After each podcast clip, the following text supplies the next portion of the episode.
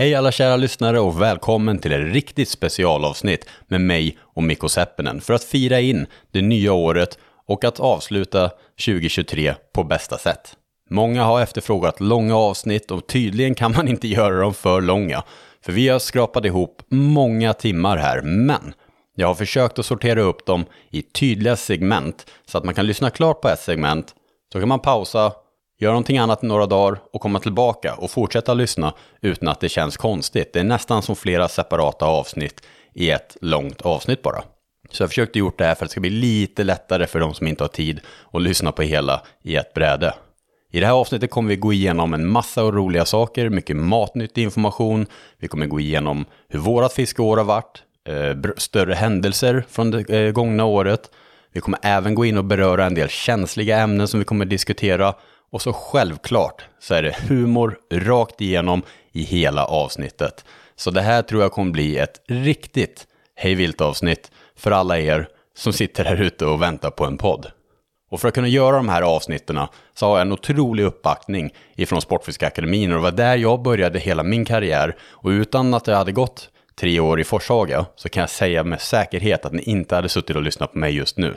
Mitt liv hade sett helt annorlunda ut och jag är så jäkla glad att jag tog klivet och sökte till den skolan. Och som ni ser, fortfarande, många år efter att jag tog studenten 2007, så är de fortfarande här och stöttar mig och backar mig. Utan dem hade jag inte kunnat producera den här podden, så jag är otroligt glad att de är presentatörer för det här fantastiska avsnittet. Och det tycker jag att ni andra ska vara också, för att det här betyder mycket för mig. Att de går in och stöttar mig lite grann så jag kan göra de här avsnitten.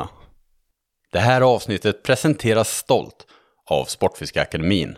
Det är din och min väg till drömyrket inom sportfiskebranschen. Drömmer du också om att göra sportfiske till ditt yrke? Då är Yrkeshögskolan Fiske och jaktguide den perfekta platsen för dig. En tvåårig utbildning som inte bara fyller ditt liv med guidning, friluftsliv och sportfiskemetoder, utan också ger dig kunskaper inom produktutveckling, fiske och vattenvård samt entreprenörskap.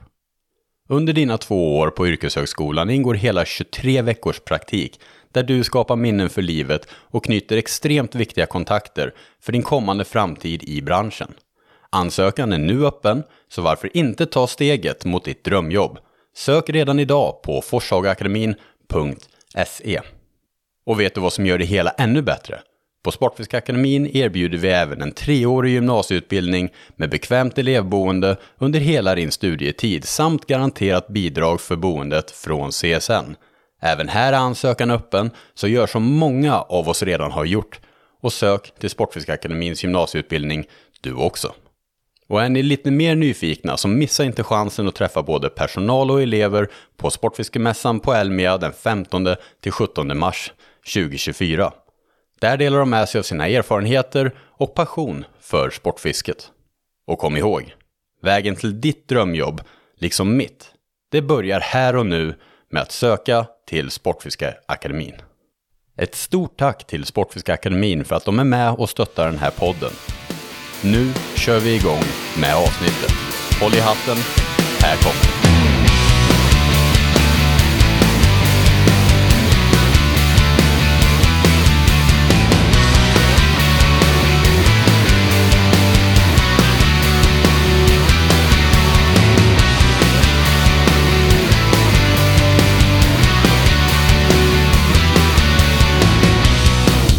Åh, fan vad du utsätter dig för saker. Det, alltså det, det här med roastingen nu alltså, det här är faktiskt inte min idé. Det här är Jakob Lindahl på Livli som har skapat Livlinan som kom med det här förslaget att vi borde roasta varandra.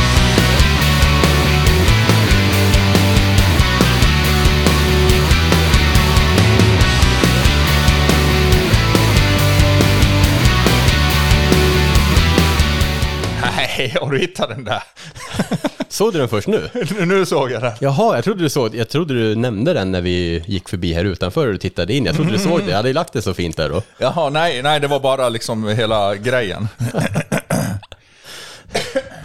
Jo, jo. Nu eh, såg Mikko Jellybeans paketet som låg här. Du, du borde ju äta upp den vid det här laget tycker jag. Nej, Eller nej, nej. ny den, nej, det är samma, men eh, jag tror jag hade med, eller till hand nu så köpte jag faktiskt på färjan, så att det är ingen som varit och rört i den där sen du Och jag tog i den där. Ja men det är lugnt, då är det bara godisar kvar. Vi, hade ju, vi har ju tömt den på de här snusk. Vi får väl se. Jag kanske har fyllt på den. Ja men något helt annat. Det är toppisar. Podden ändrar karaktär 40 minuter in. Helt annan karaktär. Daniel hade blandat svampar i jellybeansen. Nej men så är det. Och välkommen till eh, ett litet specialavsnitt i slutet på året så här om, eh, om vi nu får ut det här avsnittet i mellandagarna, vilket jag hoppas. Men det här är ett specialavsnitt med mig och Mikko Seppinen. Välkommen tillbaka. Thank you. Ja. Kul att vara tillbaks. Superkul. Vi hade ju väldigt bra respons från första och andra avsnittet som du var med i och vi har en skön dynamik. Så eh, jag tänkte vi bara skulle göra något litet, något lite roligt avsnitt här för att avsluta året. Ja, det är, vi snackade ju om redan när vi spelade in den förra att vi, vi lär göra fler gånger och vi, vi har ju satt ribban väldigt högt med vårt första avsnitt. Ja, det, Men- blev ju det blev ju ett fantastiskt avsnitt. Långt avsnitt. ja, Och det tror jag inte det här kommer bli någon eh, annorlunda heller. Jag har höga förhoppningar på att det, det kommer ta, dra ut på tiden det här. det får det göra. Ja, och eh, vi tänkte faktiskt göra en liten, eh, ännu en liten rolig grej här. Vi tänkte köra en liten tävling till er lyssnare. Och det ni kan vinna är en, eh, vad är det de kan vinna Mikko? De kan ha turen att vinna och följa med dig och mig och fiska en hel dag. Upp till två personer då. Ja, max två personer, så det är ju vinnaren och en polare då, förslagsvis. Eller någon den inte tycker om. Det kan ju också vara en spännande dynamik. Tänk att få det två stycken i båten som bara hatar varandra. Ja, ja. Vi är domare, ringdomare, vad heter det? Ja, ja exakt. Det blir sån MMA-fight i båten. Nej, men det som ni kan göra då för att vinna en eh, fiskedag med mig och Mikko eh, är ju då att ni, de, den här avsnittsbilden som kommer till det här avsnittet, den kommer ligga på Time is Fish understreck podcast på Instagram. Och då ska ni göra det att ni delar den bilden i era eh, stories på eh, sociala medier, alltså Instagram. Och sen ska ni följa Mikko på Instagram och mig, eller inte mig, inte mig, Mikko på Instagram och eh, poddens Instagram ska ni följa. Och sen ska ni tagga två personer i kommentarsfältet som borde lyssna på den här podden. För det är väldigt många som fortfarande tycker att poddar inte är någonting för dem. Men har de ett fiskeintresse så är jag säker på att de kan uppskatta den här podden. Om inte annat så kanske de kommer in i poddvärlden och hittar någon annan fiskepodd som de gillar. Men följ eh, podden, följ Mikko och tagga två polare som borde lyssna på det här avsnittet i kommentarerna. Och såklart eh, dela avsnittsbilden i era händelser också. Och så kan ni vinna. Ja, och vinnarna kommer vi dra i mars någon gång. Ja. Och tillsammans med dem så bestämmer vi ett datum som passar allihopa så kör vi stenhårt. Ja, och anledningen till att vi drar det typ i mars då är ju för att, ja men, alla lyssnar inte på ett avsnitt direkt när det kommer ut. Man kanske väntar tills man sitter i en lång resa i bilen eller någonting. Så att för att liksom ge alla en, en ärlig chans så kommer vi dra vinnare i, eh, i mars någon gång inför mässorna och sådär. Så det, det är ju tanken. Så antingen pausar ni avsnittet nu eller så påminner vi er eh, igen i slutet av podden att göra det här. Det kommer ju även stå på eh, ja, under bilden på avsnittet då, på Instagram kommer det även stå att det är en tävling aktiv och sen utser vi vinnarna. Och vi kommer bara kontakta vinnaren via Instagram tror jag. Ja, Det blir nog eh, kanon. Och idag då? Vi eh, lite typ vad? Ämnen vi ska prata och gå igenom idag då. Vi ska snacka lite om eh, vårat 2023, mitt och Mikkos. Eh, sen har jag gjort i ordning lite segment här med ljud från Pike Fight som Mikko ska få höra och resonera lite kring. Vi ska snacka lite om Livescope. Vi ska snacka lite eh, så här, nyårskarameller, highlights ifrån året, lite, lite intressanta saker, stora fiskar, eh, exceptionella fiskar, kanske lite om fusk och sådär. Så det blir ett väldigt packat tema. Sen något som är väldigt spännande också som Jakob Lindahl som håller i livlinan. Konstigt nog för han är ju så jäk... Han har ju ett enormt hjärta med det här med livlinan. Men det här var ju hans idé. Att vi ska roasta varandra var det han det? Det var ju Jakob Lindahls idé. Vet jag vem jag ska strypa? Jag var, ju- det är det enda jag är nervös för inför dagens avsnitt. För jag är helt sämst på det, jag har aldrig gjort något liknande. Men ja, Jag har aldrig gjort det heller, men jag har alltid uppskattat att titta på så här YouTube på roastningar liksom utav när kändisar roastar varandra och sådär. Liksom. Det, är, det är ju det blir väldigt kul även om... Alltså, Oavsett om du har gjort det eller inte så jag förväntar mig att du har ju svart bälte i det. då. 100 procent, noll skam i kroppen. vi får se. Vi får se ifall det blir någon roastning, men eh, jo då. Jo då, det kommer bli roastning. Sen ska vi ta en liten kik in i framtiden, vad jag och Mikko tror, eh, inför nästa år.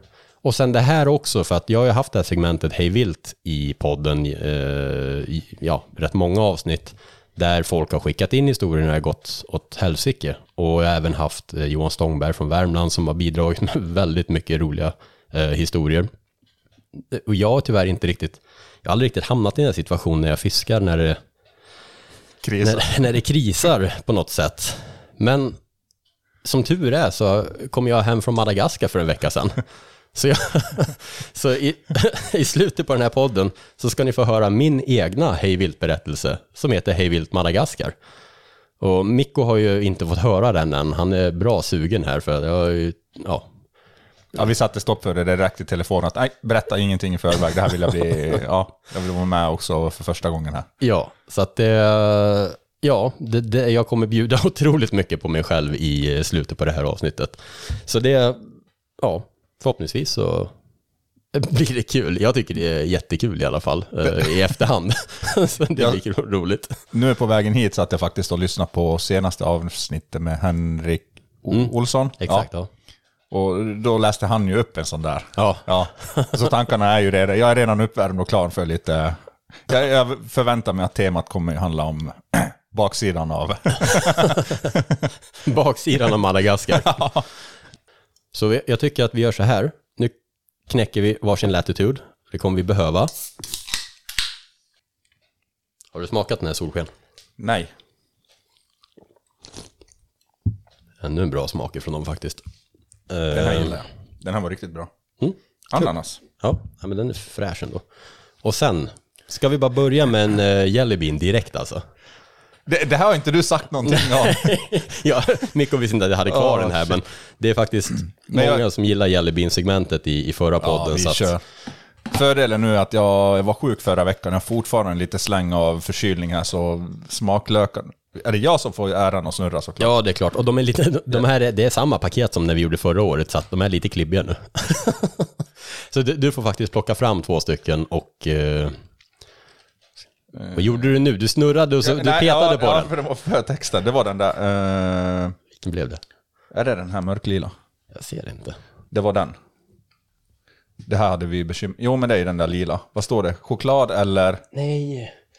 Ah, chocolate pudding eller canned dog food. Den Ja, det var ju din favorit. Så, ja, den är så hemsk är den.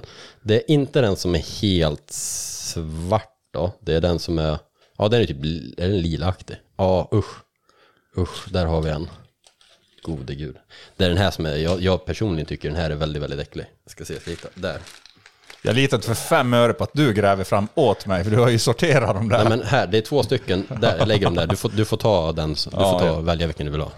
Så du inte tror att jag fuskar. Åh herregud, ska vi börja med det här direkt? Ja, skål då. Ja, skål. Ja. Fy fan. Fick du den dåliga? Ja. Jag fick den bra. Alltså min andedräkt vart ju direkt... Nej, f- måste få skölja ner? Nej. Ja, det är klart du får skölja ner den. kan du ha dig och spy efter åtta minuter? Åh gode gud, jag är så glad att jag fick den här chokladen alltså.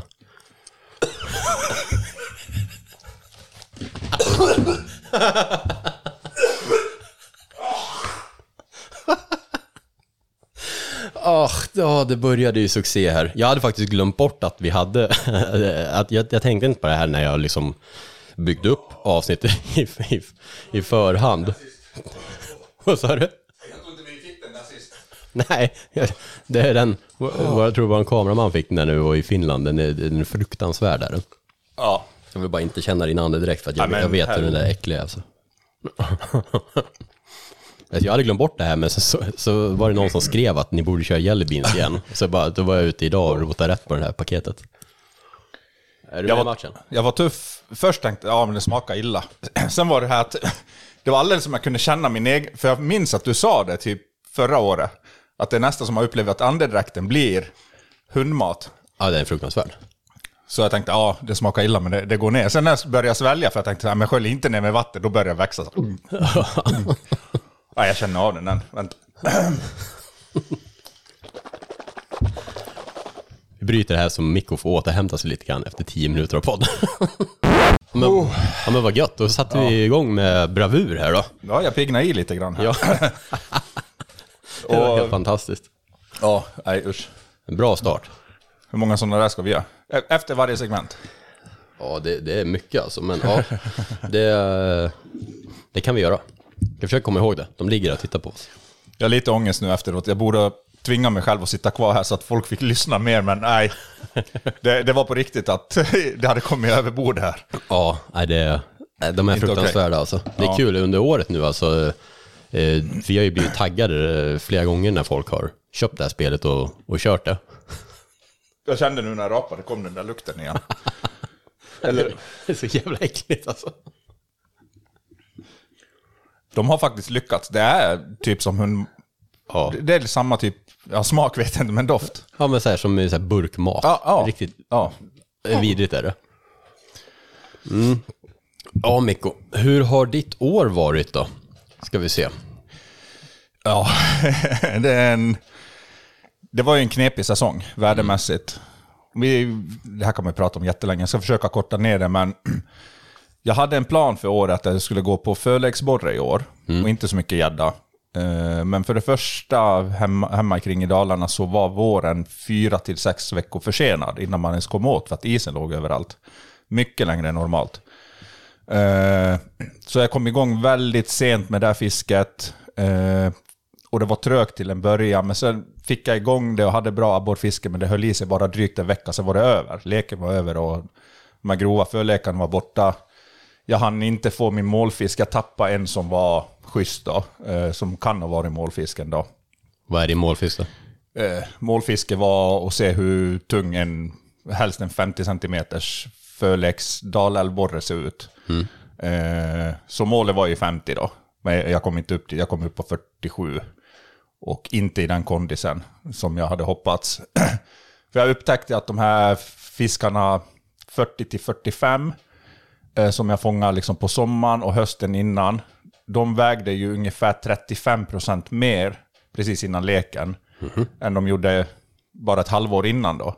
Så då var ju tanken så, ja men få en sån här 1600 på 50 cm som jag fick ett par stycken på hösten, då kan de väga över två kilo med flyt. Så det var målet, men eh, jag misslyckades, hade väldigt kort fönster. Däremot hade jag extrem flax med en gädda, för jag körde jag satsade ju som sagt på abborren och så avslutade alltid när, för ofta var det att abborren slutade nappa helt på eftermiddagen, så sista en, två timmarna la jag på gädda. Och då var jag på ett sånt där abborrhak och sen bara, nej, det här suger idag, jag skiter i det. Jag undrar om jag ska kasta gädda. Jag var på väg och bara upp med elmotorn och dra, sen bara, nej men jag, jag kastade ett varv runt båten och eh, jag hade gjort det typ varje gång i, vet inte, två veckor eller något. Inte fått någonting i, i det området då, där var de här abborrarna. Eh, och så får jag på ett hugg på en Westin Swim 12 cm. Eh, grunt inne typ på så här, runt en meter utanför en lekområde då, eller precis intill lekområde. Och tänker först, ja men, någon snipa, börjar veva in, händer ingenting. Du vet ibland, de kommer bara rakt emot dig. Men ändå växer tyngden lite, du bara, ja men trea, fyra så här. Men det är när de Så- inte kommer upp i ytan riktigt, när de bara fortsätter i samma djup emot dig. Ja, för den tog ju på lång, lång lina. Aha. Säg, hur långt kastar man? 40-50 meter? Ja. Och så tog han längst ut. Och sen är det typ så här 10 meter kvar till båten. Då borde han ju komma upp mot ytan. Och han Ja. gör inte det. Så då började jag säga, ja men, ja men det kanske är en sexa, sjua. Ja, kan få ett schysst foto då. Och så går han ju förbi båten. För då förväntar jag mig att här stannar han eller kommer upp. Och så bara, för då fortsätter han bara simma förbi båten åt andra hållet. Och då känner man ju så här, nej men fan, 7-8 åtminstone måste ju vara bättre. Vad kul hur de bara växer och växer Ja, och växer. det, den var verkligen så. Det bara växte och växte. Så gick han förbi båten.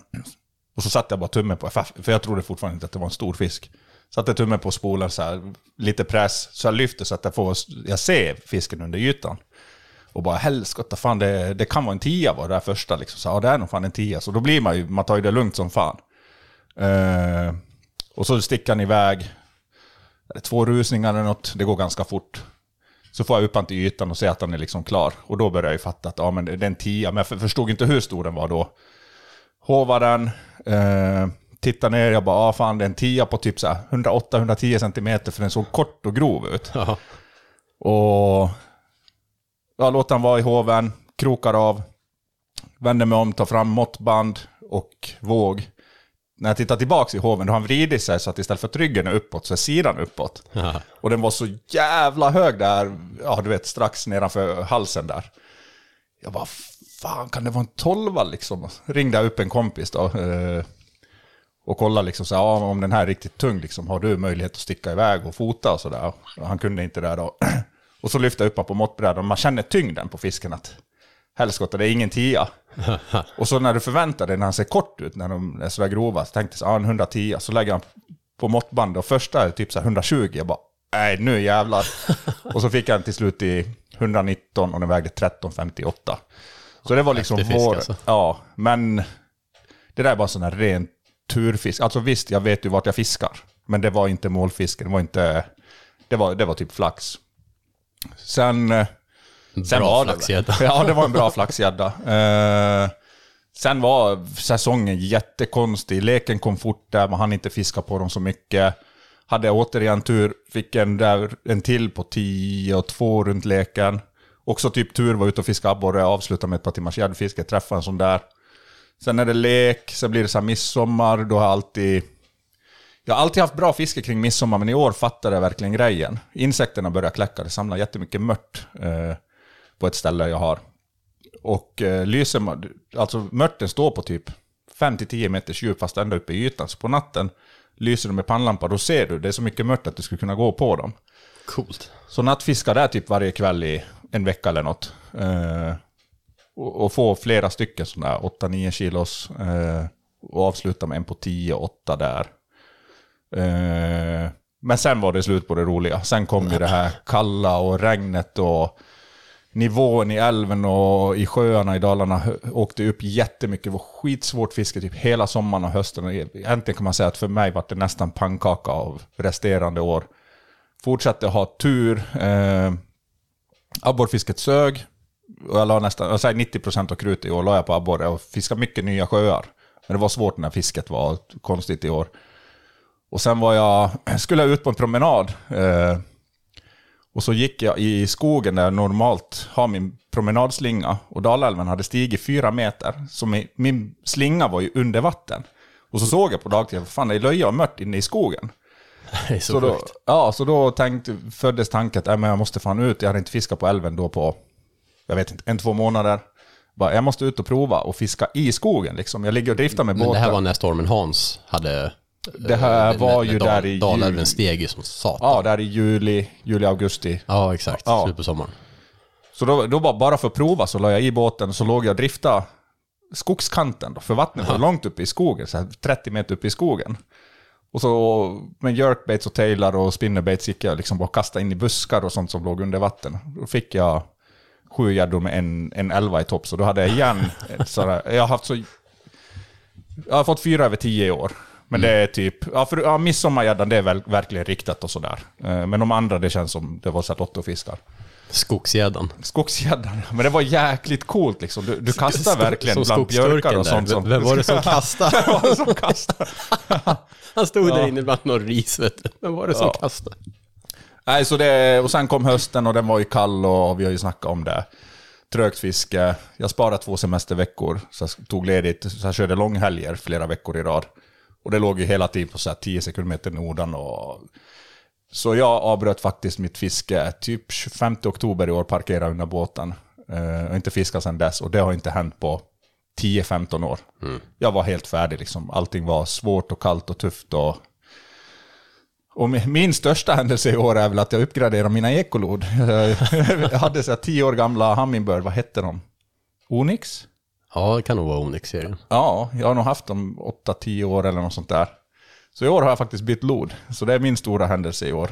Det, då, då gör det stor skillnad när du väntar 10 år med att uppgradera. Så. Ja, då blir det lite annorlunda. Ja.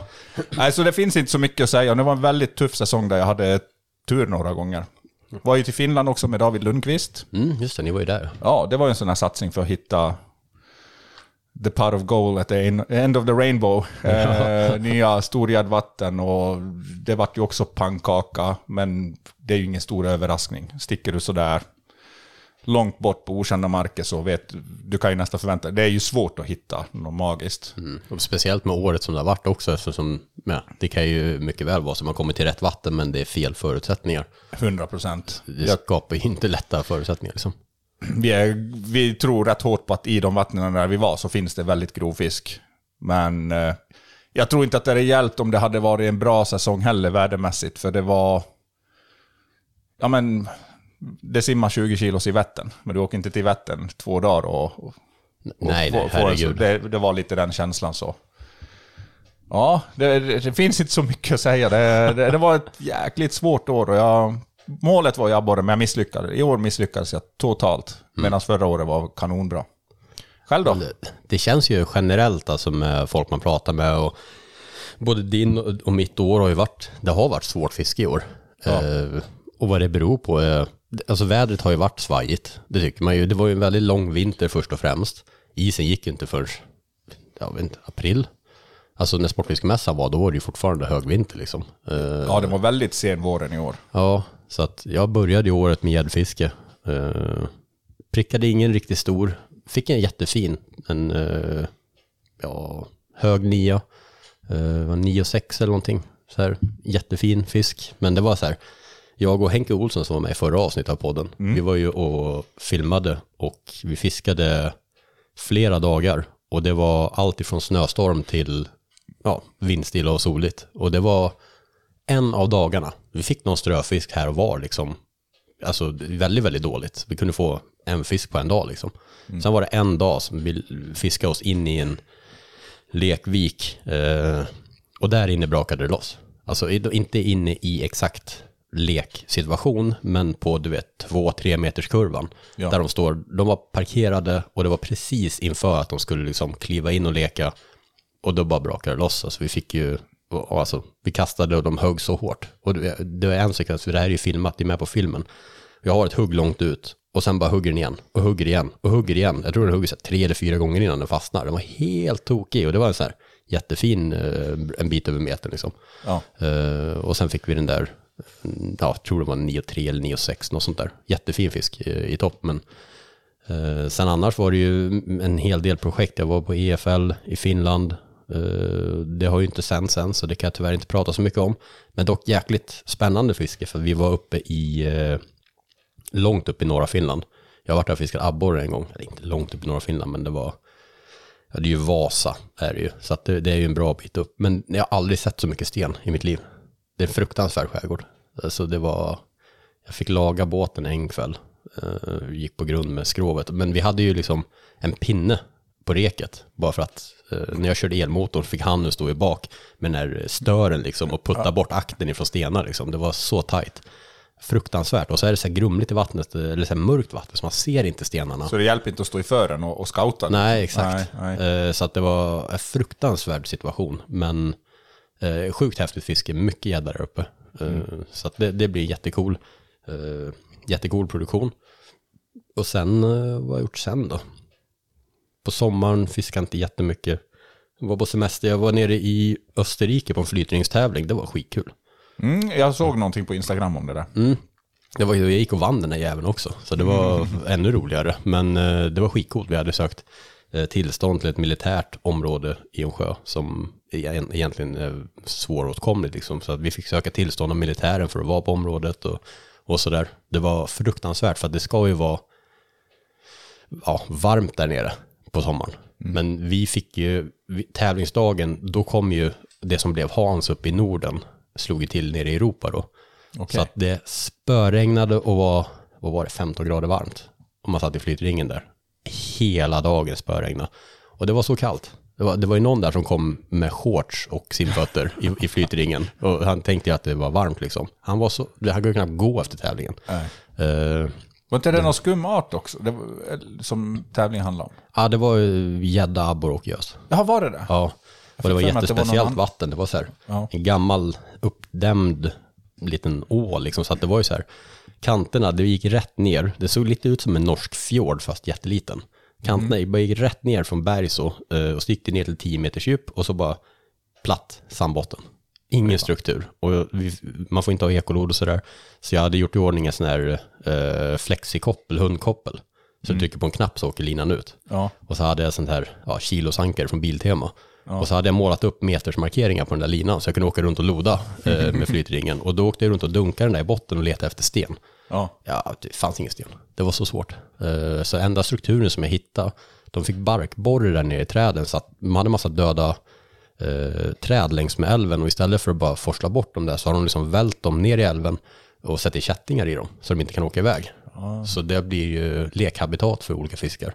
Och det var den enda struktur jag kunde hitta. Så att jag åkte ju bara och plöjde med små spinnerbaits och kastade in i de här träden. bara kastade av varje träd jag hittade. Jag fiskade snabbare än någon annan, fiskade längre bort än någon annan.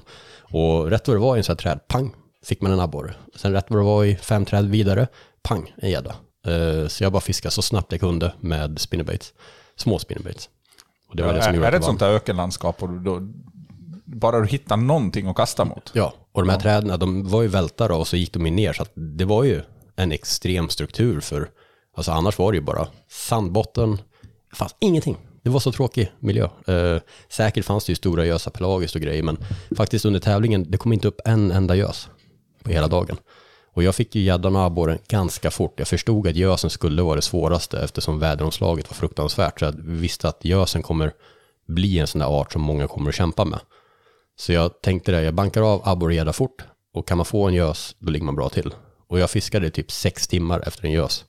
Gick, fick inte en gös, inte ett hugg. Det var helt fruktansvärt. Eh, sen när jag åkte runt och bara, du vet jag fiskade i frivattnet med jiggar och jag fiskade med wobblers och allt möjligt. Det gick inte. Och sen, jag visste inte då, då men sen fick jag höra att ingen hade fått gös på hela dagen.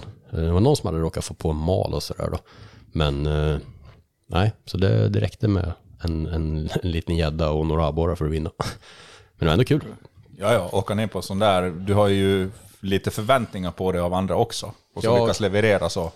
Det var några tyskar, någon schweizare tror jag, österrikare och någon ifrån Slovenien tror jag också.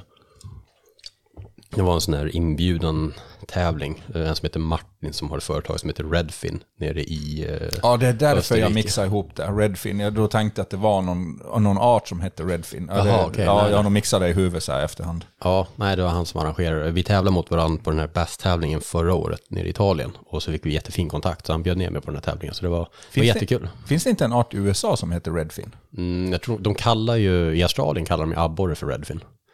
Okay. Redfin Perch tror jag. Ja, jag, jag har mixtrat det i huvudet. Nu förstod jag varför det var sådär. Mm. Nej, men det var ett knepigt år med den där sena våren. Sen blev det så 30 grader varmt där i maj, juni någon gång. Ja, det, det, det kom ju en riktig dust med värme. Ja, och sen har man ju knappt sett solen.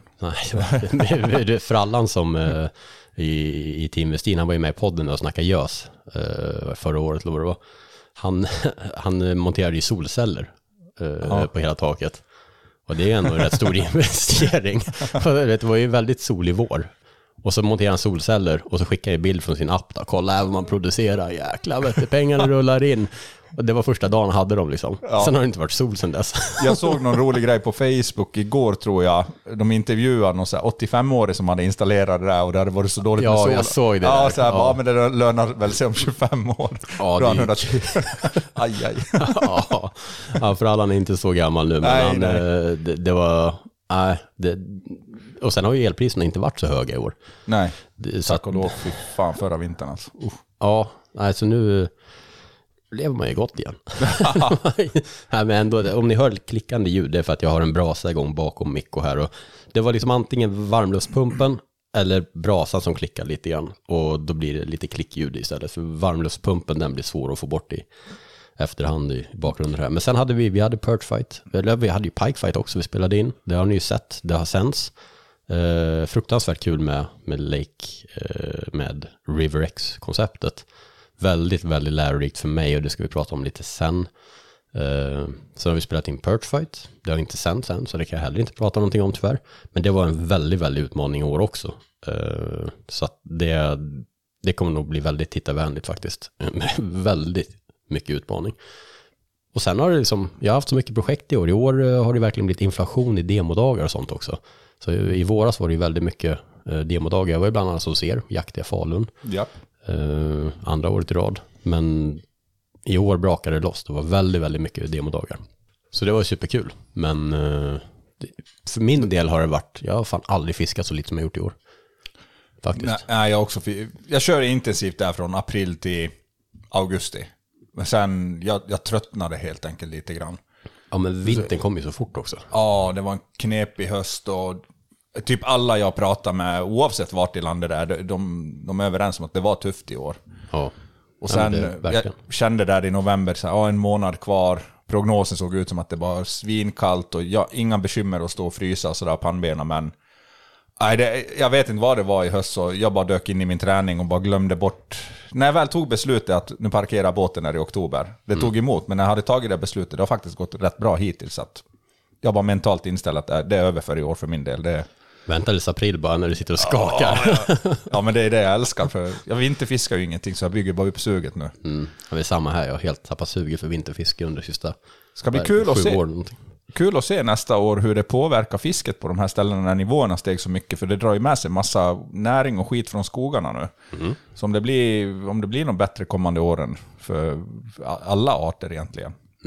Och ni hade ju väldigt mycket upp i Dalarna. Dalälven steg ju som sagt typ 3-4 meter. Fyra meter. Ja, det, Det är är fruktansvärt. Ja. eh, mycket vatten. Så att det, det borde ju hända saker. Ja, den var ju jättelortig i flera månader, gick ju inte så fiska i älven. Eh, Men du vet när allt det där lägger sig ner och, och förmultnar så. Mm. Det blir väl mycket kräftor om inte annat. Och det vet vi vad det innebär. Borre. Jajamän. Nej men ett tufft år eh, generellt och som sagt min del väldigt lite fiske konstigt nog. Alltså väldigt intensivt periodvis. Men väldigt lite eh, av mitt privata fiske, tyvärr. Där är också lite skillnader mellan dig och mig. Du är hyperaktiv i produktioner och, och promotion och sånt där. Och jag har ju klivit av det där nu i några år, så jag har ju andra möjligheter att lägga privat tid där jag exakt vill. För det, det är skillnad. Ja, ja Ja, absolut. ja. För det Det- handlar ju inte om stor fisk när man är iväg och, Nej. och tävlar, utan det handlar om att vinna en tävling. Det är en annan sak. Man lär sig dock väldigt mycket på det, det vet du ju. Men eh, Oh, ja. jag, jag eh, önskar att jag hade fiskat lite mer privat i år. Det gör jag faktiskt. Men man har ju ändå så här, jag har ju sambo och grejer så att när man väl kommer hem och är borta i två veckor, då är det ju så här, okej, ska jag vara hemma i helgen eller ska jag åka och fiska och sen dra iväg på demodagar nästa vecka? Ja, om inte hon ska skaffa någon vid sidan av så är det bäst jag är hemma nej, men man, ja, nej, man får bli lite vuxen ibland alltså. Det finns tid för fisken någon gång i livet också. Privatfiske. Privat. Nej men det är väl en bra sammanfattning eh, av året. Den sög, fast man hade lite tur. Ja, du har ju ändå plockat fina fiskar. Ja, men det var bara flax faktiskt. Ärligt talat, det, det var... Det, ja, nej. Men ibland ska man ha tur då. Det finns många säsonger när det går bara stolpe ut hela tiden. Så. Ja, i, år, i år förtjänar jag inte en stor gädda ens. Alltså verkligen inte förtjänar en. Så det är... eh, Sen får vi se, EFL. Kanske fick en tia där i, vem vet. Det vet vi inte. Nej, men jag har inte gjort mig förtjänt av en fisk. Så det känns ändå rätt bra. Jag har inte satsat mycket. Hade jag satsat mycket och inte fått en stor fisk, då hade det sugit. Men när man, är, alltså man, man känner ju själv att man förtjänar en fisk eller inte tycker jag. Ja, det är det jag känner. Det svider lite grann med abborrarna. för- Abborren där förtjänar det ju. Ja, för jag la mycket tid. Jag preppade förra året och nu inför den här hösten så valde jag ut fyra nya sjöar som jag var sommartid och mappa kompletta kartor, lag waypoints på alla stenar, alla nedfallna grenar, alltihop, att allt är klart inför hösten. Och sen blir det sån där pannkaka så... Men det är som det är. Jag fick fyra fina gäddor, det är det jag får leva på nu. Ja, ja, och en tokfin uh, i topp där. Ja, verkligen. Men, men då blir det så, då får man sitta här eh, hemma hos mig och äta jelly beans istället. Ja, mm, mm, mm.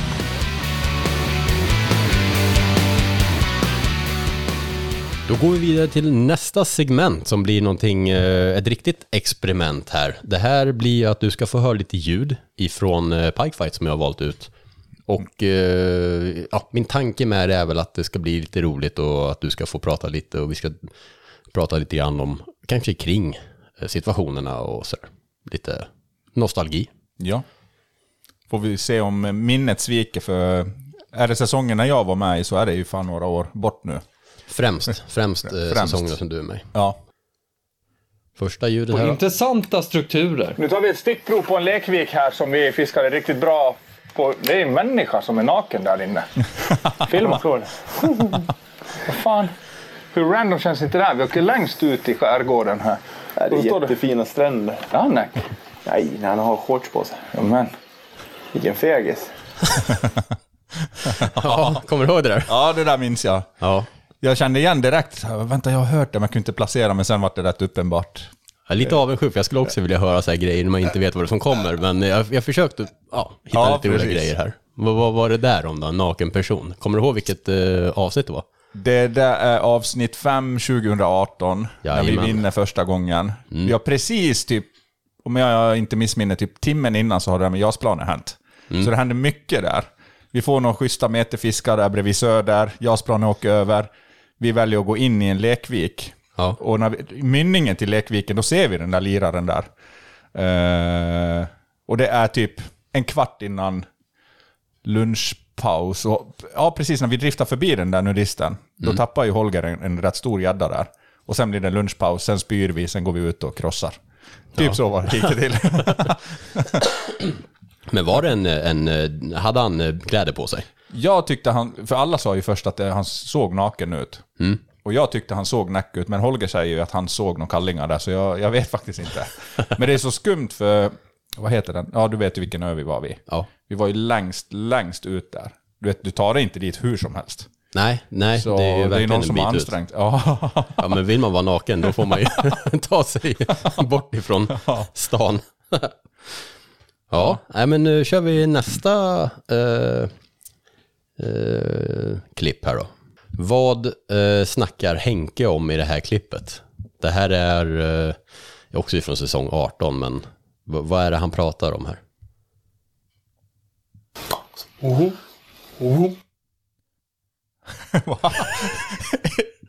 Ingen aning. Vad tror, inte- vad tror du han eh, beskriver eller pratar om? I, Ja, båten gungar eller någon gädda gungar. Nej, jag vet inte tusan. Ingen aning. en gång till.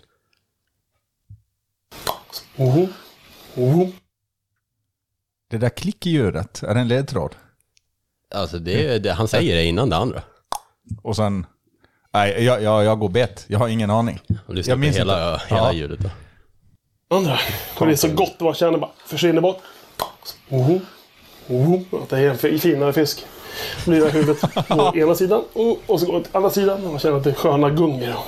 Ja, precis. Det gungar ja. Så jävla bra. Så jävla bra. Det är lite kul när man tar ljud ur sitt kontext Ja, ja. när det handlar om fiske, för folk använder så skumma i, alltså, saker ibland. Ja, för det, desto mer, för, för det, det kastar bort med det här ljudet. Ja. Men det var ju typ där, vum, vum, när, ja nu förstår jag gestikulera här, att spöet gungar i handen. Ja. Nej, men det, det är ju logiskt Nu när man minns vet jag vad det också när handlar jag om. hör hela. Ja, det här var från episod 2 2018 tror jag. Jag tror det var när han fick sin fina gäddbo. Var det där sista minuten? Ja, det är alltid sista minuten med Henke. Men du gjorde också en sista minuten, sista avsnittet va? Ja, 2018. Ja, det gjorde jag. Ja. Just ja. Precis sista minuterna. Vi fick ju stressa med den för att åka korsa Vänern tillbaka där. Ja, precis. Ja, just det. Det gjorde jag faktiskt. Ja, men det har hänt rätt många gånger faktiskt att folk får fisk i sista minuterna. Ja. Man lägger ju ofta det där där man har bäst känslor från hela dagen liksom. Ja, du har ju hunnit, ju- hunnit ringa in fisken. Ja, exakt. Så det är ju rätt rimligt att det blir så. Men eh, Den där var svår. ja. sen, sen kan man ju inte ha ett segment med ljud utan en sån här grej också.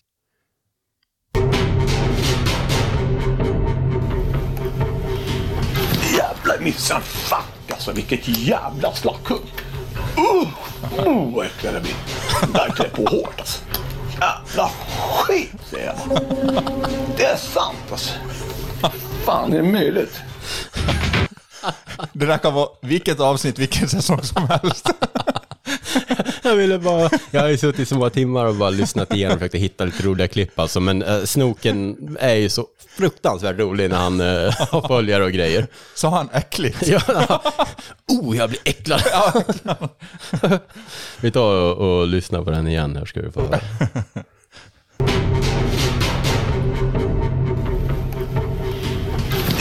Missan fuck alltså, vilket jävla slackhugg. Uh, uh, vad äcklig det blir. Där klär på hårt alltså. Jävla skit säger jag. Det är sant alltså. Fan är det möjligt? Det är så jäkla roligt. Älskar hans ramsor alltså. Helt fantastiskt. Ja, han mal ju bara på, det finns ju inget slut heller. Ja. Och då måste vi också höra när snoken är, det här är faktiskt, för det var från 2018 den du hörde på. Nu kommer en med eh, snoken som är faktiskt 2021. Det här var avsnitt 4 Lake X. Jag hade precis, jag hade, eh, vi fiskade upp oss, jag fick en 10 och grejer på spinnerbait i det här avsnittet och gick om svartzonker som ledde vid lunch. Uh, och det här är ju alltså exakt sista kastet. De står ju och bara så här suckar för att det är sista, sista Ja, kastet ja. verkligen.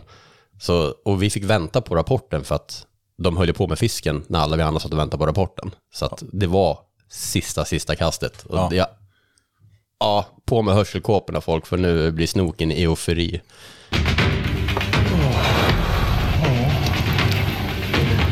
Jävlar! Jag hugg också. Vad för jävla skit! Ja, och den är stor, den är stor! Ta den! Ja, jag håller på! Det är meterfisk. Den är stor som ett helvete. Är du med? Ja, jag är med. Vänta, vänta, vänta! Ta upp den. Den är jätte. Det är en tia. Ja, jag ser där. Den kommer. Ta, ta den, ta den, ta den! Ja!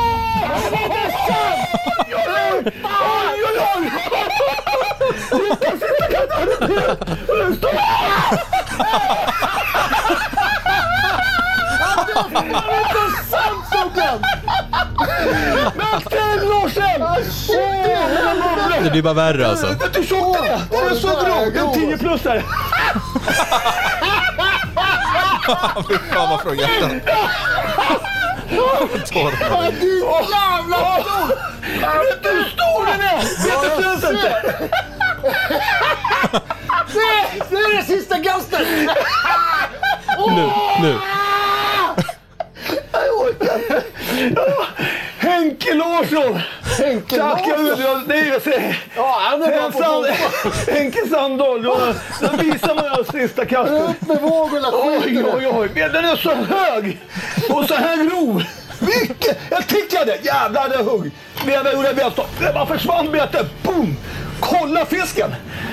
Åh, herregud. Åh. Det här måste vara den mest längsta euforin i, av alla. Ja, ja, det är helt sjukt. Den är nästan två minuter lång det där klippet. Det är helt sjukt. Henke Larsson! Det är så kul att normalt så är det roligare att se alltså visuellt själva videon. Här behöver man faktiskt inte göra det för att man känner till eh, snoken också. Så jag får, ser ju framför mig. Eh, Mitt i det där klippet, han, eh, han håller ju på att bryta ihop liksom. Så när han står och skriker sina, han låter ju som en gammal dinosaurie liksom. Han håller ju, han håller ju i styrpulpeten för att inte kollapsa liksom. Det, ja, det här är avsnitt 4 2021 om de vill kolla upp det och verkligen sista, sista minuterna. hur vart det med, för jag, jag, jag minns att du får en tia där.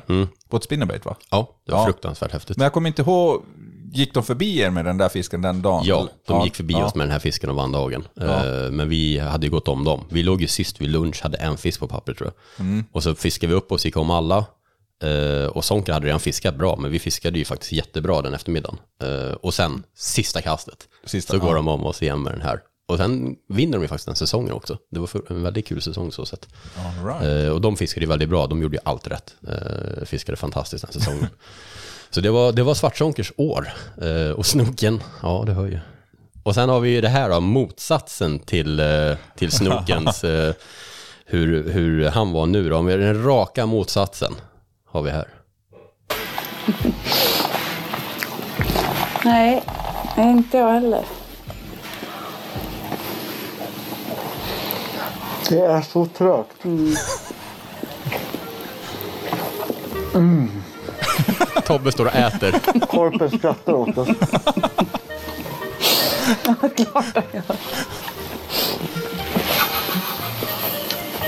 Jag gillar korpar. Ja, de är coola.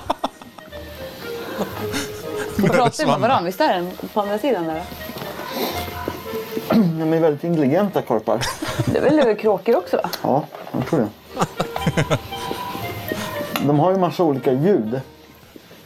Det finns någon som vet vad korpar säger. Är det så? Ja, men de har massa ljud för nu är det för nära. Nu är jag arg. Gå härifrån. Jag vill ha mat.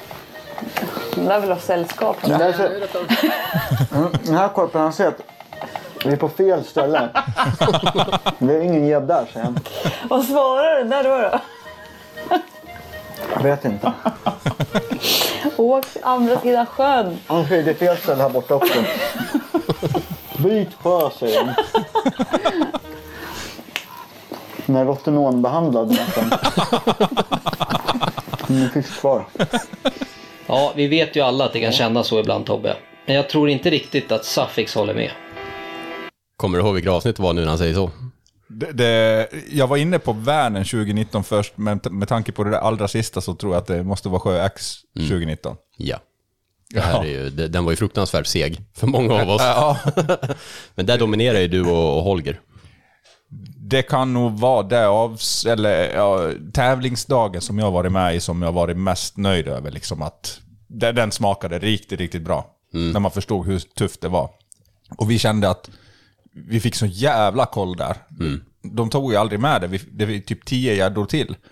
Eller ja, ja, mellan 6 och 10 gäddor till som var sådär 78 till 83 centimeter som ens klipptes med. Så det var ju totalt, ja, nej, det var en cool dag. Jävlar vad bra vi mådde där efter lunchrapporten när man... Du vet hur det är. Du, Ja, ja, ja. Det är du, du tror ju aldrig att du har fiskat bra, och så ser du att alla andra är långt bort. Och sen en halvtimme efter rapporten så kommer första båten och kikar vad man gör, så kommer nästa. För de enda som hade sett vart vi var, det var ju ni. Ja, för att det, var ju då på morgonen, ni tappade ju spöna när ni skulle köra om oss i svallen. Ja, ja. Och, och, och så hittade ni ju massa fisk där liksom. Ja. Och, och så vi, vi såg ju, jag tror början på, på den dagen, då era första fisk, ni får ju de typ första två, tre kasten får ni ju fisk. Jag tror första typ tre kasten så får vi en meters fisk och en... Om jag minns rätt, typ en 103 och 98 eller något sånt där. Ja, ja, det var helt sjukt. Och de har ju med när vi står så här bara, vad fan har de på med hoven igen? Vi har ju precis, vi har inte ens börjat fiska, vad fan händer? Såg ni då att det var bättre fisk därifrån eller såg ni bara att det var fisk? Det kommer jag inte ihåg faktiskt. Nej, nej, nej. Men eh, vi fiskade ju på andra sidan den där ön och det är då Minken, då, min chef, när han missar hovningen. Ja. Eh, Ja, just det. Och, och då klipper de ju så roligt för när du och Holger står där bara, de, de missar den och så bara... och det var så kul när efter det avsnittet sändes, jag tror dagen efter när Thomas kom till kontoret, då stod det en sån här stor laxhov vid hans eh, kontorsdörr. det var någon på lagret som hade ställt dit. Så tyckte han behövde uppgradera sig. Ja, det var en mardrömssjö egentligen det där. Det där var inte lätt. Nej, det var en tuff sjö. Det var ju då Henke drillade en, en jävla pinne Ja. och, och, och verkligen så tror att det är en fisk till sista metrarna. Det är enda gången jag verkligen har sett så här, typ sista timmen, vissa lag i panik typ åker med Tobbe de körde någon jätteliten jerkbait, typ någon sån här Ja, abborrjerkbait han hade ju en prototyp eh, på så här pytteliten. Ja, och... Jag Jag tror den här kommer heta Max Snack sen, men Ja, ja, eh, Tobbe visste inte vad den hette så han kallade det för Glideboy. Ja, ja precis. Hela Ja. avsnittet. Men då var det panik liksom. De var ju längst in i näckrosen och försökte få en 60-fisk liksom. Nej, Nej, vi gjorde ju fan. samma sak. För att fylla pappret så åkte vi in och, och bara fiskade näckrosor med swim liksom. Ja. Bara för att försöka fånga och fylla pappret. Jag tror vi och Tobbe hade typ samma resultat. De hade någon centimeter över oss. Vi kom ju typ fyra och den dagen fyll, ja det söder de fick en gädda bara. Ja. Och sen Sonker, de fiskade ju upp sig och kom, kom tvåa. De gjorde ett riktigt bra jobb. Det finns... Skadeglad. Ja, när dagen är slut, eh, då är Tobbe och de hyfsat nära oss och så blåser de av sig. Ja, nu är tävlingen slut, så vi möter ju upp dem där. Där var det skadeglädje kan jag säga i Tobbes båt gällande visst team. Ja, det är så kul. Jag älskar det när Tobbe bara... Han Han, han, står, han står där också bara när han käkar sin macka bara, är helt uppgiven bara. Jag gillar korpar. Ja. De intelligenta korpar. Vi, fick, vi vann ju äntligen tävlingen med de här stora fiskarna på den här stengrynan utanför utloppet, men de flesta fiskar, det, syns inte i programmet. Då är vi i mitten på sjön, fanns det typ en 17 meters hål eller Ja, något. ni åkte ut och dunkade djupt. Ja, och det vi gjorde var att vi driftade typ kanske en och en halv knop med elmotorn. Och så hade vi typ 13 meters kant på vänster sida av båten minns jag. Och så kastade vi inte förrän man såg på SIn att nu kommer en hårdfläck. Då pausade vi upp med elmotorn, kastade på hårdfläcken, fick en gädda på typ varenda hårdfläck. Så fort du inte såg hårdfläckarna, då åkte du bara förbi med båten. Så vi, där ute plockade vi, ja jag vet inte, fem, sex, sju gäddor och de var ju alla sådär runt 80. Eh, Ja, för jag vet att ni, ni fick ju flera fiskar ute djupt. Och det var då Ja. det visade mig sen på kvällen tror jag det var, de här tunga skallarna ni hade. Det var typ ja, så här, ja, 60 gram skallar. 60-70, ja. ja precis. Så jag har ju faktiskt ett gäng sådana skallar nu i, i min låda eh, när Mm. det kommer så här situationer när det blir... Framförallt sommartid när du kan fiska fort då så. Ja, nej, det är faktiskt... Har använt den där mer än vad man tror. Eh, Nej, den där var skön för våran del och sen var just... Det, det blir ju så bra humor som... Tobbe tar ju, vad ska man säga, en förlust eller en tung dag. Han tar ju det bra på något vis. Alltså Ja, det ja. syns ju att det är tungt, men han kan ju liksom... Han ryck, rycker så skönt på axlarna på någon vänster och kommer med några sjuka kommentarer. Och det är inte bara att han bara slår pannan i, i kastdäcket och bara gråter. Nej, nej, nej. Han, eh, han, eh, ja, han är rolig Tobbe sådär. Ja. Han, eh, ska se här, här har vi också en, en dag när det gick väldigt bra för Tobbe. Det här var då 2020 när Tobbe och Evelina, Tobbe fick en, eh, en hög 12, en 120. Mm, ja, just det. Eh, när vi var uppe i, i eh, lite mer uppe i Nor- Norrland till, det var Jämtland tror jag. Och då, den dagen var de ju helt urlakade på energi. Och, och behövde ju någon liten pick-me-up. Och vi ska höra vad, vad Tobbes tanke är, vad han behöver för att bli lite pigg. Så här har vi hälsotips från Tobbe. Alltså vilken jäkla nice alltså. Men vi kände det, vi sa, pratade precis om det. Vi börjar bli ganska tom på energi. Jag känner, jag brukar inte känna Nej. så här tydligt att jag, blir jag- så, jag har blivit så trött liksom. Nu måste vi bara pula i oss något sött. Ja, vi måste trycka i oss Ja. lite ren kakao. Jättefin. Kolla vilken fin fisk. Tobbe är helt slut. Han håller på att stöka med någon gädda där och så sprattlar och sen bara ren kakao. Höra igen på det där alltså. Att jag, blir så, jag har blivit så trött liksom. Ja, Nu måste vi bara pula i oss något sött. Ja, vi måste trycka i oss Ja. lite ren kakao. Jättefin. Det, Va, var det något de hade med sig eller var det bara något som... nej, det är ju bara att Tobbe. Det var Tobbe. Det slog slint. ja, det första man tänker på. Men nu ska du få svara här också. Vad säger Mikko? Det här är säsong 17, episod 3. Det här är innan jag var med i Pike Fight. Så det är, eh, och jag vet inte, och de som översatte avsnittet vet inte heller vad du säger. Så att du ska gärna få översätta. Det var i någonting. Titta, titta. Kommer den? Ja, han är där. Titta. Det...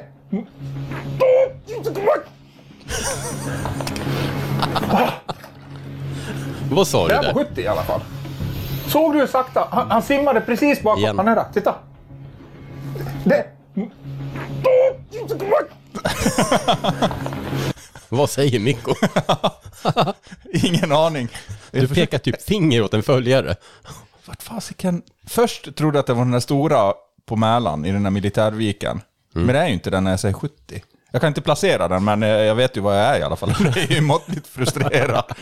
Det måste vara, men 2017, ja, 17, Mälaren. Eller?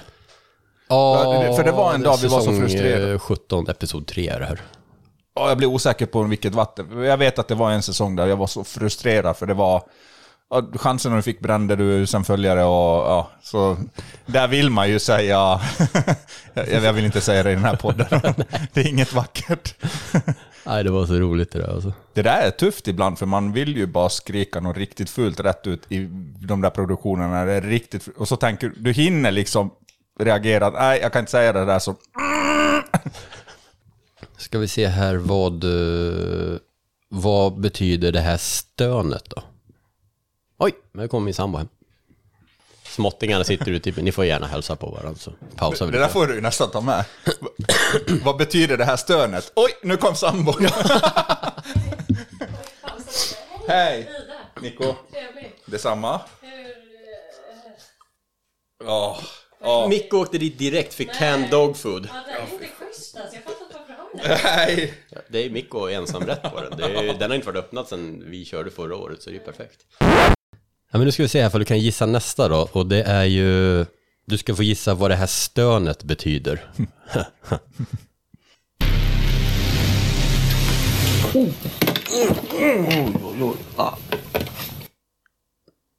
Är det snoken? Kanske. Jag gissar på att det är snoken. Och det låter som någon... Någon ramlar eller någon håller på med en fisk i hoven eller någonting. Lyssna vidare. Uff, oh, jag gick rakt genom tån. Ja, jag vet. Aj, aj, aj, aj. Oh. Fan. Fan. Oh. Säsong 20, typ eh, episod 5 tror jag. Ja, jag känner igen det nu. Ja. De har ju, man tänker på det ibland, alltså det är beten överallt i den där båten. Ja. Och de är barfota eller i någon Ja, sockor. Klas springer runt barfota liksom. Ja, ja, ja. Så att han, han tog ett steg bak och trampade, fick någon krok rakt genom tån där. Det var väl inte rakt igenom, men det är inte skönt. Nej, nej. Ska vi se här då, vad pratar Henke om i det här klippet? Nej, ja, nej. Nej. Ljudet är där liksom, han är där. Ta igen.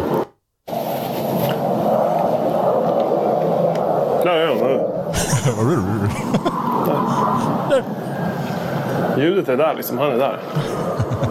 Du vet vad det är. Ja, det är när JAS-plan är, när han kör över och så gör han en lov, han vänder 180 grader. Eh, men han låter helt full där i början. Ja. Det är, så, det är det som är så roligt. Det blir så kul. Niklas var helt putt över det där. Han var ju Ja, ja. kränkt. Får man ens göra sådär?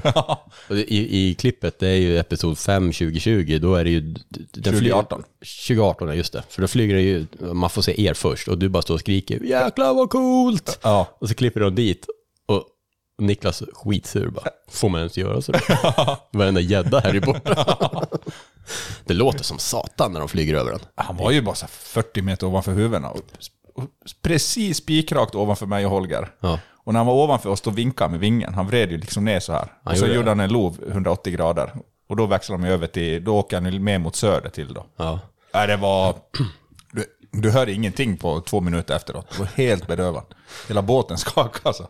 Ja, I år har de ju övat otroligt mycket eftersom det har varit det här med NATO-övningarna och allting. Så varje pass jag har varit på Vänern i år så har de ju flugit. Ja. Alltså varje pass. Eh, sen, ja, även förra året tror jag. Men eh, det har varit helt sjukt mycket. Och i våras när vi åkte ut en morgon från hamnen så bara, vad är det där för liksom? Man, det ser så här overkligt ut. Och då kom de så här typ fem stycken i formation och flög rakt över oss, eh, framför oss. Så de kom så här, man såg dem komma, komma, komma och så bara rätt över oss Ja. Det var så coolt.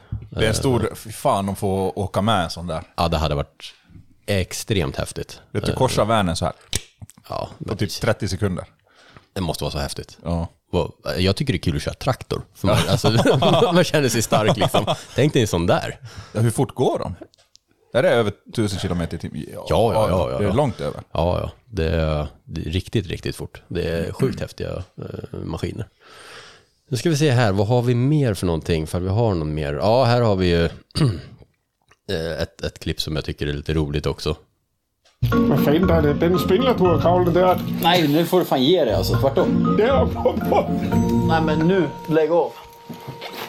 Ser du mig? Ja, men nu, driver du eller? Men vadå, nej, vart är den då? Ja, men på riktigt alltså. Ja, men ta, ta bort den då. Vart är den? Idiot, kan du ta bort den? Du Petra. Och det skojar du eller? Ja. Är det värsta jag vet. Thomas fick veta i morse att det värsta jag vet är spindlar. Kul. Det är roligt. Det här känner jag igen, men jag kan inte placera säsong och avsnitt. Spindel handlar det i alla fall om. Ja, det var 2019 avsnitt 1. Det var ju, du kom upp på morgonen när starten skulle gå, det spöregnade så vi var tvungna att flytta fram starten typ en timme. Ja, ja. Så vi stod I ju- kanalen där. Ja, och då Mm. stod vi allihop under en sån här eh, parkbänk typ med lite tak. Det var Ja, jättetrångt, vi precis. stod ju typ 10 pers under det där taket. Ja. Och då var det ju en spindel som kom krypande på ena sitsen där. Så jag, jag, vet, jag armbågade ju folk och flög ur klungan där. Och då Thomas fick veta att jag har extrem spindelfobi. Ehm, jag Men såg... då, då är det inte medklippt, utan då minns jag det där bara från när det verkligen hände då. För jag, jag känner igen det här. För det här är ju i avsnitt ett då, så, så pekar han på mitt ben och bara du, du har en spindel som kravlar där. Ja, Och men de ju visar det i avsnitt alltså? Ja, ja. Okej, ja. Så att jag håller, alltså jag, jag tror ju på det först, jag har det färskt i minnet också. Jag hörde inte att han skojade. Det, och så, jag såg inte det här avsnittet när det sändes. Eh, Så helt plötsligt den kvällen så bara fick jag så här ett eh, meddelande på Instagram från någon random. Öppnade jag det, så var det en bild på en spindel bara. Jag bara, fan, vad sjukt. Vad är, vad är det för människa? Jag har aldrig skrivit med personer förr. Och så får jag en bild på en spindel. Och så bara pling, spindel. Pling, spindel. Så jag, alltså jag fick ju spindlar från hur mycket folk som helst. Som tyckte det var jättekul att skoja med mig. Och jag bara, "Ah, herregud, är det där med i avsnittet liksom? mycket riktigt. Kul. Ja, jättekul.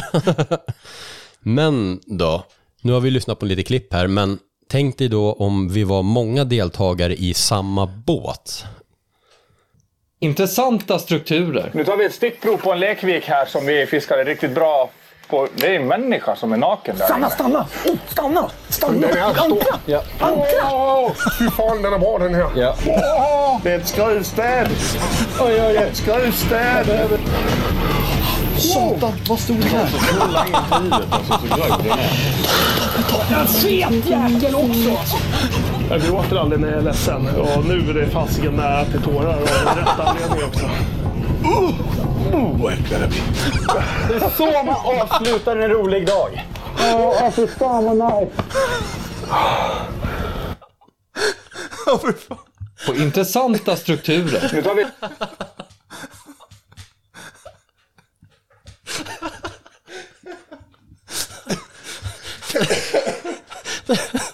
Ja, jag är fan helt slut. Fan vad bra. Hur är det här du gjorde i förrgår till halv fyra på natten? Jag satt halva natten med det här. och jag satt ju i köket och jag skrattade och fnissade och försökte inte väcka Ida liksom. Och jag höll på med den här skiten. Det är ett skruvstäd! Fan vad äcklad jag blir. Ja, det är så bra med snoken där när jag hittade det klippet. Jag höll fan på att skrikskratta här. Tyst skrikskratta, det är Vad svårt alltså. Vad sa Tobbe? Vad stor? Nej, vad ja. Och stod det där och så hör Ja. man Evelina bara Tobbe, Tobbe, Tobbe, är du stor? ja, den här måste man fan höra flera gånger för att, för att snappa ut faktiskt. Åh herregud. Och Jörgen bryter in i slutet där också med Kolla in huvudet vad grov den är. Ja, du ska få höra den igen här. Ja, vi måste ta den igen. Intressanta strukturer. Nu tar vi ett stickprov på en lekvik här som vi fiskade riktigt bra på. Det är en människa som är naken där Stanna, inne. stanna! Oh, stanna! Stanna! Den är här. Ankra! Ja. Ankra! Åh, fy fan, den är bra den här. Ja. Åh, det är ett skruvstäd. Oj, oj, ett skruvstäd. Satan, vad stor den är. Kolla in huvudet alltså så grov den är. En fet jäkel också. Jag gråter aldrig när jag är ledsen och nu är det fasiken nära till tårar av rätt anledning också. Oh, vad äcklig det blir. Det är så man avslutar en rolig dag.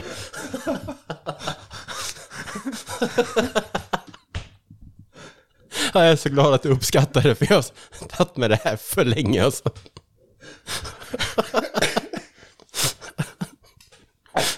Min hals.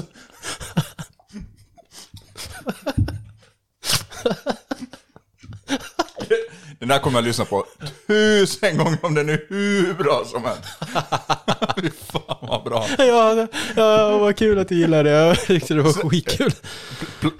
Var- det när du hörde mig första gången, var det där idén föddes direkt? Så, vänta nu, klippa, klippa. Eller var det att du hörde något annat efteråt och började säga, vänta, det här i samband med... Ja, men jag, ja, det var någonting där och jag bara, vänta lite nu, nu har jag en massa klipp här och så om jag hittar några till klipp så kanske man kan bygga någonting här och sitta och sen placera. Och sen var det där för att i många av klipperna, för att när ni är där då är det ju ingen musik typ och sen är det ju när jag har eh, Ja, typ när, när någon skriker att den är stor, då är det så dramatisk musik. Ja. Så jag var ju tvungen någonstans att hitta en bit musik innan någon får hugg och klippa ut det och lägga bakom allting så att det är musik hela tiden. Ja, för att precis. annars skiftar musiken. Så, nej, Det är ett jävla jobb bakom det där. Ja, det där det är ju- kommer bli en klassiker. Vi tar den en gång till. Intressanta strukturer. Nu tar vi ett stickprov på en lekvik här som vi fiskade riktigt bra på. Det är en människa som är naken där Stanna, inne. stanna! Oh, stanna! Stanna! Den är här stor. Ankra! Ja. Ankra! Åh, fy fan, den är bra den här. Ja. Åh, det är ett skruvstäd. Oj, oj, ett skruvstäd. Satan, vad stor den är. Kolla in huvudet alltså så grov den är. En fet jäkel också. Jag gråter aldrig när jag är ledsen och nu är det fasiken nära till tårar av rätt anledning också. Oh, det blir. Det är så man avslutar en rolig dag. Ja, fy fan vad nice. Sådär, nu, nu får vi lämna det här segmentet. Jag är väldigt glad att du uppskattade det i alla fall. Åh herregud, vi måste ta en paus. Alltså min hals är helt förstörd. Oj, oj, oj. satan Ja, den där alltså. var riktigt, riktigt bra. Bland, bland det bästa jag hört. Det var länge sedan jag skrattade sådär. Åh, ja, jag var- Och man är inte, nu, vi lyssnar tre gånger, men man är aldrig beredd ändå på det här första när Henke... Jag, jag hinner glömma här emellan, men det blir så, dram, så på direkt liksom. Ja, just det där, ankra, ankra. Ja, precis. Snoken. Ankra, ankra! oj, oj, oj. Ska vi ta en jellybean? Jajamän. Det är väl lika bra spy. Ja, då kör vi en jellybean och sen eh, ska vi snacka lite livescope. Men Ja, den är lite mer på spoiled milk. Det är alltså... fick vi den sist? Vad var det jag spydde av sist? Det var... Vad var det du inte spydde av snabbare? Eh, den är alltså, det är den helt vita huvudligen. Ja, jag väljer den du har i handen nu. Okej. Nu är det fan din tur. Skål!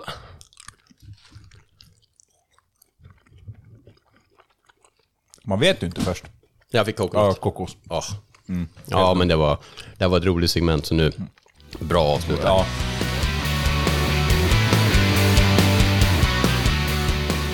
Ja, men sådär, då kör vi lite ett snack om, eh, det är många som har velat höra någonting om Livescope och det är ändå så här ganska, eh, ganska urvattnad diskussion eftersom det ofta är lite samma, samma som snackas om det, men eh, vi kan ju försöka ge lite våran, våran syn på det och vad som eventuellt kan vara problematik eller, eller sådär då. Och ja, vad, vad säger du Micke om Livescope generellt? Eh, Ja, det är ett urvattnat ämne som har diskuterats mycket.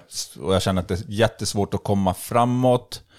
Men många ville ju att vi skulle ta upp det också. Jag personligen är inte jätteförtjust i det där. Eh, Min ärliga bild är att det, blir, det har blivit för enkelt. Eh, Och sen är jag lite orolig för bestånden i vissa vatten. Att det, fisk, de stora fiskarna tar stryk jävligt mycket fortare än innan. Så, ah, inte riktigt min grej. Och så här, jag har provat själv i fyra timmar. Och eh, jag, ibland får jag som motargument att det är inte är så enkelt som man tror. Eh, jag tyckte det var hur enkelt som helst. Det, alltså jag lärde mig det på en gång. Men då har jag också en fiskebakgrund så jag fattar väl grejen snabbare kanske. Eh, det hör inte hemma i tävlingar i alla fall, om vi säger så. Det, det tycker jag. Nej, men jag tror att mycket av, mycket av problematiken med livescope är just att det är ju en separat tävlings... Eller en separat fiskeform, precis som prickskytte efter gös. Det är bara att man, man gör det på ett annat sätt.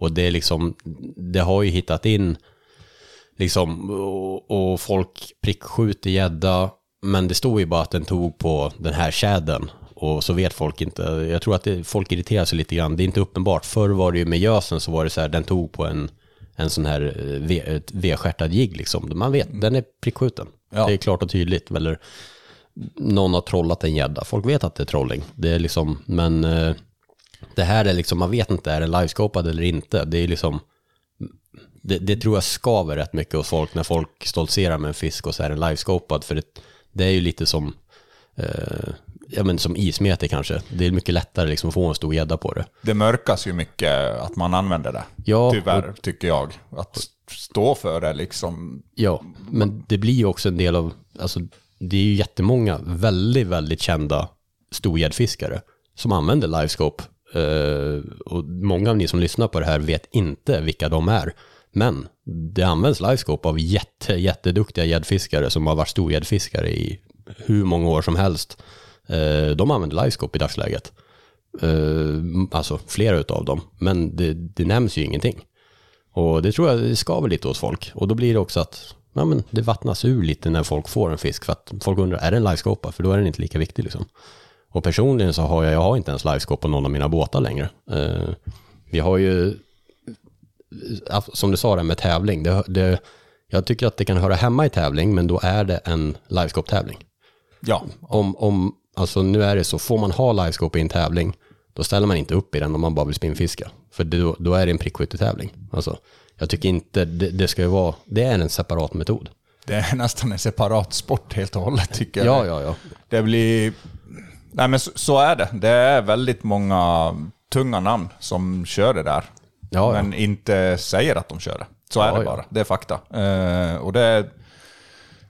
Jag, jag vet inte, jag kan tycka att det är att luras lite grann också. Ja, men det, det blir ju det liksom. Eh, och jag tror det är det som gör att det skaver väldigt mycket, extra mycket. För vertikalfisket var ju, det är exakt samma grej. Man använder ekolod för att fiska på en enskild individ.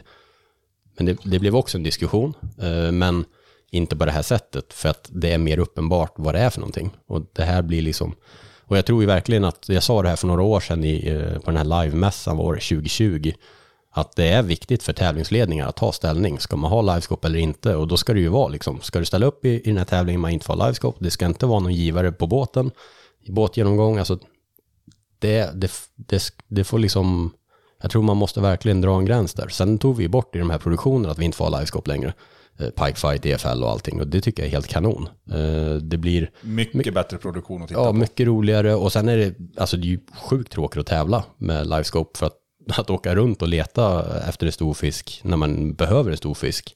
Och man inte ens har grejerna i vattnet. Det är fruktansvärt frustrerande kan jag säga. Ja, och sen för som tittare, så, för jag har, inte varit med, jag har ju varit en tittare nu i många år. Mm. Det blir så ointressant för att alla gör samma sak. Utan Mm. den, då är det typ så här, ni väljer kanske gå in i gräset och någon kör pelagiskt och någon kör en stengrynna. Ja, exakt. Och liksom kunna, ja, du förstår grejen där. Eh, nej, det... Nu är den ju här liksom. Eh, Jag, jag, jag önskar personligen att den aldrig hade uppfunnits. Då hade man sluppit bekymret, men... eh, Alltså, att man har ju alltid kunnat sagt sådär, jag tog den här på trolling, jag tog den här på mete, jag tog den här på spin och så vidare. Varför kan man inte säga jag tog den här på livescope? Och när man håller på och retuscherar bilder Ja, ju, och, och tar bort sett att folk har gjort. Ja, då är det ju så uppenbart att då står man ju inte ens själv för vad... Då, Mm. Du kan ju inte tycka det är 100% okej om du inte kan, om du måste retuschera bort bilderna och Nej, eh, förneka du. Ja, och förneka. Använd det, men stå för det. Då, Mm. alltså, det finns många duktiga som jag har respekt för, som använder det här, men de står ju öppet för det också. Eh, Det är många som inte gör det också. Ja, det är nog nästan... Men både, det- både du och jag vet ju om att det är väldigt många där ute som, som kör det där stenhårt utan att... Ja, och sen också så här, alltså abborrar nu för tiden. Jag ser ju jättemycket sådana här fina 1600-1700 grams abborrar från insjö som är tagna på jerkbait. Ja. Alltså över Ja. djupt vatten. Ja. Det är ju prickskjutet alltihop. Ja. Det är ju inte blindfiskat liksom. Kolla bara på resultaten. Så här, ti- tio längsta abborrarna för en person under en Mm. sommar eller något. Över 50 cm i snitt. Mm. Det, hur realistiskt var det att lyckas med det innan? Nej, sen har ju folk blivit duktigare på insjöfiske generellt, men nu för tiden så är ju prickskyttet är ju hos abborrfiskarna också. Det är ju, det är ju så det bedrivs hos jättemånga nu för tiden. Men jag, något jag, alltså om man ska tänka sig, eftersom jag har fiskat mycket med elektronik eh, genom åren och jag var, jag var faktiskt först i Europa med livescope. När Garmin fick en givare till Europa, då fick jag prova den på min båt. Och då insåg man inte riktigt hur stark den här kapaciteten var. Men jag har ju en bra erfarenhet av det i alla fall. Men till exempel om man ska se det så, Vänern, de har ju en tävling som heter Predator Tour. Mm. Den har jag och Tommy kommit tvåa, nia och tvåa i. Sen hoppade vi av när de la den under, eh, eller vi anmälde oss aldrig ens 2020 när de la den under leken. Sen blev det en massa rabalder kring den här tävlingen, så hoppade många av. Vi anmälde oss inte ens dit, men sen har det blivit så att man får köra livescope i den här tävlingen. Den är ju helt ointressant nu för tiden. Det var en jättebra tävling förr, men nu tycker jag den är helt ointressant att åka runt på Vänern och, och vertikala och prickkasta. Det tar ju bort hela charmen med det där grundstrukturfisket och allting. Ja, sen är jag öppen att säga, eller ja, jag kan ärligt säga att det, som för mig personligen, på något vis så drabbar det ju mitt ego. Mm. För att om, om jag har valt den här livsstilen och lagt allt krut, jag har offrat ganska mycket, jag har inga barn, jag har ingenting, jag har fiskat. Mm. Eh, för att jag ville kolla hur långt kan jag nå. Mm. Och så kommer en pojkspolning och bara fiskar trosorna av mig med den där livegivaren som har noll kunskap om väder, vind och betesfiskar. Och det är klart det svider. Eh, Mm. Så där är det ju en stor grej eh, varför både jag och många är jäkligt anti det där. Eh, Mm. Och det är ju en egogrej egentligen, i grund och botten, men det är tufft att vara på någon vatten nära kring där du bor och så lägger du i och du ska köra ditt jävla abborrfiske så har du två, tre livebåtar runt omkring dig. Alltså, det känns ju helt med mening. Så vad fan Ja. ska jag, hur ska jag lyckas liksom? Jag förstår det, men jag tror ju att den här metoden kommer ju att passa vissa, precis som prickskyttet. Det var ju många som körde det eh, väldigt intensivt där. 2012, 13, 14 eller vad det var. Eh, Jag tror jag slutade med 2015 typ. Och det blir ju att det är en ganska tråkig metod. Man lär sig mycket.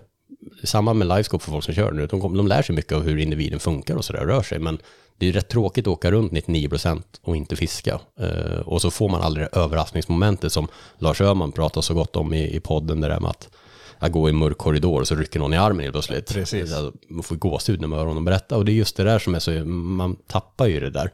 Så jag, jag tror att folk kommer att inse att traditionellt spinnfiske är alltså, för många roligare. Eh, och livescope gör ju att man fångar inte mer fisk med livescope, men du får ju bättre snitt på dem du fångar när du har lärt dig det. Ja. Men till exempel, jag har ju märkt det på Vänern, eh, innan man hade livescope, då åkte man ju efter sjökortet och ekolodet och så ser man liksom, ja det är 20 meter djupt här, men någonstans, kanske 50-60 meter fram ska det börja grynna upp. Då börjar man ju fiska sig in mot grynnan. Ja. Eh, och det var ofta jag fick fisk utanför grynnan. Med Mm. livescope, slänger man ner den så kör du ju fram tills du ser på, på livescopen att oj, nu går det ju upp där fram. Då vet jag att första kastet ligger på grynnan. Ja. Och då blir det att man bara fiskar där man tror att det står fisk. Mm. Men det vet vi inte vart det står fisk. Vi tror ju bara att vi vet. Precis. Så man missar ju också mycket fisk när man använder det. I alla fall på sån typ av fiske, gräs, struktur. Eh, för att du kastar bara där du tror att det finns fisk. Och då missar man de här som är runt om strukturen och sånt. Eh, men överraskningsmomentet som sagt, det är ju det som gjorde att Och jag verkligen saknade det. informationen, som sagt, jag provade det där en halv dag i fyra timmar. Eh, och, och, och man tror ju ibland att ja, men jag har rätt bra koll om vart fisken finns. Mm. På de fyra timmarna fick jag flera sådana där chockmoments Ja. när vi typ korsar sjön. Så är men ingenting här, vi åker upp, över och provar den andra kanten. Och mitt ute på ingenstans där, på 15 meters djup på sandbotten, så står det tre, typ 85-90 gäddor bredvid varandra. Mm. Helt öde, det finns ingen bete, finns ingenting. På ett ställe var det 24 meter djupt och det hänger en, en gädda en halv meter under ytan. Han rör sig inte ens. Det är så här, så det blir lite att har du använt livescope ett tag och sen slutar med det, då har du ändå en fördel för du har, du har fått tillgång till information som du aldrig hade fått utan. Typ en kille som tagit steroider på gymmet. Även om man slutar med steroider så har han ju, det har ju hänt något med muskelcellerna som han drar, fortsätter dra nytta av. Och, Ja, det var en intressant eh, aspekt av det. Ja, men det, det blir... Jag, jag tror också att mång... om du börjar fiska för två, tre år sedan eh, och så går du direkt den där vägen till livescope, säger vi.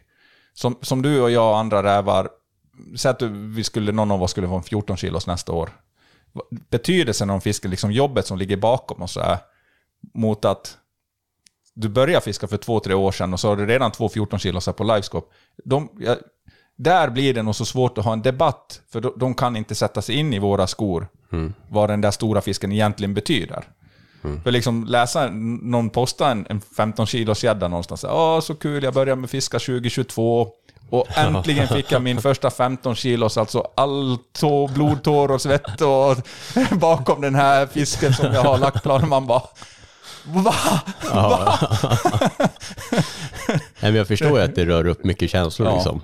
Och jag vet att många reagerar på att jag inte har livescope på båten längre och det är eh, flera anledningar. Dels så, alltså jag bytte båt i år till Innovatorn och då när vi skulle montera ihop den, då var det precis inför paj, vi blev ju klar typ samma dygn vi skulle köra till Norrland. Så då var det så här, okej allt onödigt skiter vi. Livescope-givaren låg i det här, så bara, nej skit i den, den behövs absolut inte till pikefight liksom. Mm. Och sen, den ligger ute i garaget här. Eh, Men sen har det blivit att aldrig montera den igen för att ja, det- det är också den aspekten att om man har livescope på elmotorn så har man koll hela tiden och man läser ekoloder på ett annat sätt. För då använder jag ju den mer än side image för att se vart allting är. Eh, om, alltså, när man åker runt och fiskar struktur och sånt där. Och då tappar man lite den här känslan för att arbeta med sideviewn. Ja. Eh, och sen när man väl kommer in i en tävling och ska fiska, och man inte får ha livescopen, då blir det här att man måste ställa om tankesättet lite grann hur man läser av ekolodet. Eh, och, och, och det är en helt annat tänk. Och då måste man nästan liksom börja om lite, reboota skallen. Ja. Så därför tänkte jag att fan, om jag inte har någon livescope på, då är jag inne i det här side image-tänket hela tiden. Och det tycker jag faktiskt har varit en, en fördel när jag har tävlat. Att, att man har det färskt i huvudet. Hur, alltså hur man navigerar, hur man läser vattnet, hur man lägger kasten, hur man alltså allt det där. Uh, och sen just det där att jag inte aktivt åker och kastar på enstaka individer längre har gjort att eh, jag känner inte att jag saknar den direkt. Men eh, alltså, ibland saknar jag det när man åker och fiskar struktur, för man ser åt vilket håll strukturen går och sånt där. Med liveskåpen, så man vet åt vilket håll man ska köra och, och sådär. Men det är, rätt, det är skönt att inte ha den för att man blir också mer Det- avslappnad. Det skulle haft ett filter, så här, gamla ekolor så kunde ha de här fisksymbolerna. Du skulle kunna ha livescope men du väljer att det inte visar fisken. Att du kunde bara ha han som en... Det hade varit jävligt bra faktiskt. Ja, du kunde se strukturen. Ja, det det hade hade varit varit- en lagom nivå på något vänster. Det hade varit skitnice faktiskt. För det, Hade man fått se betesfisken då? ja, men den kan du ju se på alla andra lor och så. Ja. ja. Ja, det blir, ja, det blir en knivig fråga, men ja, jag, det har gått lite för långt. Och sen är det också lätt att sitta här och säga så här nu.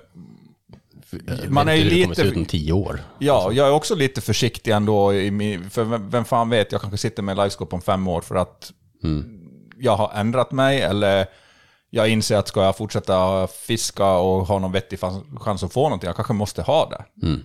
Och så om valet då blir så här, ja, sluta fiska helt eller börja fiska med livescope. Jag vet inte. Det, spontant har jag mina tankar idag, men man vet inte vad som händer. Men det kommer aldrig vara att man måste ha det för att fånga fisk. Det kommer ju aldrig vara. Om man kollar på typ vattnen i Holland. Mm. Och det tycker jag också är lite intressant när man säger att vattnen fiskas sönder bara för att det är livescope. Jag förstår vad du menar att vissa individer eller vissa vatten Mm. får hårt tryck på sina ställen. Men om man kollar på vattnen i Holland, de har typ tre stora sjöar som jag ska säga merparten fiskar på. Där kan det ju vara så här, alltså vi snackar Vänern som är Europas tredje största sjö. Mm. Man kommer till en ramp i vår, det är två ekipage tre ekipage på den rampen. Man ser knappt en båt när man är ute. Ja, visst, en lång helg, då kan man se några båtar. Mm. Men det är många gäddor i en stor sjö. Och så kommer du till Holland, där det sjösätter så här 70 ekipage samma dag Ja. på rampen. Som åker ut och alla håller på och livescopar på natten. Ja. Kolla hur de där gäddorna ser ut. Om du tänker på en Hollandsgädda som du har sett senaste tiden, hur ser de ut? Vad, vad tänker du på? Det är bronkogäddor. Ja, ja, ja, hur ja, feta ja, och ja, grova som ja, helst. Ja, ja, precis. Och de där har fångats många gånger. Det kan jag säga dig. Och de fångas på natten nu för att de ändrat beteende. För det är så hårt fisketryck. Men med otroligt grova och feta. Eh, så, och de där vattnen, de får äta skit kan jag säga dig. När det kommer till mängden fiskare. Vi har inget vatten i Sverige som har i närheten av så mycket tryck. Nej, nej, nej. Eh, Europa, är- vi, vi har är väldigt bra. Ja, eh, Men det märks ju, fisketryck märks, så är det ju. Men eh, Sen hur de tas... För många sådana här, så här innan livescope-eran, många sådana här välkända jättegäddor som från början vägde 17-18 kilo. Och så vart det offentligt vart de bor. Och så åkte fler och fler dit och, och, och fångade dem om, om och om igen. Så första ett par gångerna så kan de ju hålla den här vikten. Men nästan alla de gäddorna ser man ganska fort börjar de droppa ner till 14 och 13 och sådär. Så vi får se om Men det här är ju också, det det är det också, jag snackar med Lars Öhman en del om det här. För att många gånger när man ser en gädda och lägger märke till den, Mm. så är den kanske alltså 14-15 och så märker man återfångst och så väger den 13. Ja. Alltså det här är ju en gädda som, alltså när den är 14-15, det kan ju mycket väl vara dens topp. Alla gäddor blir ju inte jättestora. Absolut, absolut. Men jag har ju jättemånga exempel på när gäddor går upp i vikt. Eh, Vi har en jättebra eh, gädda från i år som är väldigt intressant tycker jag.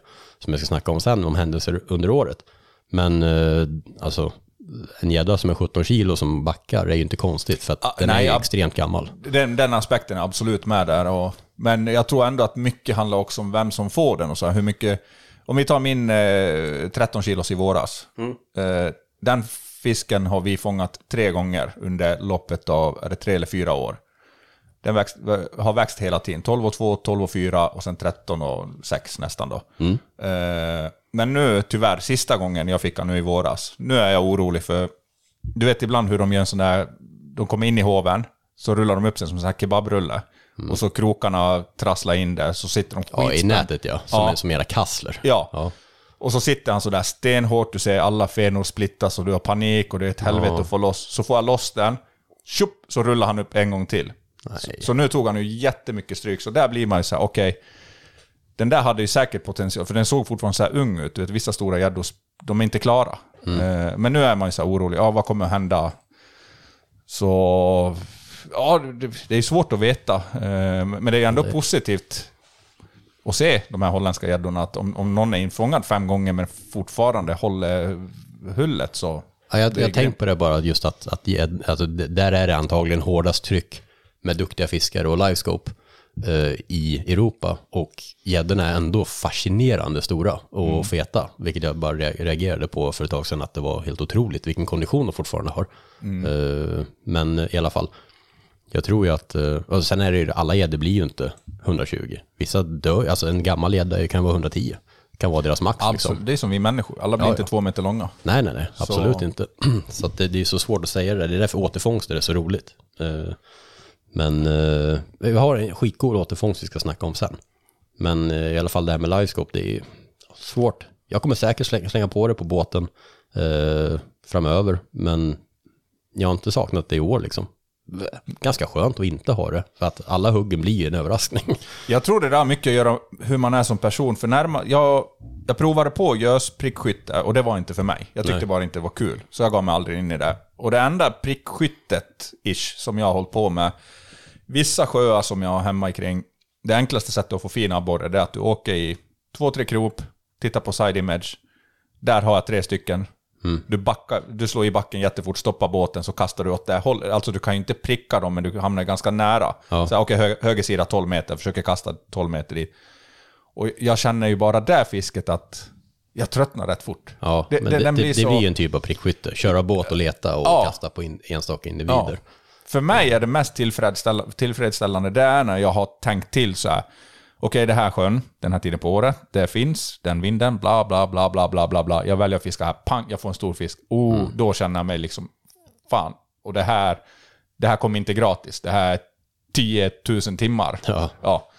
Eh, så, Nej, men det är ju det. Det är ju inte för alla heller. Liksom, så vi, vi vet ju inte vad som kommer hända framöver med hela det här med, med livescope och tävlingar och allting. Men jag tror ju absolut, för tävlingar har jag börjat inse att man måste antingen tillåta det eller inte. Men jag tror också att är det en tävling, eh, spinnfisketävling och man får ha livescope, om man nu verkligen inte gillar det, alltså, då måste man ju ge fan i att ställa upp i den bara. ja. Eh, för annars kommer man bara bli sur liksom. För folk åker runt och vertikala liksom. Eh, Ja. Så jag tror att större tävlingar kommer i större utsträckning förbjuda Man, man har ju sett i år att det är väldigt många som förbjuder. Ja, och med all rätt liksom. Är det en spinnfisketävling så då tror Nej, jag... men gör det till två grenar. Ha typ, de har ju sådana typ SM i gädda och sådär. Mm. Det skulle också vara i två, men problemet blir hur fan kontrollerar du att någon inte är i den här icke-live-kategorin, men ändå använder live? Ja, men det är därför man måste ha... du får- inte ha en monterad på båten, punkt slut. Och då är det ju bara tävlingar där man startar i samma sjö. Ja, För de här tävlingarna, fiska vart du vill, då är det bara fet glömma direkt. Det finns alltid någon som kommer hänga på den där. jag har fått frågan flera gånger ifall jag vill vara med i sådana här tävlingar där man får starta vart man vill under en, Ja. kanske en lång helg eller någonting.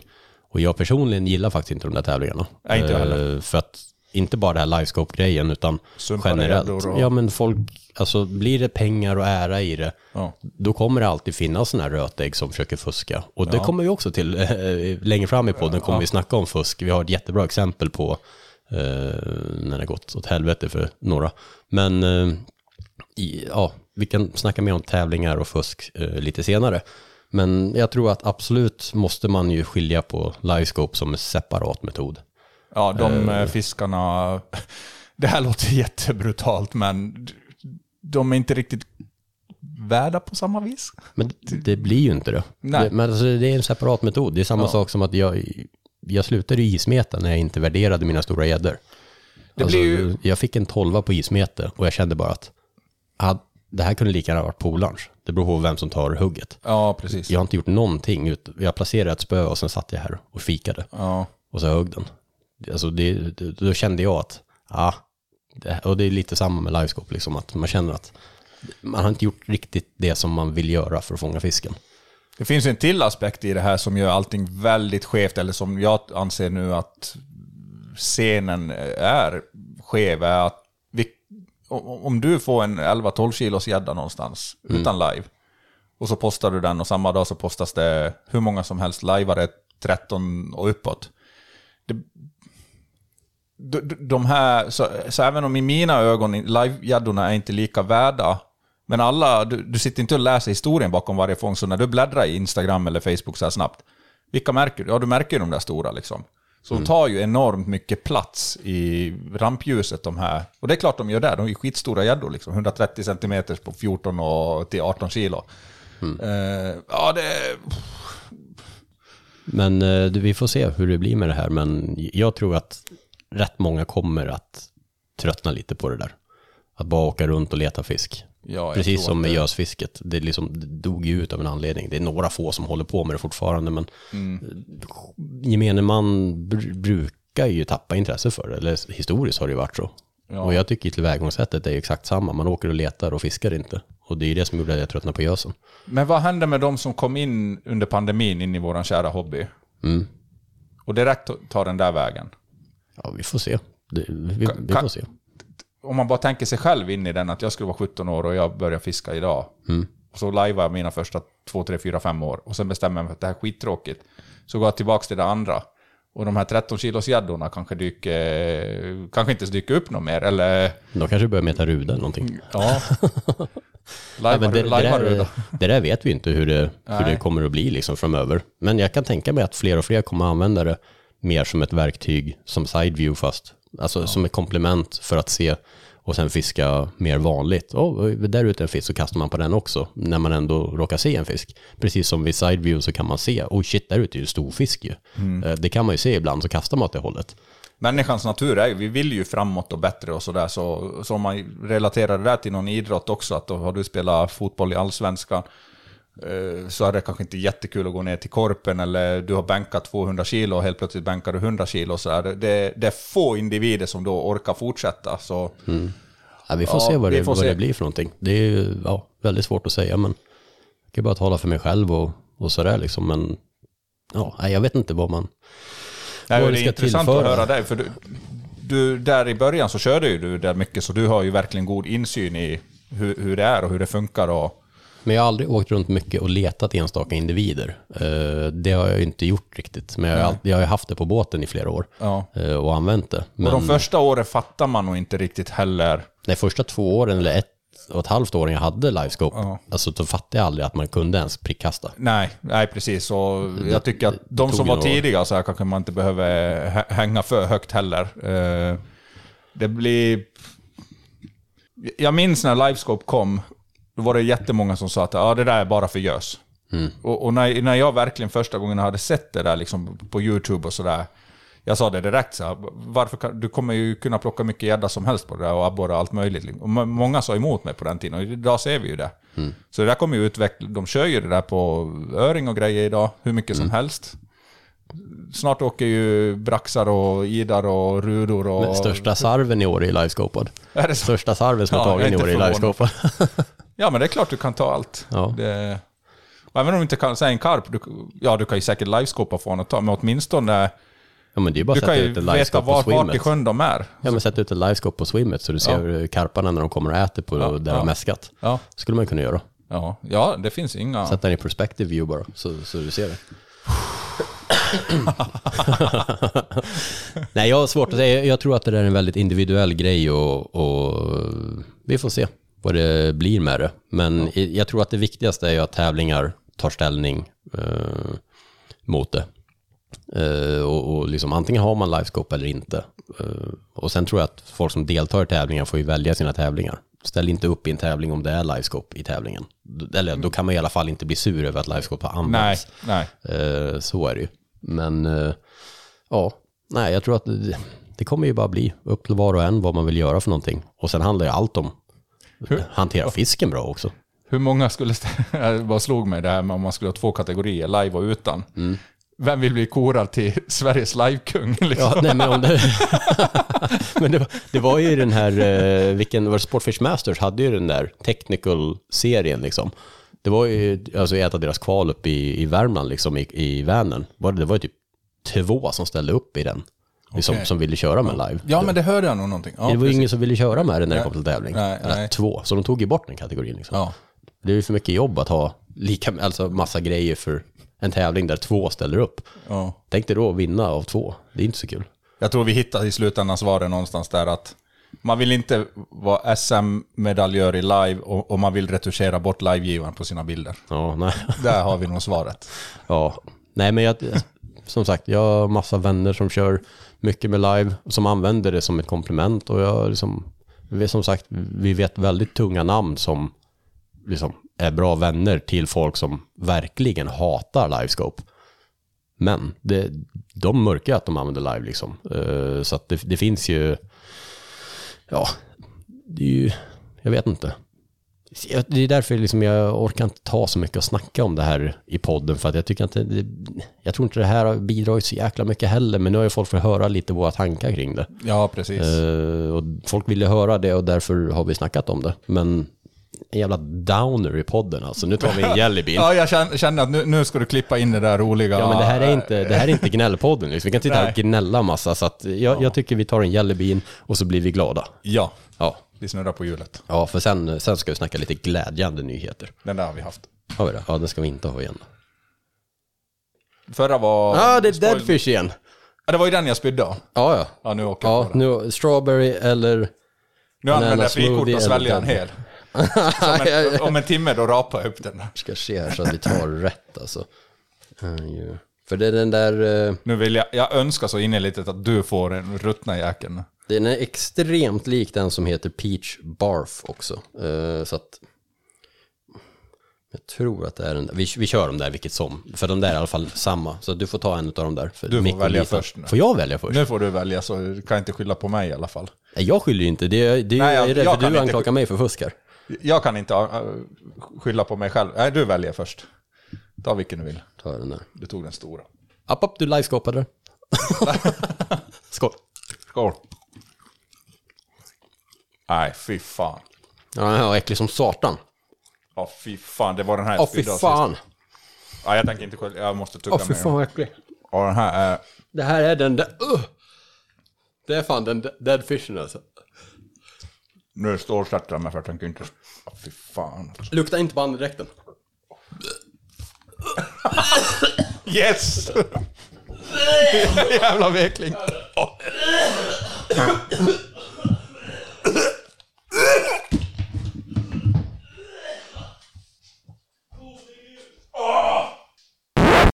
Ja, det var den där Mikko spydde på förra året och nu...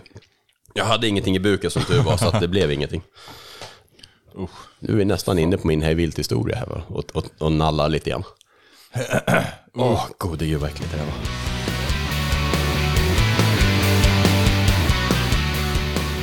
Sådär, då var vi tillbaka med ett nytt segment här och vi ska snacka lite om eh, saker som har hänt under året. Lite smällkarameller, nyårskarameller. Och eh, en sak som jag fastnade för i år var eh, ett klipp jag såg på, jag tror det var Svenska gäddfiskare. Det är eh, en familj som kallar sig Fiskefamiljen. De la ut en film när deras son River på fyra år fångar en gädda på 113 eh, centimeter, 9,9 kilo. Och eh, klippet fick ganska stor uppmärksamhet. Det var helt fantastiskt att, att se. Såg du klippet eller? Ja. Ja, nej, det var, och för de som inte har sett det, då, jag tänkte, jag har pratat med dem och det är helt okej att jag spelar upp ljudet i podden här. Eh, och bara spela upp ljudet ifrån klippet här. Och det är bara så härlig, alltså, han är fyra år, han är liksom två äpplen hög. Och det är ju en gädda som är lika stor som honom, men det här är liksom klippet ifrån fighten och allting, det ska vi höra. Jag vill stor hår. Håll i spöet Jocke. Jag håller i, hjälper dig hålla i. Är du redo? Ja, det kan vara en gädda. En bautagädda. En bautagädda får jag nästan. Är den kvar? Ja, Veva då. det är bara den som är stark. Är den stark? De är jättestarka. Jag är modig. Vänta, vänta. Ja, du Jag är modig. Håll i hårt nu River. Vänta. Ja, vi kör. Vänta. Hur går det River? Leva. Dra linan. Dra en lina. Oj! Den är jättestor River. Jag ser den inte. Där! Lyft den nu då. Veva och håll. Håll och veva. Bra River, bra. Oj, oj, oj! Ja! River! Vilken fisk! River, ser vi vad du har fångat? En gädda. Oj, och hur stor är den? Och fick upp gäddan. Snyggt River. Så. Titta min bautagädda. Åh, titta din bautagädda River. Är du rädd? Ja. Wow. Vill du ha en sån här gädda? Ja, självklart. Självklart. Den är gigantisk. Ja, det är min ja, bautagädda. Ja. Jag tycker den är jättefin. Ja, det är det. Ja, det är bara sånt jäkla härligt klipp alltså. Så ni som lyssnar kan gå in på så här svenska gäddfiskare och bara söka på fiskefamiljen. Så det är typ första inlägget som kommer upp då. Eh, Man blir så jävla glad bara. Ja, jag tänkte säga man blir helt varm liksom och samtidigt, han är ganska kylig. Ja, ja, han är Ja, iskall. Det finns, iskall, ett, finns ja. ett annat klipp med honom också när han fångar en, en fin gädda och, och då blir det lite mer kaos. Jag vet eh, pappan där, eh, Jocke, han, han ramlar när han ska hova och grejer och st- stackaren han börjar gråta för han blir lite rädd och du vet, det är lite kaos. Den är jättegullig det klippet också. Ja, sånt där är fantastiskt. Jag hade med mig en gång en fyraårig kill, eller ja, fyra eller fem var han. Ja. Och så fick han ta någon abborre och så fick han ta någon gäddor på så här ett, ett och ett halvt. Och så åkte jag till ett ställe där det brukar stå någon eventuell meterfisk. Men där var det tvärtom, för det smackade ju på någon fyra, fem, sex kilos. Men han var ju livrädd, så här, ta, Mikko, ta spöet. Jag bara, nej, nej, nej, du ska sköta alltihopa. Och så ryckte det till så han höll, bromsen var lite för hårt ställd, så han gungade till lite över relingen. Det var ingen fara så, så jag fick tag i nackskinnet. Sen var det kört, han bara vägrade att röra spöet.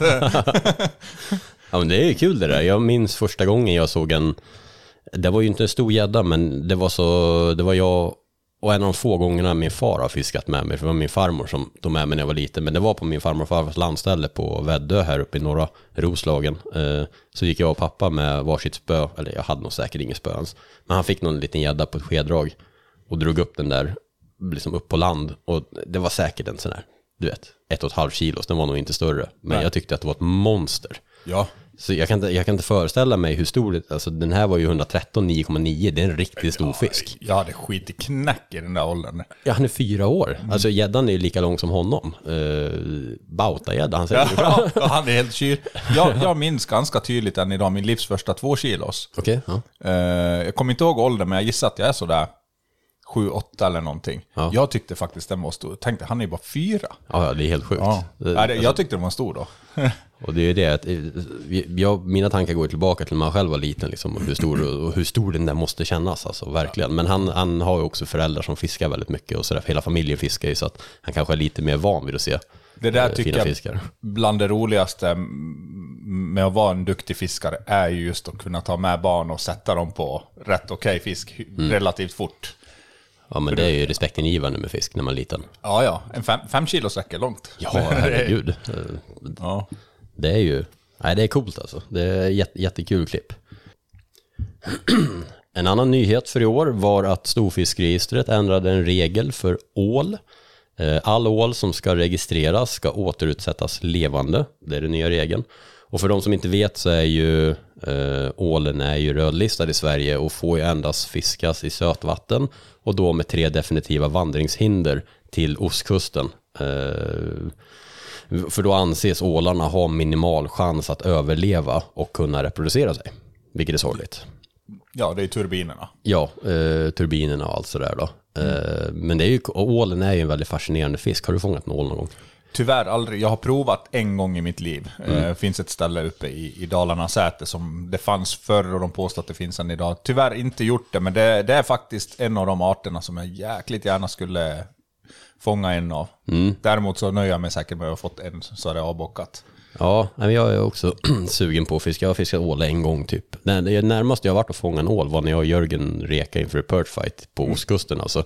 Och då var det faktiskt en, en, en rätt stor ål som kom efter en, eh, en wobbler. Jag stod och fiskade abborre i ett betesfiskstim liksom, i en grundvik. Då kom den efter som en arg gädda och försökte, alltså jag hade lyft upp wobblern och då kom den så här bara, vart är wobblern någonstans? Så skulle ta den.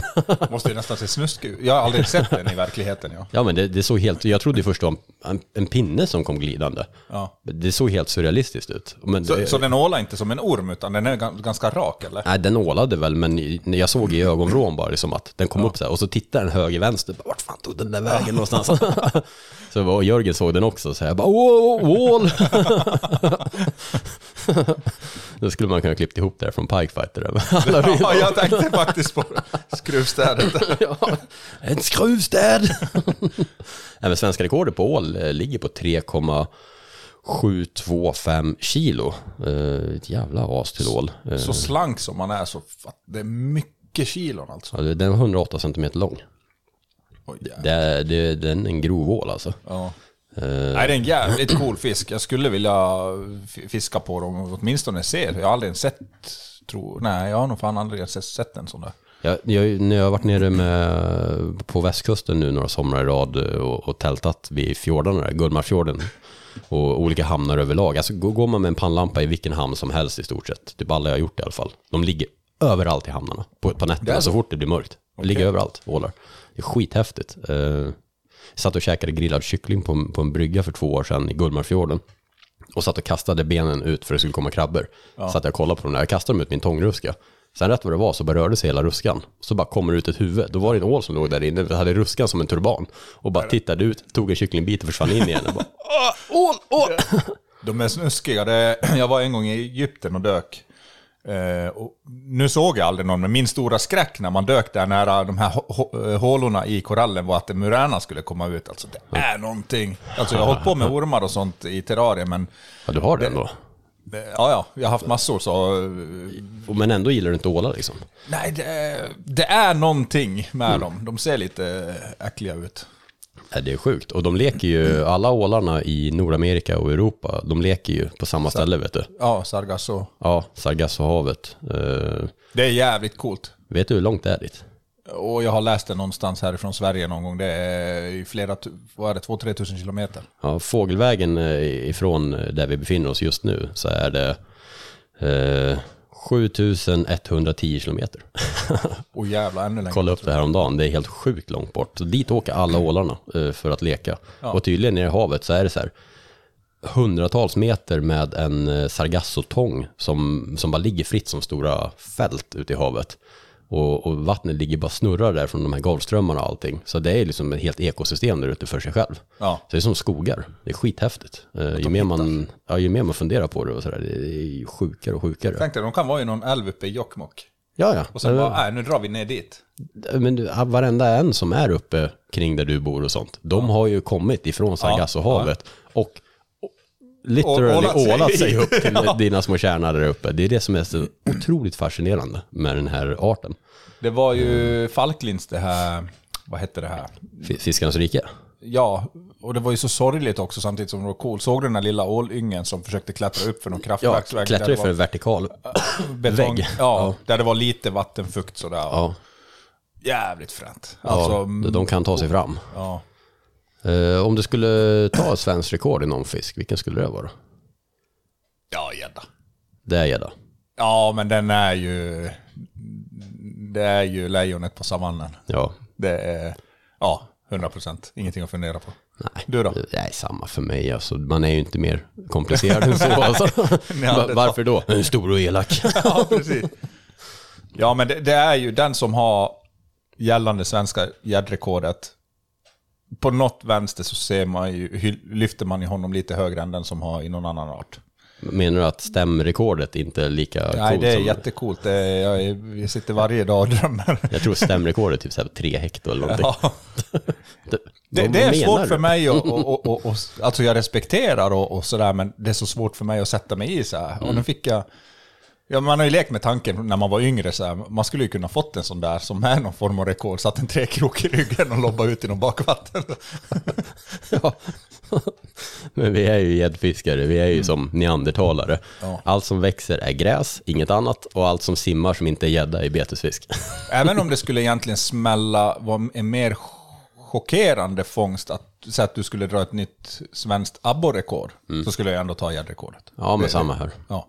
Det är ju, det, men de är stora och elaka och man lägger mycket tid på dem och har gjort liksom, så att det är klart. Det, det, jag bara väntar, det skulle vara jävligt häftigt om någon tog en, en vad är abborre på, 3.15 va? Ja, det är jag något sånt där. sånt där. Ja. Ja. men det visar också, den är ju liksom 35 år gammal eller någonting, du vet. Mm, ja. Eh, Det är rekordet och det visar ju hur svårt det är med tanke på hur många som fiskar abborre nu. Ja, och har de blivit duktiga på det. Och bästa metoderna. Och, Ja, och det slås ändå inte.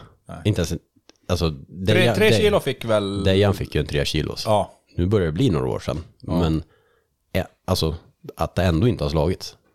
Det är lite visar, konstigt det visar hur stor den fisken Ja. faktiskt är. Men men, det är jäkligt coolt. Eh, och kolla på några stora gäddor under året. Vi har snackat förut om en, en cool återfångst. Och det var faktiskt en, en väldigt god vän till mig. Erik, eh, vår kameraman på Westin. han fick ju en exceptionellt lång gädda i somras. Eh, han var lite fin i kanten. Han mätte den till 132, Mhm. 13 och 3. Eh, och den, den var längre än så, men han tog det lägsta. Han, han sa att den kan eventuellt ha varit en och en halv centimeter längre. Ja. Eh, men han ville vara lite, han ville verkligen vara säker på att han inte höftade. Ja. Eller sådär. Men det coola med den var, den exakta gäddan har fångats innan. Den tog 2021, senast vi vet. Och då var den 121 centimeter lång. Eh, Oj, en dess... Nej, vänta, vänta, förlåt. Den var 131 centimeter lång då, har jag för mig. Mm. Okej. 131 centimeter lång. Eh, och var en bit, eh, jag vet inte, fångstmannen skrev inte hur lo- hur tung den var, men skulle 10-11 kilo. Ja. Och nu har den gått upp i längd och i vikt. Eh, fortfarande ingen tjock, absolut ingen tjock gädda, men väldigt, väldigt cool gädda. Jag tackar inte nej till en 130 plussar på 13 pannor.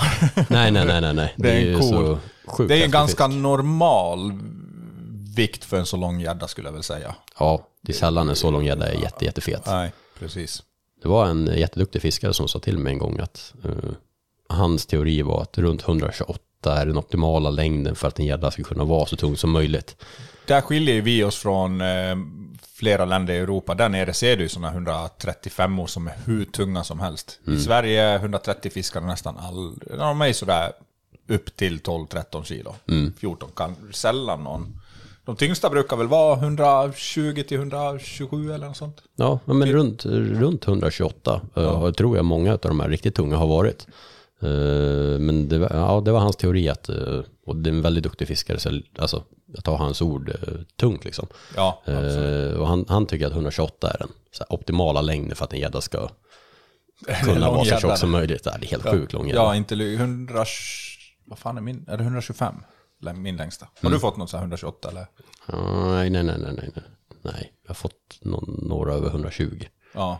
Precis, Det- det är precis svårt. eh, 120. Ja. Eh, 121 tror jag är min längsta. Ja. Så att det, nej, jag har inte någon så exceptionellt De lång gädda. Är jätteovanliga de är riktigt. Mm. Det, ja, nu ska vi inte in i livescope här, men med livescope har man ju sett nu sista åren ganska mycket långa gäddor ändå. Men Mm. man, det är där också, man ser ju att det är ju sällan de här magiska vikterna på grund av det. Mm. Men det var ju en gädda som var väldigt lång och väldigt tung. Den gäddan, det är den tyngsta gäddan i år registrerad i storfiskregistret. Ja. Den var ju 134, 17,8. Ja, den, den bilden också... Ja, det är en sjuk, sjukt stor gädda. Alltså skallen på den bilden. Du, du ser volym, alltså massan, käk, nacken och allting. Det ja, man, man önskar att man får se en sån där någon dag alltså. Du Ja. vet, benskaken när han är uppe vid ytan fem meter från båten i klart vatten liksom. Ja, nej, för det är ju klart vatten i den där sjön han fick den också. Ja. Traditionellt spinnfiske uppfattar det som att det var också. Så att Ja. det är sjukt häftig fångst. Eh, dröm, ordentlig dröm alltså. Nu ska vi se här, eh, apropå återfångster och sådär då. Eh, vad, vad tror du, tror du att fiskar känner smärta? Åh, vilken svår fråga. Eh, jag tror inte de känner det som vi gör. Och sen är också så här, är det skillnad på kroppen och munnen? Mm. För jag tänker mig en gäddkäft som tuggar i sig vassa abborrfenor och gösfenor och sånt där. Där tror jag inte att de kan ha särskilt mycket. Det är nog mycket brosk och... eh, Men när en krok sitter i sidan på en fisk och sådär. Ja, varför skulle de inte? Det måste ju gå nervbanor som de har nytta av. Att de känner överhuvudtaget att de är emot någonting. Och, Mm. Så någon form av smärta, det tror jag de gör. Det Men jag tror ju- inte att det är mycket i käften. Det har gjorts en del studier på det här och det är bevisat att fiskar har eh, att de uppfattar smärta. Eh, det är att de har sådana nervtrådar som skickar signaler att det är smärta. Eh, sen har jag gjort massa studier på det där och lite luddigt, men min egna, min egna teori är att de inte, jag förstår att de uppfattar smärta, det är ju ett sätt att överleva. Jag menar, Ja, annars hade vi stoppat handen i en fritös utan att märka det. Så Ja. det är farligt liksom. Ja. Man uppfattar ju smärta för att man ska undvika att bli skadad. Samma för fiskar. Det märker man ju när man krokar en fisk, så sticker de ju. Ja. Eh, Men det som gör att jag tror att de inte uppfattar det, den psykiska smärtan som vi gör, är ju att, alltså ett exempel är ju, jag- vet inget annat djur som äter levande kräftor. Jag har kollat en hel del på hur uttrar äter kräftor. De dödar dem innan. Mm. Vet du varför? Jag skulle suga och äta en levande kräfta. Det gör ont. Ett däggdjur gör inte det, de dödar den först, sen Ja. äter de den. Fiskar äter levande kräftor. Ja, för en kräft när han ligger levande i magsäcken, han lär ju försöka nypa och greja och... Ja, hela vägen ner. Ja. Klart den nyper allt som kommer i dens väg. Eh, Nej, i, i munnen kan de inte, eller kan, jag vet, jag tror inte att de kan känna särskilt mycket i käften. Det, Nej, och min andra tanke kring det är eh, till exempel däggdjur och sånt då. Om, jag vet, eh, när jag jobbade med hästar förut, min far höll också på med hästar när han var yngre. Och då var det en häst som stod i, i duschen, han skulle duscha den. Och sen ryckte den till och fick en sån här karbinhake in i näsan. Och den gick rätt igenom näsan. Mm. Alltså in i näsborren och rätt ut genom huden. Mm. Och du vet, hästar är flyktdjur, de ska sticka när det är fara. Ja. Så att det här är väldigt, väldigt likt en fisk som blir krokad. Den får någonting rätt igenom en del av sitt mm, mun eller ansikte. En fisk simmar ju tills den inte orkar mer. Den drar och drar och drar och drar. Ja. Jag tror hästen gjorde. Ja, spontana tanke var att han ryckte till och sprang. Men- Nej, han ryckte ju till och kände att det gjorde ondare då. Så han stod ju bara still. Ah, För han, det, han ryckte ju bara, oj, aj, aj, aj. Ah, fan, intressant. ryckte och så står han bara still. Ja. Liksom bara, Ja, precis som ju- du skulle göra om du... Exakt. Ah. Drar du hårdare och det är ondare, då slutar man ju upp med det. Precis, och det gör inte fisken. Och hästen är ett flyktdjur. Den stod ändå still och fick hjälp. Eh, sen om någonting skrämmer den, skramlar och sånt, då sticker den ju. Men i det här fallet så stod den bara still. Det är ett Eh, jävligt bra sätt att lägga upp det på. Ja, men det, jag, Ja. Alltså, jag, jag vill ju inte psykiskt skada ett djur. Alltså, jag, jag vill ju inte göra det, verkligen. Och därför har jag tänkt mycket på det här när det kommer till fiskar. Och jag har läst en del studier. De har bland annat injicerat fiskar med eh, syra, som gör extremt ont. Mhm. Och då märker de att fiskens beteende blir annorlunda. De äter inte, de ändrar beteenden och sånt. Vilket inte är konstigt, för hela kroppen skriker ju att någonting är fel. Ja. Alltså, Ja. det är ju klart. Det är samma med... Alltså, med. Ja, exakt. Eh, Och, och sånt där då. Och har märkt att fiskarna ändrar och säger att åh, de känner smärta och sånt. Fast ja, jo, hela hjärnan ändrar ju form liksom för att nu är någonting som skadar dem. Mm. Det är samma som att de flyr när de blir krokad för att någonting är fel liksom. Men jag tror inte att de känner smärta precis som däggdjur gör. Jag, jag är helt, helt övertygad om det, just på grund av några få exempel. Det blir ju ungefär som när du ska kroka av en gädda. Tre krokar i käften med hullingar, du rycker och grejer, de är helt still. Ja, alltså de- gör, gör det på en de- hund eller något, de skulle ju rycka bra nog när du är där med tången och... Ja, Ja, nej, då, ja, det är nog på ett annat vis. Ja, känner. smärta 100% för att det är en överlevnadsgrej. Ja. Alltså någonting gör ont eller sticker eller skadar dem, då ska de dra. Så Ja. att det är min tanke på det. Eh, Och som sagt, de här studierna, att de ändrar beteende för att de får liksom syra injicerat i sig. Det här är ju liksom djurrättsaktivister som har gjort det här, vilket låter fruktansvärt faktiskt. Men det är ju ändå ett bra exempel. De, de ändrar beteende, det är, det är inte ett dugg konstigt. För att hela kroppen skriker. Och där blir det ju det här, hur intelligenta är de liksom? För om någonting gör ont, det mesta i naturen, de lär ju sig. Mm. Den där skiten kan jag inte äta för jag provade en gång, det gjorde ont. Mm. Eller jag blev sjuk eller något. Ja, och det är samma Eh, med fiskar, de är ja, mer så- svårfångade. Ja, så det, det, det tror jag absolut alltså att en, en som har varit krokad flera gånger, den blir svårare. Det är Mm. väl klart att kanske inte är intelligent som en människa och låta bli resten av livet, men den blir svårare. Ja, och jag tror att den ser mönster, till exempel sida-sida-bete. Blir en fångad på det tre gånger så kommer det bli svårare att lura den med en sida-sida-bete.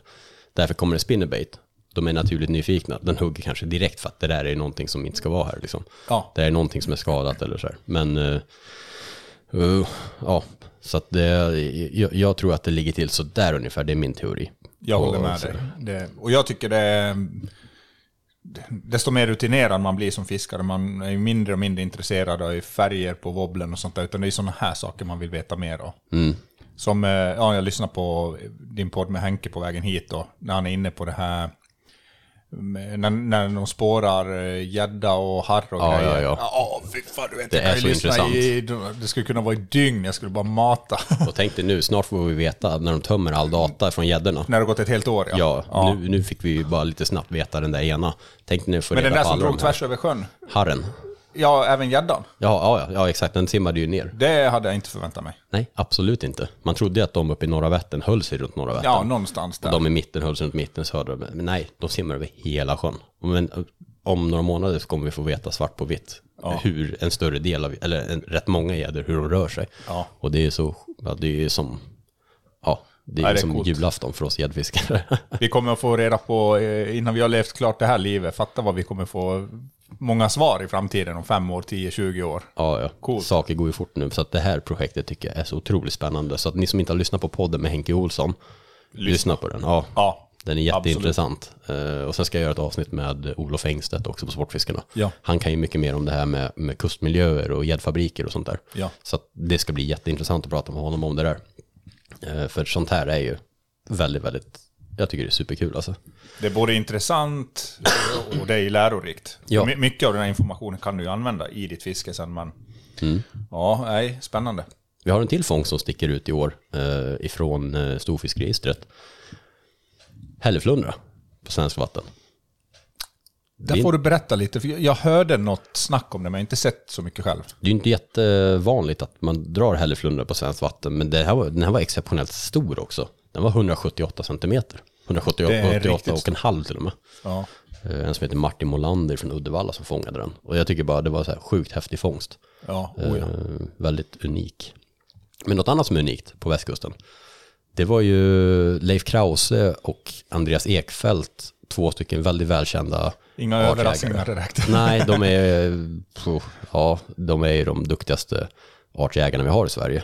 Oh, Eh, och de hade ju ett, ett coolt fiske i år. De var ute några gånger och fiskade hårkärring på västkusten.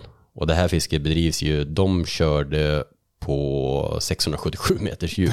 eh, och fick, de landade eh, jag tror 12 stycken. Varav de flesta var över två meter. Eh, stora fiskar. Och den största var 453 centimeter stor. Jag fick en bild av den i flytring med ett långt hundkoppel och en kilos vikt. Ska lo loda efter. Det ska vara prick 677 meter. Här var en sten. Bara trycka Nej. flexikopplet och åker upp igen. Sjukt häftiga fiskar och sjukt häftiga killar. Det är... Det är galen Alltså, dedikation. vi, vi har ingen grepp om hur grymma de här killarna är. Nej, nej det, de, För det är de lägger så många otroligt mycket tid. Och du vet, många av dem till så här tävlingar. I princip åker de varje vår och hämtar en 13 plus gädda för att få sina poäng. Ja, det är så sjukt. de är, det är vassa killar på riktigt. Hatten av. Ja, men det, den där 453 centimetern är ju troligtvis det längsta fisken som är fångad i Skandinavien, historiskt sett. Alltså hela Norges kust de har Ja, inte ja. fått... Nej, det är troligtvis längre än, eh, eh, inte 100% säkra, men som det ser ut så är det den längsta fångade överlag. Hur stora, så Grönland och sånt, får de större där eller är det här, börjar det här liksom bli topp, Så, topp så insatt är jag inte. Nej, Men d- Coola den, fiskar. Den där fisken är runt 500 år gammal. det är helt sjukt. Det är riktigt sjukt. Han har överlevt både vikingar och bronsålder och... Ja, det är helt sjukt alltså. Den är, det, det, det, är så, det är så gammalt som man fattar inte. Nej. Riktigt coolt. Uh, ja, men det var några så här fångster som jag ville bara lyfta fram. Som var lite så utstickande. En annan väldigt, väldigt cool grej i år. Det var ju att Sportfiskemässan var ju för första gången sedan 2019. Med tanke på pandemin. Och i år så hade de eh, även tor, halva torsdagen var öppet för, för besökare. Vilket gjorde att det blev lite extra länge öppet. Och det var nytt besöksrekord. Eh, 19 604 besökare. Så det var eh, otroligt rolig mässa, måste jag säga. Det var ja, lätt den bästa mässan jag någonsin har jobbat. Och det, det märktes liksom att nu har det inte varit mässa på många år. Det kom väldigt mycket folk och folk var otroligt glada i att träffa folk. folk, Ja. folk, folk. Folk, folk, folk, ja. Fisket växer ju hela tiden och tyvärr kunde jag inte... Jag kommer inte ihåg, det var någon... Var jag sjuk tror jag? Planen var att jag skulle ner dit, men jag, missade den i år. Mm. Ja, det får komma nästa år. Nästa år är Sportfiskemässan i Jönköping. Och det kommer vara 15 till 17 mars. Yes, får vi försöka ta då- oss ner på. Ja, och sen eh, närmast nu då kommer ju faktiskt Baitbashen är ju januari 2024. Det är alltså 26 till 27 januari och Baitbashen är ju en, en eh, lite mer nördmässa. Är det Karlstad? I Karlstad ja. Ja. ja. på eh, Nöjesfabriken i Karlstad. Det är en fantastisk mässa. Det, det är mer en fisketräff liksom. Ja. De, har beer and baits, det är väl deras slogan liksom. Ja. Och där har jag, jag har varit på den mässan varje år förutom förra året. För då krockade det med Perchfight tyvärr. Eh, Jag kunde inte åka och stå där. Men i år kommer vi ha monter där. Det är massa eh, leverantörer som är där. Och inte jättemånga, det är lagom. Men Lagom. eh, mycket betesbyggare, mycket flugbindare. Otroligt, otroligt trevlig mässa. Så den tycker jag ni ska kolla upp. Den har jag planer på. Jag har aldrig varit på någon av dem där. Men jag har faktiskt blivit jättesugen att åka ner. Det vore superkul om du kom. Ja. Sen är det ju faktiskt en, en spännande grej nästa år. 24 till 26 maj. Då händer det något spännande i Dalarna, eller hur? Ja, det är ju en outdoor-mässa då som har funnits något år och de har vuxit och vuxit. Så i år vart jag kontaktad här i höstas om jag ville vara ansvarig för fiskedelen då. Mm. Så det håller jag på att djupdyka in nu och vill göra det till någonting riktigt, riktigt coolt. Så första tanken var att mycket aktiviteter eh, och föreläsningar. Och vi har kommit en bra bit på vägen. Vi har dig, Claes, som föreläsare. Mm. Har Det blir någonting lite nytt för mig att föreläsa. det är det som är skitkul. Att, eh, jag har ju snackat mycket med dig och du har ju, man kan ju säga att du har inte gjort det egentligen. Nej, jag har vägrat som en katt över en hink med vatten alltså, eh, i alla år. Jag är samma sits. Jag, jag, har lite, jag har inga problem med framför en kamera och eh, mix så här, men jag har stage fright. Ja, nej, men det är inte kul alltså. Nej, nej det, men det gick ju bra för dig på Sportfiskemässan så du är lite pepp nu. Ja, eller Ja. Sportfiskeakademin. Då Sportfisk- höll jag ja, föredrag precis, för, förlåt. för Ja. alla klasserna där och eh, det var faktiskt, det var jättekul. Eh, dock lite lättare eftersom jag gått på akademin och, och sådär. Men Känner atmosfären och några lärare kanske. Och, Ja, absolut. Ja. Så att det kändes lite mer som hemmaplan. Men det var en bra uppvärmning och jag uppskattade väldigt mycket. Och det var mycket skratt. Eh, som sagt, jag, ja, jag vill ju gärna försöka göra någonting roligt om man ändå gör det. Så att Ja. jag tänkte väl försöka fokusera en del på humor och sånt där också, även i den här föreläsningen. ja. Har du funderat någonting om ämnet och temat eller ska vi, ska vi Eh, suga nej, på den nej, till våren? eh, de- den, jag har inte hunnit börja skriva än. Nej, det är Så långt att, eh, borta än. Ja. Men ja, eh, Tobias Fränstam kommer för, föreläser Mm. och så kommer David Lundqvist. Mm. Det är lite unikt att han för, eh, dyker upp och föreläser nu för tiden.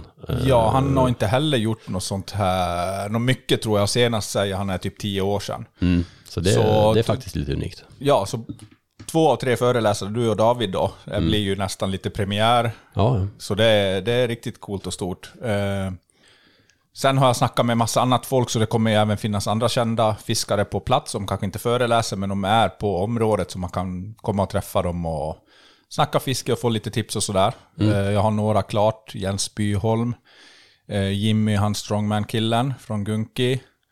Eh, jag tror, nu får du hjälpa mig, Emma och, nu står det still. Emma och Elin? Emma och Elin ska komma. Jaha, okej. Mm. Eh, sen har jag pratat med många, många fler som förmodligen kommer, men det är inte helt klart. Men vi hoppas att det där blir ett, bara en sån här grym helg. Föreläsningar, Mm. gå och snacka med kända fiskare, se båtar och beten och prylar och... Mm, Jag kommer ju även ha lite monter där, så jag kommer ju ha med båten och eh, nyheter från Westin. Jag ser fram emot att se din båt. Ja, vi ska ta pass i den. Sen var det synd, Ja. för vi tänkte ju när vi gjorde den här podden att vi skulle fiska samtidigt, men nu blev ju podden i slutet på året och det har varit easy.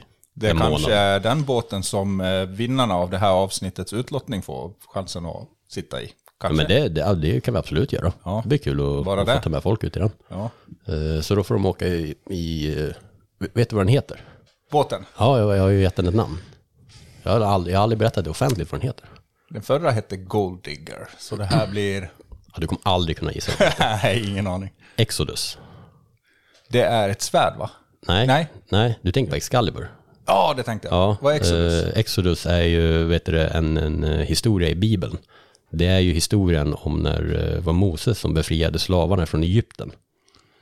Och eh, den historien heter Exodus. Eh, Och Bob Marley har ju ett album som heter Exodus också. Men för mig känns det som att det är, för eftersom jag har designat den, jag har varit med och tagit fram den, jag liksom, den är helt annorlunda från konventionella båtar, så det känns som att det här är min befrielse från ramverk, ramverket av konventionella båtar. Jag så den förstår. heter Exodus, plus att Exodus låter asfränt. Det låter fränt. Ja. Ja. och så var jag, jag hade redan bestämt det här eh, vid tidigt skede, eller tänkte att det var bra namn. Så när jag var i Florida förra året, då ser jag en stor jävla lyxjakt som heter Exodus, det sög som fan. Ja. De har tagit namn. Ja, den, den vill jag se. Den är ju lätt fetaste båten eh, i Sverige just nu. Ja, det ska bli, bli kul att ta med dig ut för att se vad det är. Och det är coolt, för jag har ju lyktor i fram på det. Alltså jag har ju två stycken strålkastare Mm. som eh, jag har riktat ganska skarpt neråt. För att kunna åka runt och kolla efter så här braxar och grejer på natten. Så Jajamän. det ska bli kul att åka runt och blända dina braxar. Det blir verkligen den där Batman-grejen. Ja. Natt, du, du ska bara ha en strålkastare på land som skjuter upp en, en, eh, ditt ansikte. Han har en Batman, vad ska du ha? Jag kan inte säga det. ja, vi, vi, vet vad Danne ska ha. I alla fall enligt dig. Jag Och- tror och att den inte heter tänkte Solar på det. Eclipse. Solar... Bollar Eclipse.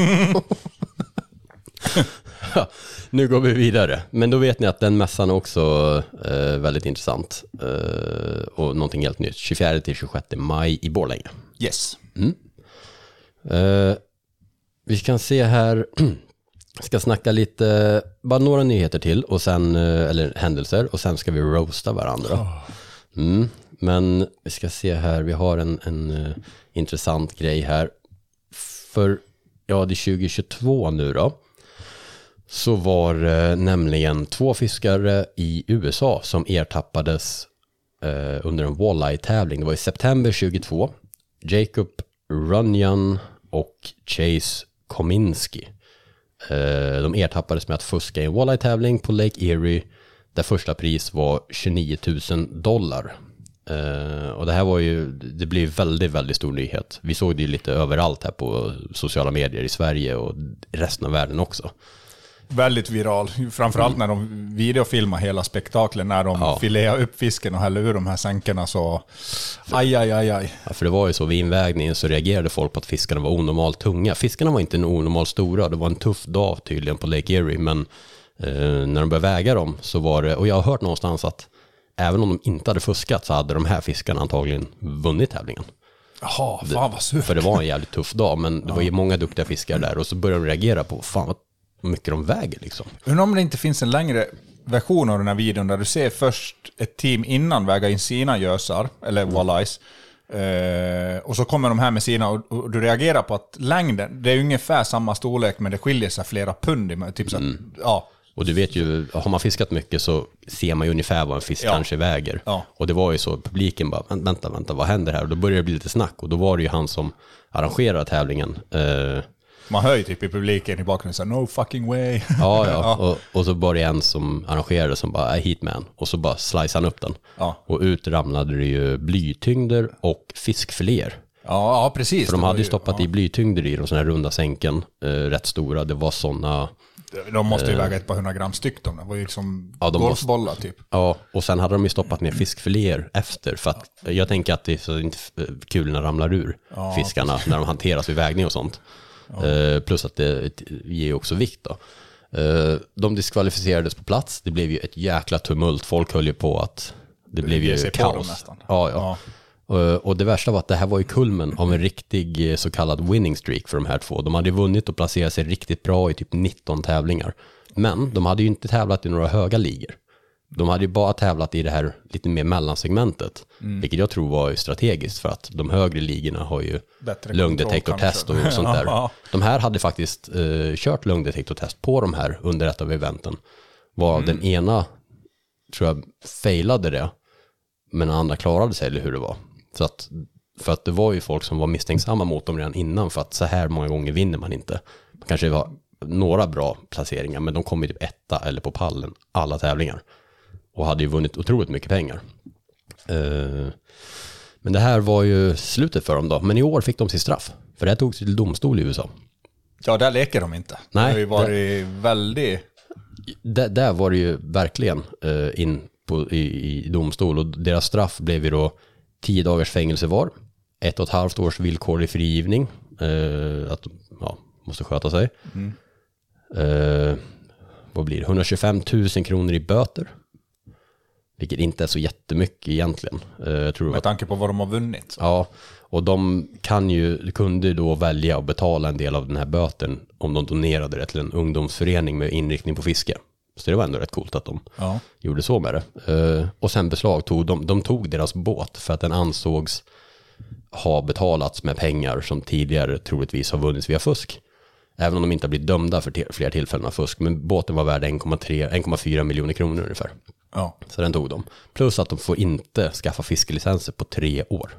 Vilket innebär att det är inte bara att du utesluter från tävlingar, utan du kan inte fiska. Nej, exakt. Lagligt i alla fall. Nej, Eh, precis. Men det var max man kan ta ifrån någon tillståndet för att ha fisklicenser, tydligen. Annars hade det blivit längre. Eh, I verkligheten är det där nästan en livstidsdom, för efter de här åren så är det. Alltså, det är nog inte kul för grabbarna att ställa upp i en till tävling. Nej, Alla nej. kommer ju hacka på dem. De är bannlysta i all framtid inom sportfisket i USA, såklart, mm, både med sponsorer och, och tävlingar. Eh, Så det är väl det största straffet egentligen. Men tydligen så när jag googlade lite på det så har den ena åkt dit för tjuvskytte och grejer. Alltså han har tjuvjagat eh, och sånt där också. En riktigt hal, det var väl han som tog sig igenom eh, lögndetektorn då. då. Ja, antagligen. Nej, det var, det var en riktigt stor händelse och det är kul att se ändå att de fick sitt straff. Eh, och det här med fusk, det finns ju, det finns ju tyvärr, är, fisket är ju en, en hobby som involverar en stor del av, av eh, tillit och, och sådär. Men du kan komma rätt långt inom fisket med att ljuga om vikter. Ja, Jag ja, oh. Du vet ju många 8 och 9 kilos gäddor det går på en 10 men på en bild, även om vi är vana vid att se en fisk, så är det ingen som kan säga att den väger 10,1 eller 9,8. Helt omöjligt. Det är helt omöjligt. Ja. Eh, Och det saltas friskt. ja, men det finns ju folk som verkligen sätter det där i, i sys- systematiskt. Det är tråkigt. Ja. Men det här är ju en av, få sporter där du faktiskt kan komma väldigt långt på att, att inte prestera det som sägs. Ja, absolut. Du kan ju ta det hela vägen. Mm. Eh, Det finns väl exempel på det. Ja, och ska inte gå in på några exakta exempel för att, ja, alltså om folk inte är dömda eller sådär, om man inte har varit där och sett, det är ingen idé att hänga ut folk i onödan, det blir bara liksom modern häx, häxbränning. Mm. Det där är en häxa och skalla brännaren liksom. Det, jag, jag tänker inte gå in på enstaka fall, men det försiggår ju, tyvärr. Hur kan man eliminera det då? Fusk inom det är tävling. ju- är, om, om- vi tar de här tävlingarna där du får fiska vart du vill. Det är helt omöjligt att eliminera. Ja, nej, det, ja, det är därför jag inte gillar de där tävlingarna. Nej, inte jag heller. För, och det, det har ju kommit fram alltså, att folk har sumpa. Mm. Och, och det finns ju mycket som inte har kommit fram. Ja, ja, självklart. Sumpade fiskar och döda fiskar och... Det kanske är tio båtar som är ute och fiskar eh, åt ett lag. Mm. Det vet man inte. Nej, exakt. Och det där har ju varit i tävlingar också, att Mm. flera lag lämnar sin fångst till en båt och Ja. sen delar de på vinsten. Ja, precis. Så det är ju så svårt att kontrollera alltså.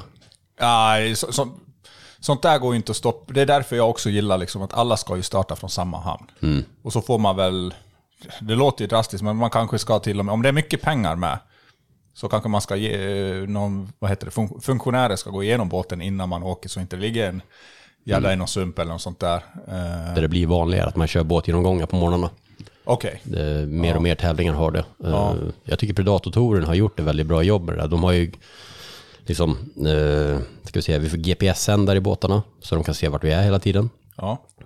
Och de har båtgenomgång på varje båt i varje fack varje morgon. Mm.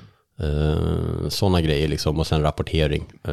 Det ska tas, ja, det tycker jag är bra. Och Men det är ändå inte hundraprocentigt. Det är det som är liksom. det, ja, det blir jättesvårt. Och, men en sak är ju också som, eh, som nu i det här fallet i USA, att man, eh, när man tar någon så statuerar man exempel. Mm, så att det det är är viktigt. avskräckande. För i Sverige är det ju lite sådär hysch hysch. Mm. Tala inte om det. Ja, För vi, det vi vet ju om saker, men man får, kan ju inte tala om det. Nej, och sen kan man heller inte sitta och döma någon i efterhand heller när man inte har alla fakta. Det, det, det är ju en Ja, precis. tråkig spiral liksom. Ja. Men det, det är det som är skönt med pikefight och sånt där, för att alla har en domare i båten. Och det, det är Ja. ju som i bästtävlingarna, många tävlingar har ju en domare i varje båt. Ja. Men det är extremt kostsamt såklart, det projektet att driva runt. Men det är ju typ det säkraste sättet skulle jag säga. Men om man tar de här riktigt stora tävlingarna med mycket pengar och prestige och sådär. Snackar du Sverige nu, eller? Ja, då, då kanske det är värt att göra det väldigt seriöst, att det är en domare i varje båt eller något liknande. Mm. Sen får man ju ta att de här små tävlingarna, att, ja, då får du ju ställa upp och så får du ju förstå att risken finns ju att någon... Mm. Men det är ju ganska... Du vet, så här, tänk dig så här, touren. Säg att det är 120 båtar. Ja, det är 120 personer som Ja, ska nej, med det- ut och det- bara sitta i båten. Vart hittar du dem som vill göra det en hel dag? Och det är så stort, för om man tar Värtan Cup, då hade de ju förr så att då hade kontrollbåten, när du fick en godkänd, Mm. då ringde du så kom de ju till dig. Men det kan du ju inte göra som på Vänern. Nej men det går inte på en vanlig tävling. Värtan Cup, för där fångar ju ingen fisk. Så att, Nej, plus att det är små ju- ytor. Det fångas ju Så- otroligt få fiskar, så att där funkar det ju att ha så. Ja, precis. Nej, det är jättesvårt. Det, Mm. Och det, det är ju tävlingsfisket. Sen, sen det här som du nämnde tidigare där att folk ja, får ju sponsorer och grejer oärligt. Mm. Sånt är ju helt omöjligt att göra någonting åt. Du har ju Ja. ingen aning om vad... Det, det finns alltså ren saltning. Mm. Eh, och sen att någon annan har fångat fisken åt dig.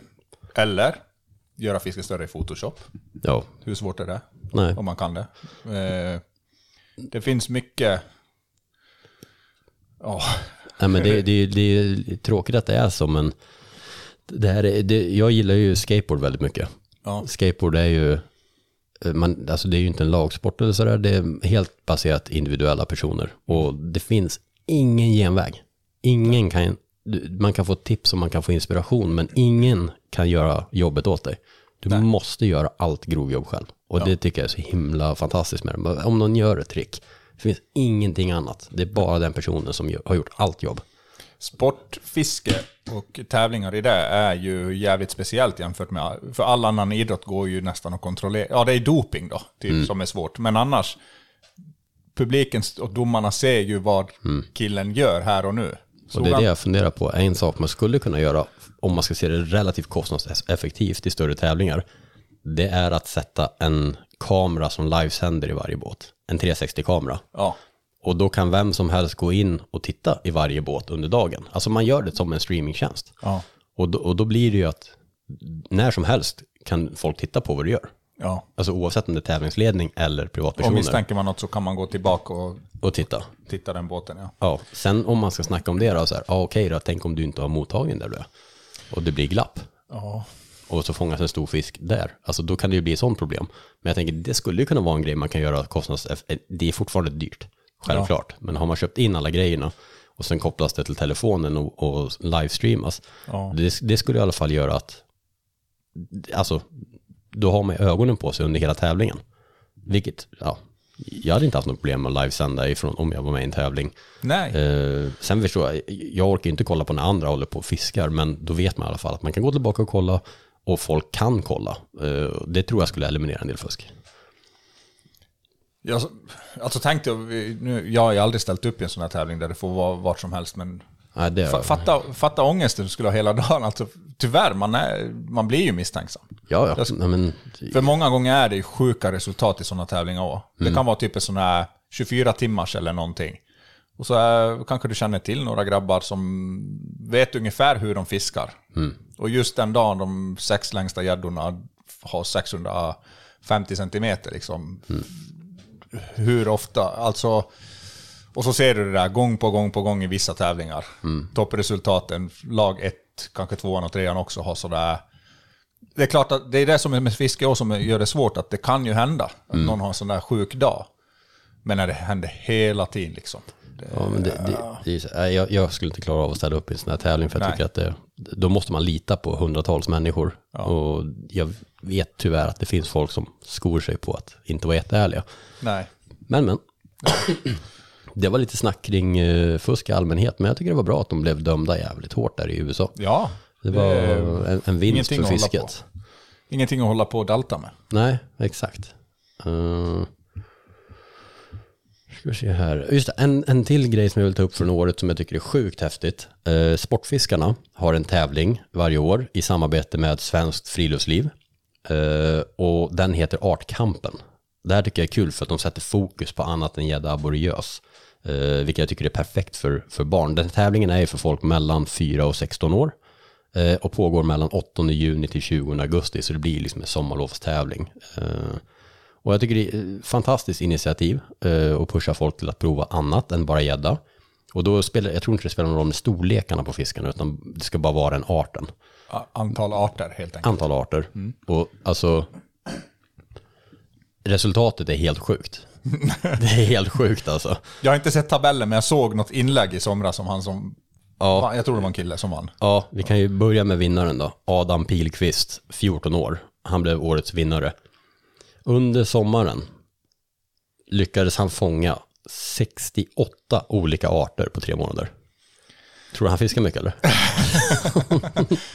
Jag har ingen aning om hur många arter jag har fångat i mitt liv i Sverige, men det där är ju garanterat minst dubbelt så många. Jag är absolut inte i närheten av 68 arter. Nej, nej. Du vet. Det är så mycket skumma arter. Jag, jag, jag, 100 procent, jag kan inte rabbla upp Nej, absolut inte 68 arter nu. På Hur många arter finns det? Jag har sett en siffra. Det är ju inte så många vi har heller. Det finns 68, han fångar alla. Ja. king. Nej men det är häftigt, han är 14 år Ja. eh, och fångade 68 olika arter. Så eh, otrolig bedrift. Ja, det finns ju vuxna som jagar arter och gjort i flera år. Ja, ja. Som inte är uppe i sådär många arter. Nej, nej, det är hysteriskt häftigt. Eh, och han vann ju även året innan då, och då fick han 57 arter. Vad heter han så gör vi en shout-out här. Ja, men Adam Pilqvist sa jag. Jaha, du sa det, Eh, förlåt. Adam Det trött. Ja. Eh, Så, Bra jobbat Adam. Ja, från mig och Mikko. Stort jäkla grattis Ja. och helt otroligt. Eh, helt otroligt. Och på andra plats kom en som heter Theo Björkman. Han fick 59 arter. Ja, också helt makalöst. Ja, det är helt stört alltså. Och det här är ju kids vi snackar om. Det är ju liksom, Knappt som man själv får 59 fiskar nu för tiden på ett år. Men det är helt sjukt. Och sen på tredje plats kom en som heter Erik Maripu eh, och han fick 40 olika arter. Det är ändå det är riktigt sjukt alltså. Undrar om han har någon, någon koppling till 20 kilos maripon uppe i Jämtland. Man bor inte i Jämtland och fångar 40 arter, kan jag säga det. Ja, men han kanske var på semester en weekend. Ja, ja, men för att lyckas få sådär mycket, då måste man ju också Ja. hänga på västkusten. Ja, ja, ja. Eh, ja absolut, absolut. Det, man åker inte till, eh, till Dalälven och fångar 68 arter, det kan jag ju säga dig.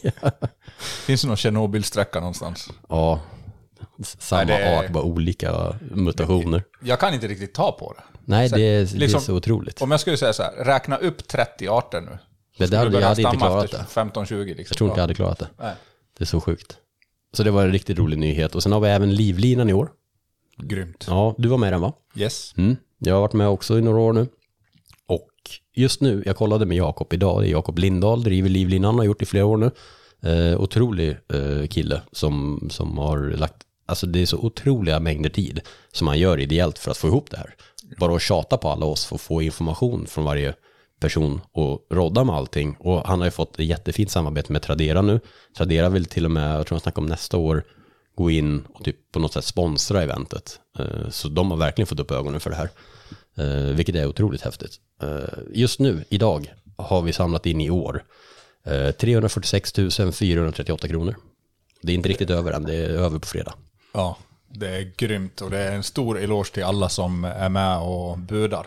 Ja, ja. Inte bara alla som ställer upp. och- Nej, nej, nej, det är ju och- fantastiskt. Ja, Och det här är bättre än förra året. Och med tanke på hur ekonomin har sett ut de här två åren så är det väldigt bra tycker jag. Ja. Eh, Det var ett rekordår, tre år sedan tror jag. Eh, Men sammanlagt då, under de här åren som Jakob har drivit det här, så har han samlat ihop eh, 1,8 miljoner, så alltså eh, väldigt mycket pengar. För eh, har vi tur så slår vi liksom eh, så slår vi två miljoners vallen nästa år då. ja. Som går direkt Till till världens bästa sak också. barncancerforskning. Kan du tänka dig så mycket värre än en femåring som ligger... Ah, du ska Ah. vi inte, nu, nu snackar vi inte om. Nej. Eh, Men det är otroligt fint. Eh, Otroligt fin gest. Eh, Orkar inte tänka för mycket sånt där. Nej, nej, nej. Det, det går till en så fin sak så. Ja, ja. Jag önskar att de ska komma ännu snabbare framåt. Mm. Nej men helt, helt fantastiskt eh, av Jakob. Så ni som inte har kollat in livlinan-aktionerna, det brukar ofta vara i november, december varje år. Så är det aktioner på Tradera och då är det massa folk, betesbyggare, eh, clowner som mig och Mikko. Man kan buda hem dagar med oss och sånt. Så det är eh, häftigt initiativ. Det är väldigt många riktigt häftiga, unika upplevelser som inte går att få tag på någon annanstans. Mm. Alltså folk bjuder till. Ja, ja, verkligen. Så det är fantastiskt initiativ. Så superkul. Så det var några nyheter jag ville lyfta fram som jag tycker om lite extra mycket från i år. Eh, nu då? Kisspaus. Kisspaus och sen en roast. Mikko är nervös inför roasten.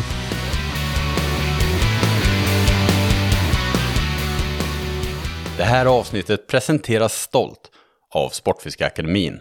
Det är din och min väg till drömyrket inom sportfiskebranschen. Drömmer du också om att göra sportfiske till ditt yrke?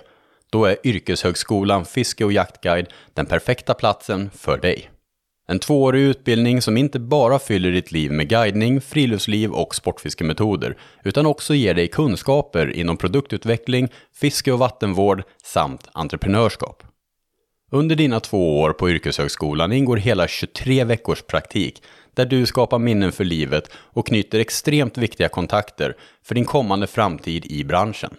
Ansökan är nu öppen, så varför inte ta steget mot ditt drömjobb? Sök redan idag på forshagaakademin.se. Och vet du vad som gör det hela ännu bättre? På Sportfiskakademin erbjuder vi även en treårig gymnasieutbildning med bekvämt elevboende under hela din studietid samt garanterat bidrag för boendet från CSN. Även här är ansökan öppen, så gör som många av oss redan har gjort och sök till Sportfiskakademins gymnasieutbildning du också.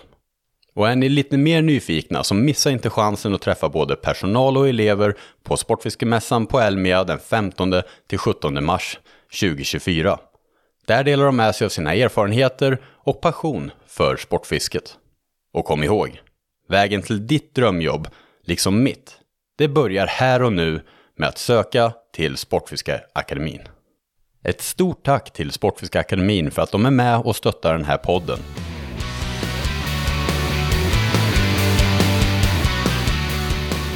Jag är inte orolig för vad du ska säga, jag är bara så orolig för hur cringe det blir när jag ska säga. Jag är... Åh, fan vad du utsätter en för saker. Det, alltså det, det här med roastingen nu alltså, det här är faktiskt inte min idé. Det här är Jakob Lindahl på Livli, som har skapat Livlinan som kom med det här förslaget att vi borde roasta varandra. Vilket var helt otroligt, för han är otroligt human. Och så kom han med den här idén att vi ska roasta varandra, Och Mikko tyckte det var en bra idé. Jag tycker det är en fantastisk idé, bara att jag är helt värdelös. Jag hatar dig, Jakob. så, så det är faktiskt, eh, det var Jakob Lindahls idé det här. Så att, eh, ja, vi kör sten, sax, påse, vem som börjar då. Vad var det där? Ett pekfinger bara? Jag är så inne redan i... Vi kör, vi kör igen, vi kör igen. Uh, jag, jag, måste ta högen. Ja. Nu ska vi se, vad finns det? Det finns sten, det finns sten sax, och påse. ja, men i Finland har vi kniven. var det den du gjorde nu med bara pekfinger? Ja, det, var kniven. kniven. uh, uh. Vi börjar här. Ja. Ett, två, tre. Jag klipper jag din påse vet du. Ja, ja, så vad betyder det här? Börjar du eller börjar du? Börjar. Ja, kanske vi skulle sagt innan. ja, vi, vi är om det här då. Okej, den som vinner får börja. Yes. Mm. Yes. Jag körde sten och Mikko körde sax. Så du börjar? Ja, för han fick reda på att man fick inte använda finska kniven här. Okej. Okay. Åh, fy fan vad jobbigt. Ja, då börjar jag då. Som vi pratade om förut så kan ju hårkärringar bli upp till 500 år gamla. Som de här som, eh, som de fångade i somras. Det betyder att många av dem var ju född på 1500-talet. Ändå var de inte ensamma i svenska farvatten då, för det var nämligen samma år som din mamma rodde över till Sverige.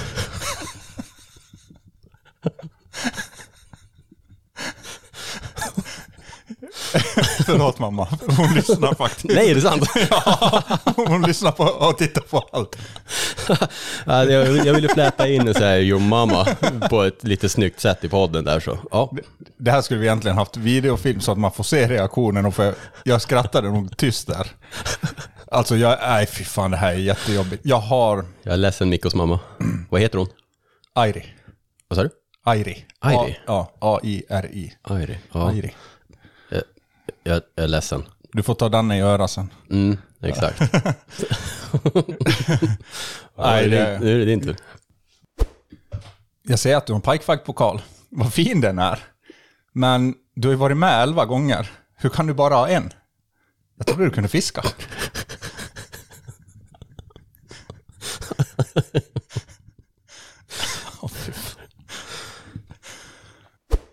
Vet du, vad, vet du vad likheten mellan dig och sporten padel är? Nej! Bägge överhypade och varade bara några säsonger. jag säger ju, jag blir helt jävla mördad här.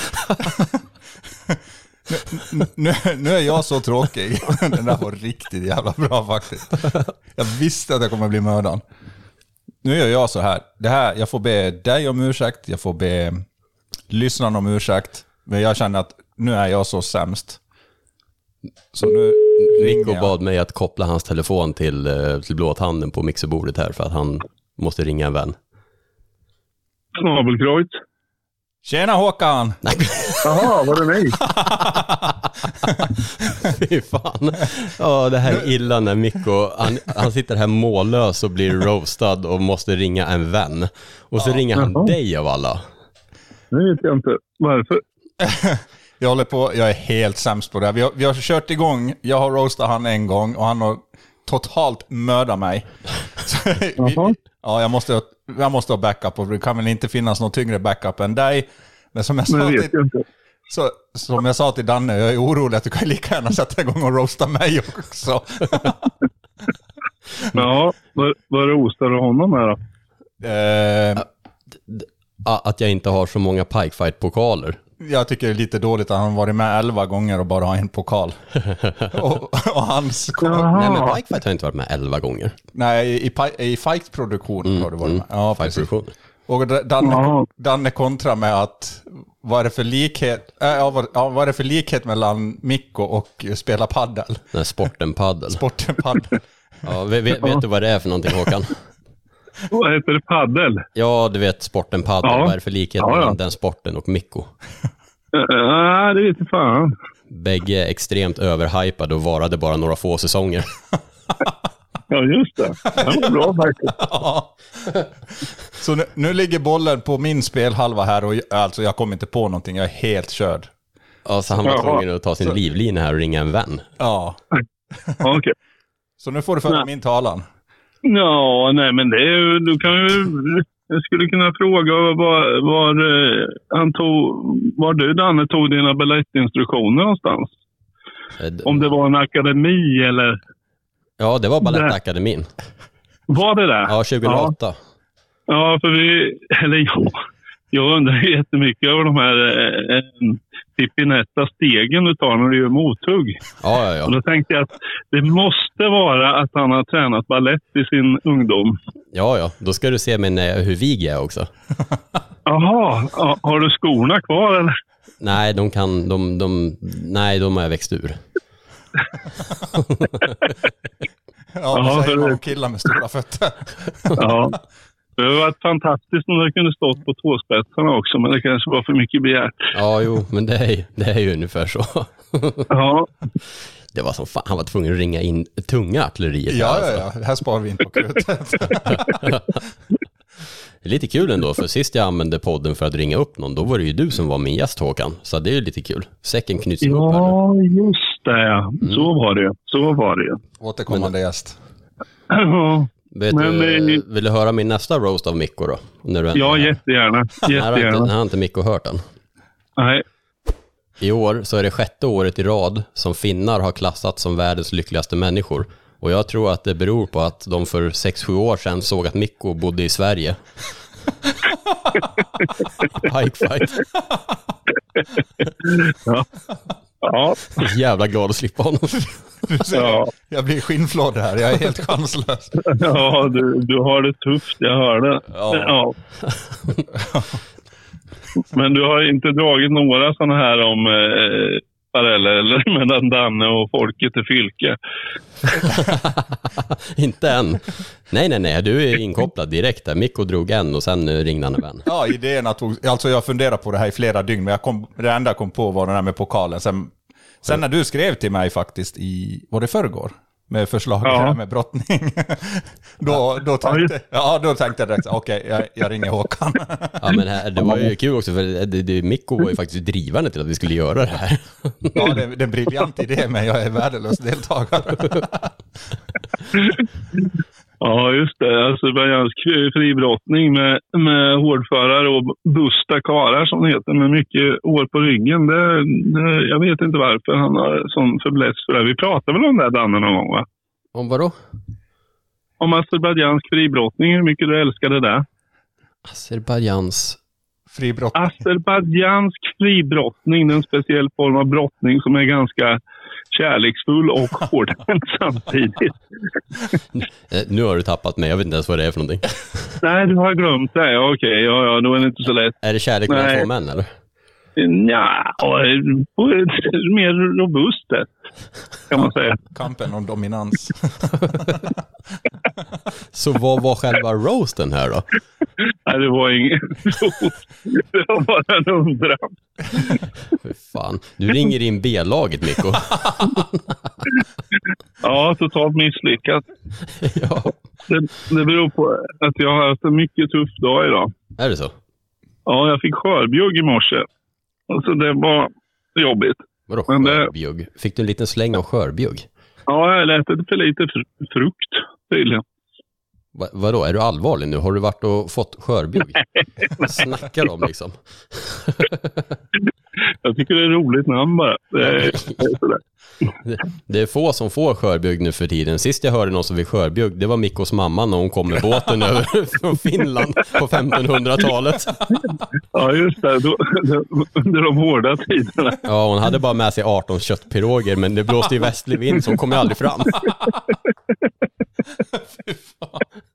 Som jag sa, hans första roast var ju om min morsa. Och, hon är ju sådär, hon tittar och följer och lyssnar på allt jag är med i, så hon kommer ju lyssna på det. här. Ja, ja, då, då, då kan hon ju, då, då har hon ju bra. mycket tid över för annat, för mycket är ju inte mig längre.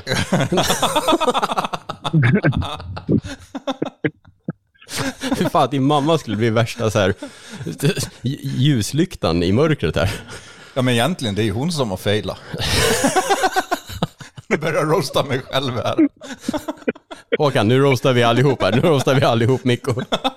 Ja, för fan. Kom igen.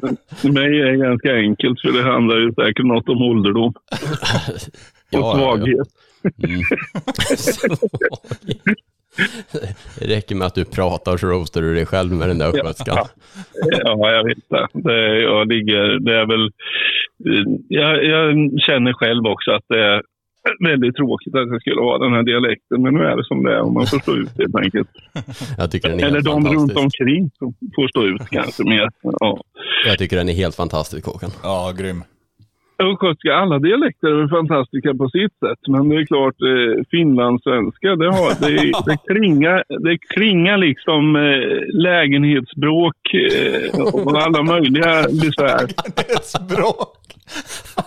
Finsk, nej, de kallar det finsk hårdhomo. Det är björkris och, och ilska på något vis. Som jag sa innan vi ringde, att det kommer sluta med att han roastar mig. Ja, det är fruktansvärt alltså. Jag kan ett ord på finska bara, vet du. det är rautakankin. Det ska tydligen betyda järnstång. Och det säger väl det mesta. Ja, det är, Det är det enda som har fastnat. Järnspett till och med, ännu bättre. Ja. Ja. Ja, shit. Nej, men jag älskar finlandssvenskar. De är verkligen ett lag för sig. Alltså, det är, fy satan alltså. Det är få som kan tömma en, en flaska skeppet och sen skrika huvud efter. Men har, har, du Och hört om sen inte här, däcka. men har du hört om den här leken som, som de har i Finland som heter gömma kniven? Vad heter han? Gömma kniven. Vem var det? Nej men de har, En en lek, de har en lek i Finland som heter gömma Jaha. kniven. Och då gör de så att då, då sitter de i, ja, i en lägenhet förslagsvis, du vet, precis efter lägenhetsbråket. Och så dricker de sig väldigt, väldigt fulla. Och så lägger de en, eh, du vet, så släcker de lampan. Och så tar alla fram Ja. sina knivar och så gömmer de kniven och den som överlever vinner. Ja, ja, den hade jag inte hört, men det lät ju som en spännande grej. Det var en finska säljare, Mikey, som har berättat om den leken för oss. Han bara, ja, den är väldigt farlig, den är väldigt farlig. Han är en legend som överlevde för att berätta historien i alla fall. Ja, ja. Ja, han måste ju ha vunnit. Ja, han måste ha vunnit. Ja. Nej. Men fin, finnar är ju generellt tuffare än oss, är det ju bara. Vi ska vara lite snälla mot dem. De har ju haft eh, vinterkrig och alla möjliga krig där och vi har bara suttit och fist här på kammaren. Så. Jo, Nej, eh, blir, blir det krig så är vi glada att vi har Finland öster om Ja, helvete hur skulle det gå annars? Det är bara att kolla på Mikko när han håller på och krigar. Jag antar att du stått utanför toan och lyssnat när han har krigat. Jävlar vad det, vad det här är inne. Ja, men det vore ju hemskt om, om ryssarna kommer och skulle invadera oss och så står jag och Mikko här som i krigsålder, liksom. Vi bägge två har problem med ryggen och liksom. Nej, nej, vi bara hissar ryska flaggan direkt. Jaha, är det ryggbesvär alltså? Ja, det har jag haft i ett gäng år. Jag sitter här med sån här back on track ryggtäcke, så typ som era korsett. Vintern är alltid värst för mig. Fick en sån av Men vet morsan. du vad jag, vet du vad jag kommer eh, drabbas av snart då? Mm, sån här uh, punglossning när den hänger exceptionellt långt. Nej, nej jag, jag, jag kan ju skämta om mina egna åkommor. Jag ska få eh, sån här Darth Vader-mask vet du, som pyser på natten. Ja, ja, ja, en sån där ja. Uh, Snarkomat. Snarkomat. ja, Snarkoman. Ja, det, kommer bli, det kommer bli en upplevelse för dem. För jag- tydligen ska vi göra det här i grupp på fem, sex personer och jag tror inte att jag kommer bli utslängd från sjukhuset inom tio minuter. Fan, nästa gång, nästa gång vi delar stuga, då ska jag prutta i den där jävla slangen. Och.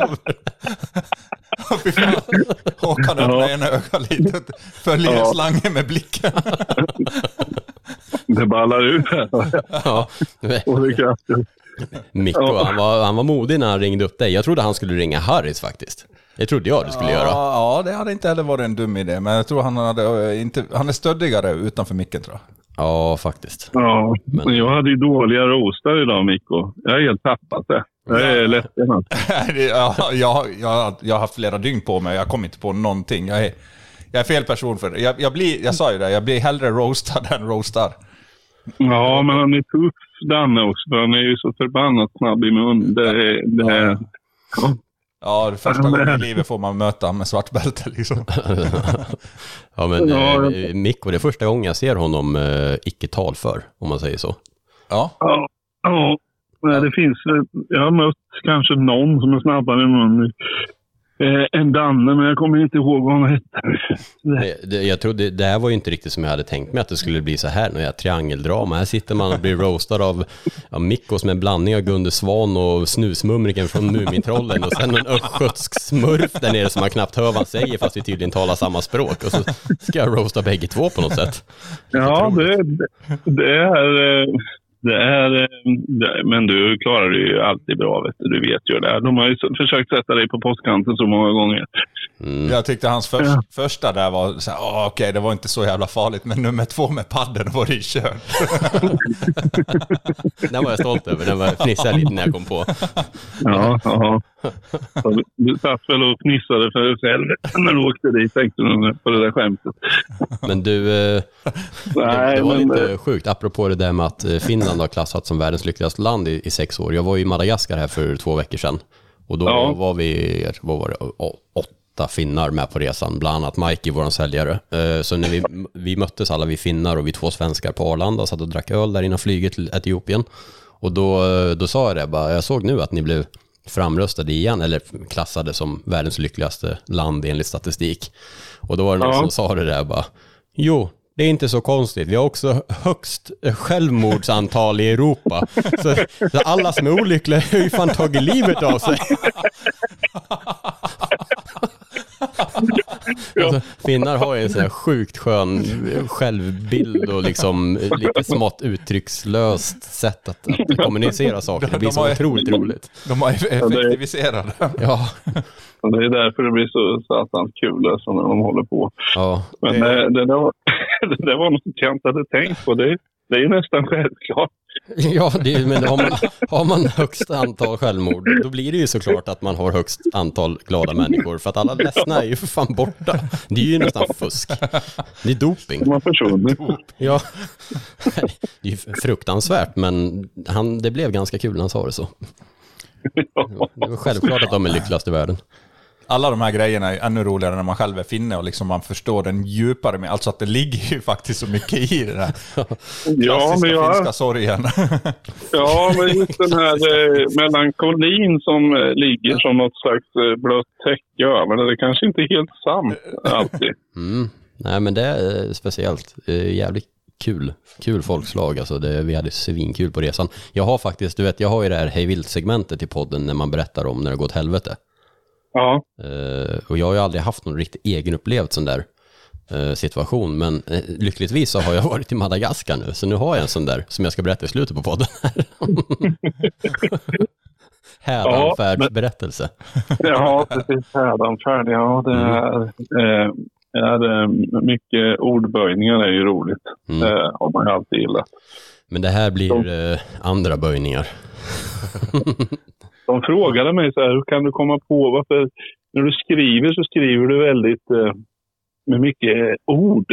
Eh, hur, hur vet du av alla ord? Eh, och då sa jag, jo men när jag var liten så läste jag alldeles för mycket. Jag läste jämt och då får man ett rikt ordförråd. Och sen kan man bygga ihop egna grejer av de där grejer, eh, alla ord. Då. Så det är därför. Att läsa mycket är ju, är ju bra om man vill bli eh, vältalig. Mikko, vi måste lära oss att läsa. Nej, det tror, jag tror ni båda kan eh, formulera er, det har man ju hört. Men det finns andra som kanske borde läsa lite mer. Men jag, Ni, ni tillhör inte det segmentet helt enkelt. jag har haft sådana jäkla sömnsvårigheter i höst. Jag har haft jättesvårt att sova. Och eh, min farsa och min sambo har eh, tjatat på mig att jag ska börja läsa böcker eh, på Ja. kvällarna så man ska bli trött. Så jag, Ja. jag, vad äger jag för böcker? De ligger här bakom. Det är bara så här sportfiskeböcker. Och jag har inte riktigt eh, läst någon av dem kan man väl säga. Så jag, jag tog eh, Jens Bursells eh, Gäddfeber. Ja, och somnade på tio, minuter. Nej, jag läste ju typ 150 sidor och var vaken till klockan typ tre. Det var ju skitintressant. Det var ju värsta bakslaget ju. Det var ju motsatt effekt. Det var ju svinintressant. Så nu tänkte jag faktiskt eh, börja läsa gäddbibeln istället så man får sova. Men, spelar, du, du spelar inte in nu Dan eller? Jo, det är klart jag gör. Jaha, ja, ja. jag tänkte berätta en annan grej men den blir känslig så den tar vi inte. Ja, nu, nu vill vi höra. Ja. Nej, det går inte. Det går inte. Men du Håkan, vi måste, vi måste Ja. lägga på här nu för nu ska vi Ja. börja med käket för vi har dragit ut på tiden här och min sambo Ja, ja. och vi är hungriga. Ja. Men det var jävligt kul, att, jävligt kul att du joinade podden faktiskt. Det var jätte, jättekul. Ja, tu- tusen tack för att du roastade mig. Ja, Ja, det var, eh, jag ber om ursäkt Mikko. Det var eh, inte som jag hade tänkt med det här. Men jag, som sagt, eh, det, det är snurrigt nu med alla jävla maskiner och grejer som ska kopplas in. Ja, det är helt lugnt. Helt lugnt. Jag ska skicka det här ljudklippet till dig så får du någonting att skratta åt när du ligger där. Det är snarkomat. Det- Snar, snar, snarkomatic. Det ser jag fram emot. Ja. Hörru du, eh, jättekul att höra från dig. God jul och gott nytt år på dig. Ja, ja detsamma. Ha Ja, det gott ha det ni bra. gubbar. Ha det bra. Ha- det bra. Hej då. Hej. Det, det där, man, man ringer inte in men, min vän när man ska roasta mig. Då blir man roastad själv. Ja, eftersom du nämnde då att han hade varit, blivit uppringd tidigare en gång. Så då kände jag egentligen så här: nej, inte han igen. Men jag tänkte faktiskt att är det någon som kan leverera, då, då kan det vara han. Fast han var- blev inte uppringd. Han var gästen så ringde vi till Eddie. Och uh, busringde. Ah, Han- var det så det var? Ja, så Ja, han då ringde busringde till Eddie. Så att, eh, det var bara sist jag använde den där funktionen. Det var ju, då var ju Håkan med. så att det var ju roligt. Du ser hur svårt det är att roasta dig när inte ens Håkan klarar av det. Men när han började tugga av mig, då fanns det inget slut. Det var bara... Nej, det var, det var, han är, Håkan är fantastisk. Ja, jag jävligt- älskar han. Vad kul att, att du, du valde att ringa honom faktiskt. Det var, jag blev inte, jag trodde verkligen, det hade jag ingen tanke på när du sa att du skulle ringa någon. Eh, Men eh, nu avslutar vi det här segmentet och så ska vi, eh, så går vi rätt in på nästa segment. Men ska vi avsluta med Jellybin? Inte lika bra. Det är väl lika bra. Och sen...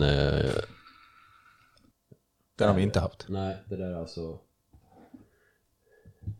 Licorice eller skunk. Och den är curlsvart så att den... Uh,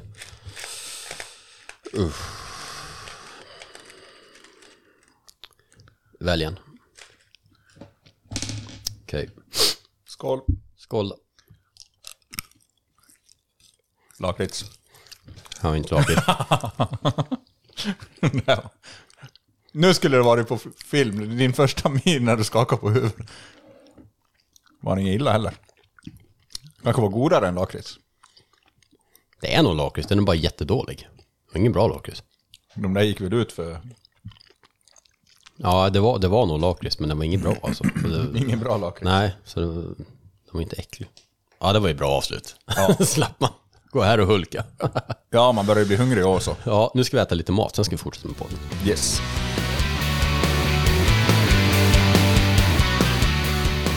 Så där, då ska vi snacka lite om eh, fall vi har lärt oss något nytt i år, Mikko.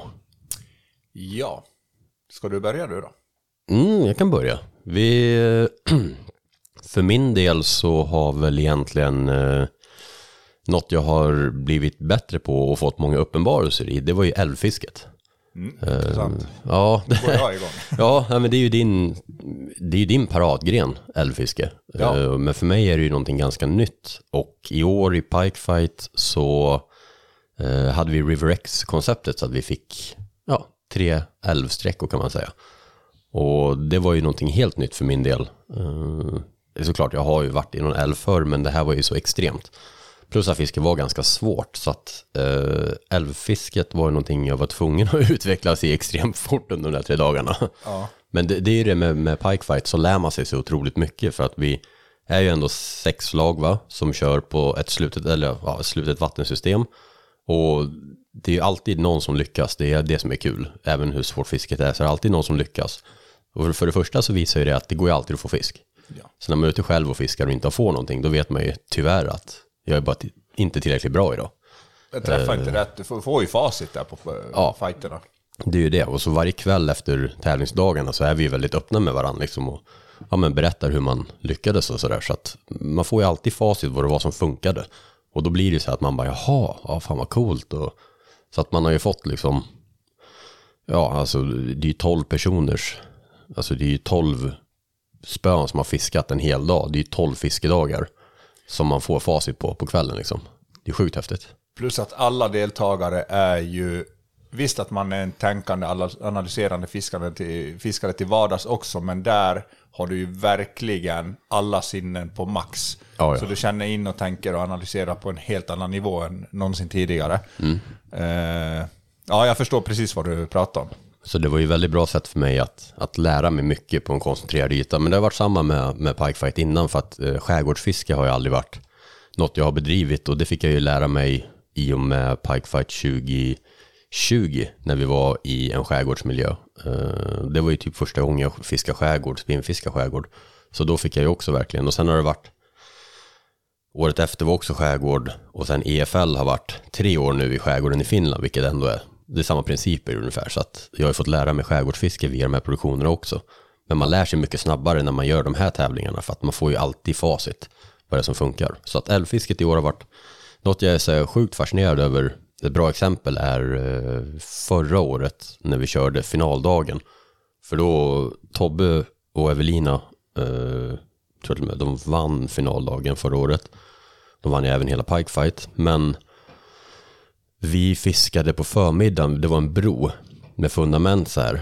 Och, och så var det ju bakvatten och bakom varje fundament och där kände jag och Elias att det där borde kunna vara, för det skapar ändå verkligen eh, en, en, en skarp struktur mitt i älven som var väldigt bred och djup. Så vi fiskade dem där och då var det vindstilla, knappt någon ström. Eh, vi hade inte ett pet, inte ett pet. Och då fiskade vi ändå två väldigt olika beten, en liten och en stor. Inte ett pet. Eh, senare, några timmar senare, hade vinden tilltagit och strömmen tilltagit. Och då kom Evelina och Tobbe dit. Och de drog ju fina gäddor bakom varje bropelare. Och vi fick ingenting. Jag menar, även om de fiskade om, på något sätt bättre än oss, så hade vi kanske fått något i alla fall. Men vi fick ingenting. Eh, och så kom de dit och så vann de dagen på den platsen som vi redan hade varit på. Så vilken jag, jag skillnad det blir gör. inte så förvånad när jag hör det där om man tänker efter älvfiske. Det, oftast så tycker jag att det är inte så svårt att räkna ut vart fisken är. Mm. Men, men det är sällan i en älv sådär, det, det är inte värt att släppa de här bra spotten. Nu är det ju såklart annat i en tävling, du måste ju få fisk och det börjar ju... Och speciellt när det är X också, eh, Ja, ja, när man inte och- vet ja. vattnet innan. Men en älv är väldigt sådär, det gäller att ha rätt timing. Ja, Man- rätt man plats, vet- rätt tidpunkt. Ja, du är där och det kan vara... Ja, men många älvsträckor de är reglerade. Du kan Mm. märka att helt plö- plötsligt släpper de på lite mer eller lite mindre vatten, någonting för den, och det triggar igång det där. Så, Mm. så jag är inte alls chockad av att höra det där, att ni har varit på rätt plats. Mm. Men ni var där lite för tidigt eller lite för sent. Någonting stämde inte, men fisken var ju garanterat där. Ja, nej, de stod ju där helt avstängda. Ja. Det var, så det, det var så här, redan då var en uppenbarelse. För det här var ju, förra, förra året var det ju så här eh, Lake X-koncept, men det var ju en älv sista dagen. I år var det bara älv. Eh, och det var lite samma sak. Eh, det var korta ätperioder, men väldigt, väldigt intressant. Och eh, något annat jag reagerade på, det var att, och det var inte bara i älvarna, det var också i sjöarna, för att när vi hade vilodagen så fick vi fiska i sjön vid boendet, så vi åkte ut där. Och då åkte jag och Elias in i en liten mar. Och det var ju så här, grunt som tusan in. Och en liten potta bara. Och där inne bara var det packat med gädda. Eh, Det var också någonting som var Var det växtlighet och sånt där inne? Ja, det var en hel del eh, olika typer av nate. Nu tänker jag på Henke-avsnittet. Ja, exakt. Nej, jag skojar. Gräs. Det var gräs. det, var, det var gräs överallt var det. Eh, så det, var, det, det, var, det var supercoolt också. Många älvar har inte så mycket gräs. Så om vi tar Dalälven, de här dikespartierna. Mm. Vi, vi fiskar ju nästan ingenting på växtlighet nu för tiden. Nej. Utan det är ju typ stock och, eller mycket, mycket är det ju på, på strömmarna. Mm. Vart det liksom strömmar. Du vill ha mycket strömt när det är varmt på sommaren och ingen ström kallt på vintern. Mm. Eh, men däremot, ja, det finns ju ställen i Dalälven också, så små, små fläckar där det växer gräs. Jag kallar det också gräs. Men Så- vi är det vara gäddfiskare, ett- unga Ja, bunga gräs. Ja, ja. För er som inte har lyssnat på förra avsnittet med Henke Olsson, eh, gör det. Det var väldigt intressant med fiskevård och Riktigt om bra. olika typer av gräs och, och fiskevårdsåtgärder och sånt. Så lyssna på Henke Olsson-avsnittet. Eh, Väldigt sjukt bra. utbildande avsnitt. Ja, väldigt, eh, för oss uh, unga bunga fiskare, det är perfekt att höra om sånt här som ja, de lärda snackar om. Jajamän. Ja. Men eh, sjukt intressant. Och sen det där med gräs också, det var sjukt häftigt i år på finaldagen. Eftersom jag älskar att fiska ja, nate, om man ska vara korrekt. så, eh, Och inte gäddnate. Inte gäddnate. Eh, så vill jag leta mycket där, för det känns väldigt ofta på våren där, sen våren, hittar man naten, då är det ofta gädda i anslutning. Men det här var också en väldig uppenbarelse för mig, för att vi, det var en väldigt lång älvsträcka, så det var många mil.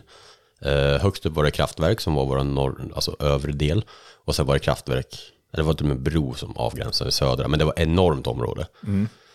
Det var några lag, Svartzonke bland annat hade fiskat där förr, eh, flera tillfällen, så han visste ju vart det växer nate. Så han drog direkt vid start dit. Ja. Men vi hade lite andra tankar, vi ville fiska de här potterna, så vi delade på det med trumman och, och fightades lite där. Men sen åkte vi runt och investerade mycket tid och letade nate. Och vi, vi åkte upp högre, högre, högre, högre. Eh, och det jag inte reagerade på i början var att temperaturen föll. Ju högre upp man kom så faller ju temperaturen, vilket är rimligt för att det är på våren, det kommer en del smältvatten fortfarande. Ja. Ju högre upp i ett älvsystem du kommer, ju mer kallvatten kommer det ju. Sen beror det på, jag, tror, eh, nu, nu ska jag inte svära på det, men jag har fått för mig att jag har hört att kraftverkens turbiner kan vara olika monterat. Vissa typ bottentappar och vissa tar lite högre upp. Aha, Så okej. det kan påverka också. För släpper de, säg att det är 15 meter djupt ovanför kraftverket och de bottentappar den, då är det ju kallare vatten. Ja, eh, än, just än att det. det sugs upp närmare ytan då. Ja, för det är Jag inte- stora magasin som det kommer ifrån. Ja, så det, det där har jag hört att de kan vara olika konstruerade, själva kraftverken, vart insuget eh, till turbinen är. Den kan påverka närmaste sträckan. Sen blandas det ju såklart ut. Och värms en mil, upp. Ja, en mil Men ner. det där var sjukt intressant, det tänkte jag inte på. Nej. Eh, fan vad intressant. Så nästa gång då ska du ha en sprängskiss på kraftverken med. Ja, ja, ja, men det där är ju jätteviktigt liksom. Men jag tänkte inte på det att temperaturen föll, det märkte jag senare. Men temperaturen gick ner ju högre upp vi åkte. Eh, Och till slut så, vi letade som satan och vi var uppe. Det som inte är med i säsongen är att jag går på grund under säsongen. Tre gånger tror jag jag får hoppa i utan byxor och putta loss båten. Alltså för att vi försöker ta oss in i potter som är så grunda. Ja. Så att jag får till slut hoppa i eh, med foppatofflorna och putta båten tillbaka. Är det sten då? Eh, nej, sand. Okej. ja. Eh, försöka ta sig in liksom. Men eh, det, det kom inte med någon av gångerna, vilket var lite synd för att det hade bidragit lite till hur, hur eh, vi faktiskt försökte på vissa ställen. Ja. Men vi letar gräs, nate, som, som tusan. Och till slut så rundade vi en stor ö i älven och på insidan var det en grund eh, sidofåra. Då tänkte vi, vi, vi kör djupfåran på utsidan, den huvuddelen, och sen kör vi uppåt genom den grunda och fiskar oss igenom den. Man såg inte att den var så grund som den visade, visade sig vara, men när vi åkte uppåt mot strömmen där och fiskade eh, så kommer en sån här bit perfekt grön, späd, nate flytande. Precis det gräs man letar efter. Ja. Och jag bara, "Hå! Där! Alltså det var bara två blad och en liten bit av skälk. Jag bara, den där kommer ju från någonting. Den där kommer ju ifrån nate och är det en nate då finns det fler nate. så är det ju. Så jag blev ju skittaggad där. Så att det här var en timme innan lunch kanske. Så vi fortsatte åka och eftersom det kommer strömmen rätt mitt i så bara okej, det borde ju komma någonstans här uppifrån. Så vi körde emot, bara vidare, vidare, vidare, vidare och till slut så bara hittade vi nästan mitt i älven bara ett sånt där flak som är mm, ja, två kastlängder brett, tre kastlängder långt, stort, stort flak med Ja. perfekt nate, två och en halv, tre meter djupt. Strömmen drog igenom det och man bara, Nu. Elias nu, nu jävlar smäller det. Inte en fisk. Det var, jag var så knäckt för att det var så perfekt. Perfekt! Inte Va- en va- fisk. Kan den ha varit för exponerad för strömmen då? Nej, nej, Det var inte- det var jättelugn ström över den. Men det var flera grader kallare där. Ja, det var det som... Ja, så att vi fick ingenting. Sen efter lunchrapporten, vi såg att flera lag hade fiskat bra, bland annat Sonker. Så bara, äh, men nu åker vi neråt i älven. Och då märkte vi när vi körde att temperaturen gick upp, upp, upp, upp. Och sen kom vi ner mitt i älven, lugn ström, där ligger Sonker och fiskar i mitten. Och förstår vi att okej, där är det ju nate. Så letade vi runt och hittade vi nate på sidan också, som vi hoppades att han inte hade fiskat. Direkt fisk. Direkt fisk. Åkte ut i mitten där, fisk, fisk, fisk. Eh, och det var flera grader varmare. Ja, nej, men så då, då hittade vi massa nate och där i var det fisk, men det var flera grader varmare. Så jag tänker ju att där har ju liksom, där har de kommit ut ifrån lekområdena mycket mer och parkerat i naten jämfört med högre upp där det var mycket kallare. Spelar ni in hyfsat tidigt på sommaren också? Ja, ja, det är ju... Då är det ju så jätteviktigt med tempen. Ja, så Ja. tempen är viktig, strömmen är viktig, vinden är viktig. Ja. Eh, tre superviktiga faktorer. Eh, men så vi hittade ju helt perfekt gräs där uppe, inte en fisk. Allt gräs vi hittade längre ner, fisk överallt. Ja. Så, och det var tempen som diffade. Men jag har aldrig varit så knäckt över att hitta gräs. Alltså det var så fint område. Ja. Åh, så stört. En, två månader senare kanske det är skithett där uppe. Jag tror bara en- vecka senare hade räckt ja, alltså. ja. Eh, Men, ja, för man tycker man börjar komma in i augusti sådär att jag tittar inte så mycket på temp. Det är hyfsat lika överallt och om det någonstans är 19,8 istället för 20,8 har inte så stor betydelse. Men där tidigt är det viktigt, jätteviktigt. Så det, det var en så här uppenbarelse som jag tyckte var sjukt intressant. Eh, men annars var det ju också det här med att eh, till exempel finaldagen nu då, då var, då var det tre stycken grunda små marer in eh, ifrån, som var en bra bit från huvudfåran och vi ville vara med och prova på dem där och det ville Trumman och Pierre också göra. Så vi raceade ju dit och vi har ju som regel att första kastet, när man börjar fiska får man ligga hur nära som helst. Men när man byter ankring då måste man ligga, vad det, två kast längre tror jag. Så att första kastet får man, ja då får man alltid ligga så nära som möjligt. Så att Trumman och de drog direkt upp dit, men vi kollade några ställen innan och så sa vi bara vi tar inte ett enda kast för vi vill åka upp och prova där trumman ligger. Eh, Så vi åkte upp runt en annan väg, kom upp jämte trumman och då började vi fiska så vi låg ju bara 5-6 meter från varann Ja. och körde inåt i den här smala kanalen och vi såg bäver och Elias, det var typ hans första bäver han sett, han var helt så här wow.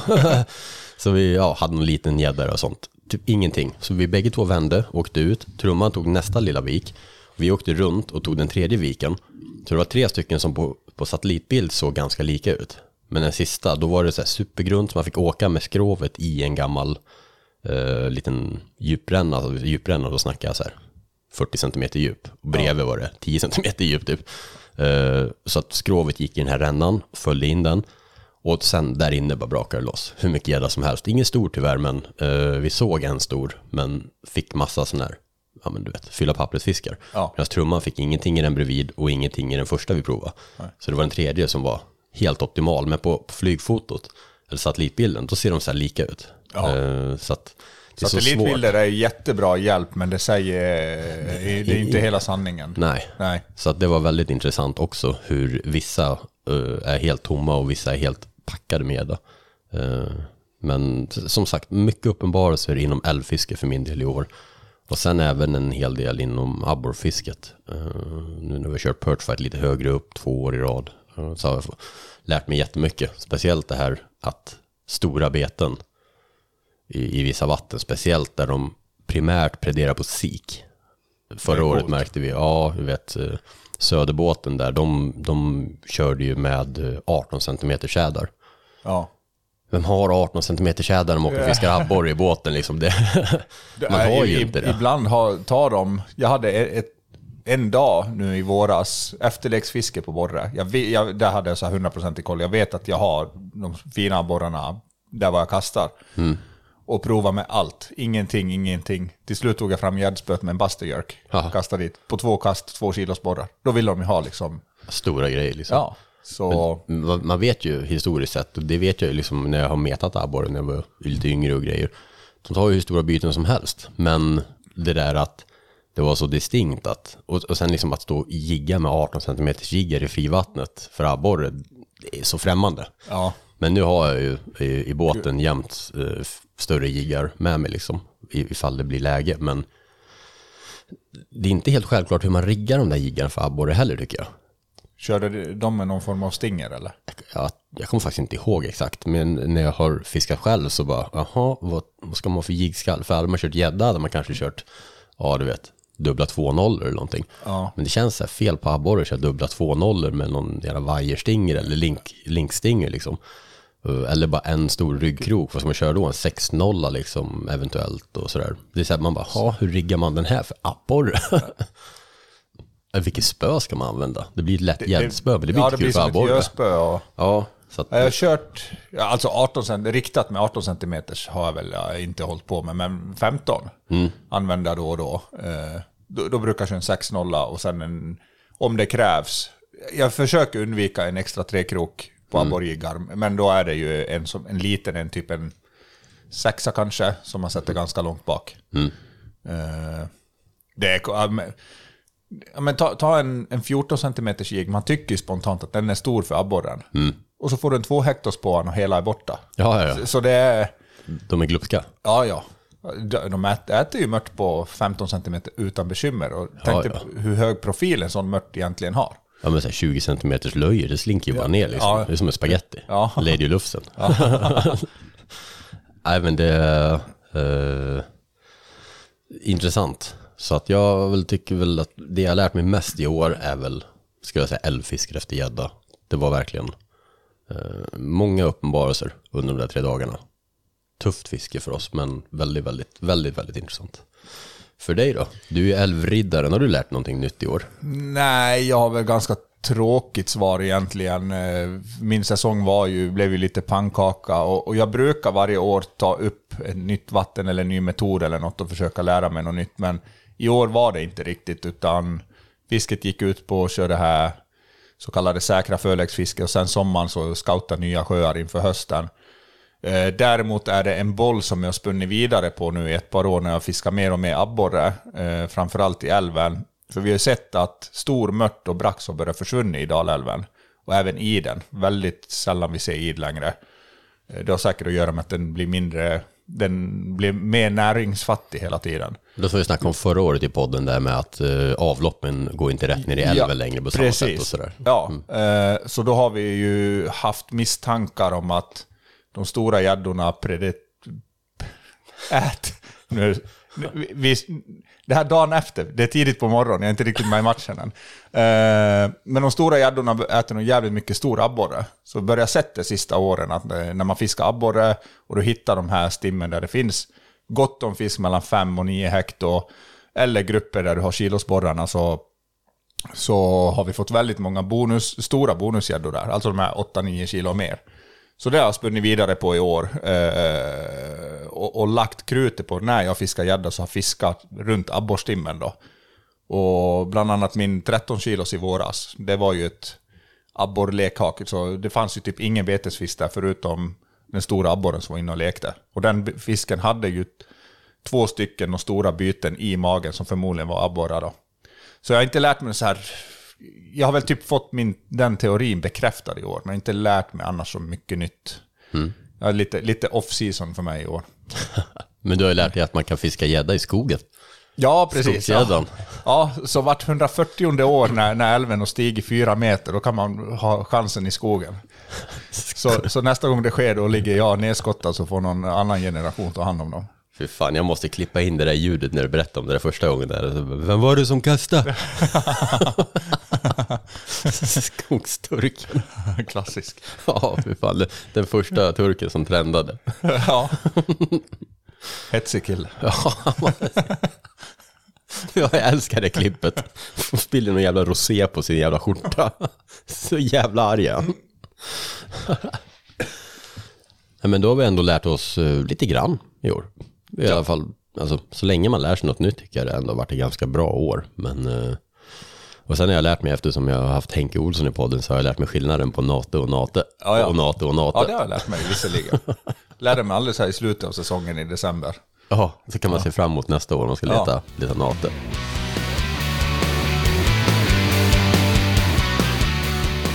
Okej, då kör vi lite spåkula inför eh, 2024 innan, eh, innan jag ska berätta min, eh, min eh, egna historia här i slutet. Men spåkula då? Vad tror du inför 2024? Vad händer? Något nytt? Svårt att säga att det kommer något, vad jag ser nu, någon så här riktigt stor ny trend. Men jag tror att abborrfisket kommer fortsätta bli mer populärt och utvecklas. Mm. Jag tror att vi kommer få se mycket, ännu mer kring näddfisket. Det är så effektivt och fler och fler börjar förstå det där. Eh, Sen som du var inne på lite också där diskuterat, eh, nattfisket verkar ju öka. Eh, Mm, ja, men det har fortfarande inte fått riktigt fäste i Sverige tycker jag. Eh, Om man jämför med andra länder och, och så. Det finns många, jag, jag tror att det finns mycket potential för att folk ska ta till sig det där. Det är också en speciell metod. Eh, Man får tänka ganska annorlunda och, och ha tjockt pannben. Sen passar ju inte... Den är svår för många personer att få in i sitt liv. Det är väldigt svårt. Ja, ska du vara uppe till två, tre på nätterna sommartid och fiska och du har ett jobb att sköta sådär. Så ja, det- den är ju knepig så här, men eh, fler och fler kommer ju köra på och. Så vi, vi kommer nog se riktigt stora nattgäddor kommande 5-10 åren. Mm. Jag kan tänka mig så att det passar bra för folk som, som bor nära ett vatten. Eh, om man har en familj till exempel, menar en vanlig fiskedag det är oftast en hel dag som går bort. Mm. I det här fallet skulle man ju till exempel på, på hösten när det blir mörkt vid du vet, fem, Ja. då kan man ju liksom ändå kanske lägga småttingarna, äta middag eh, eller om man bara lägger dem och sen kan man ju dra ut och fiska fram till elva. Ja. Då får man ändå så tre timmar fiske eh, effektivt.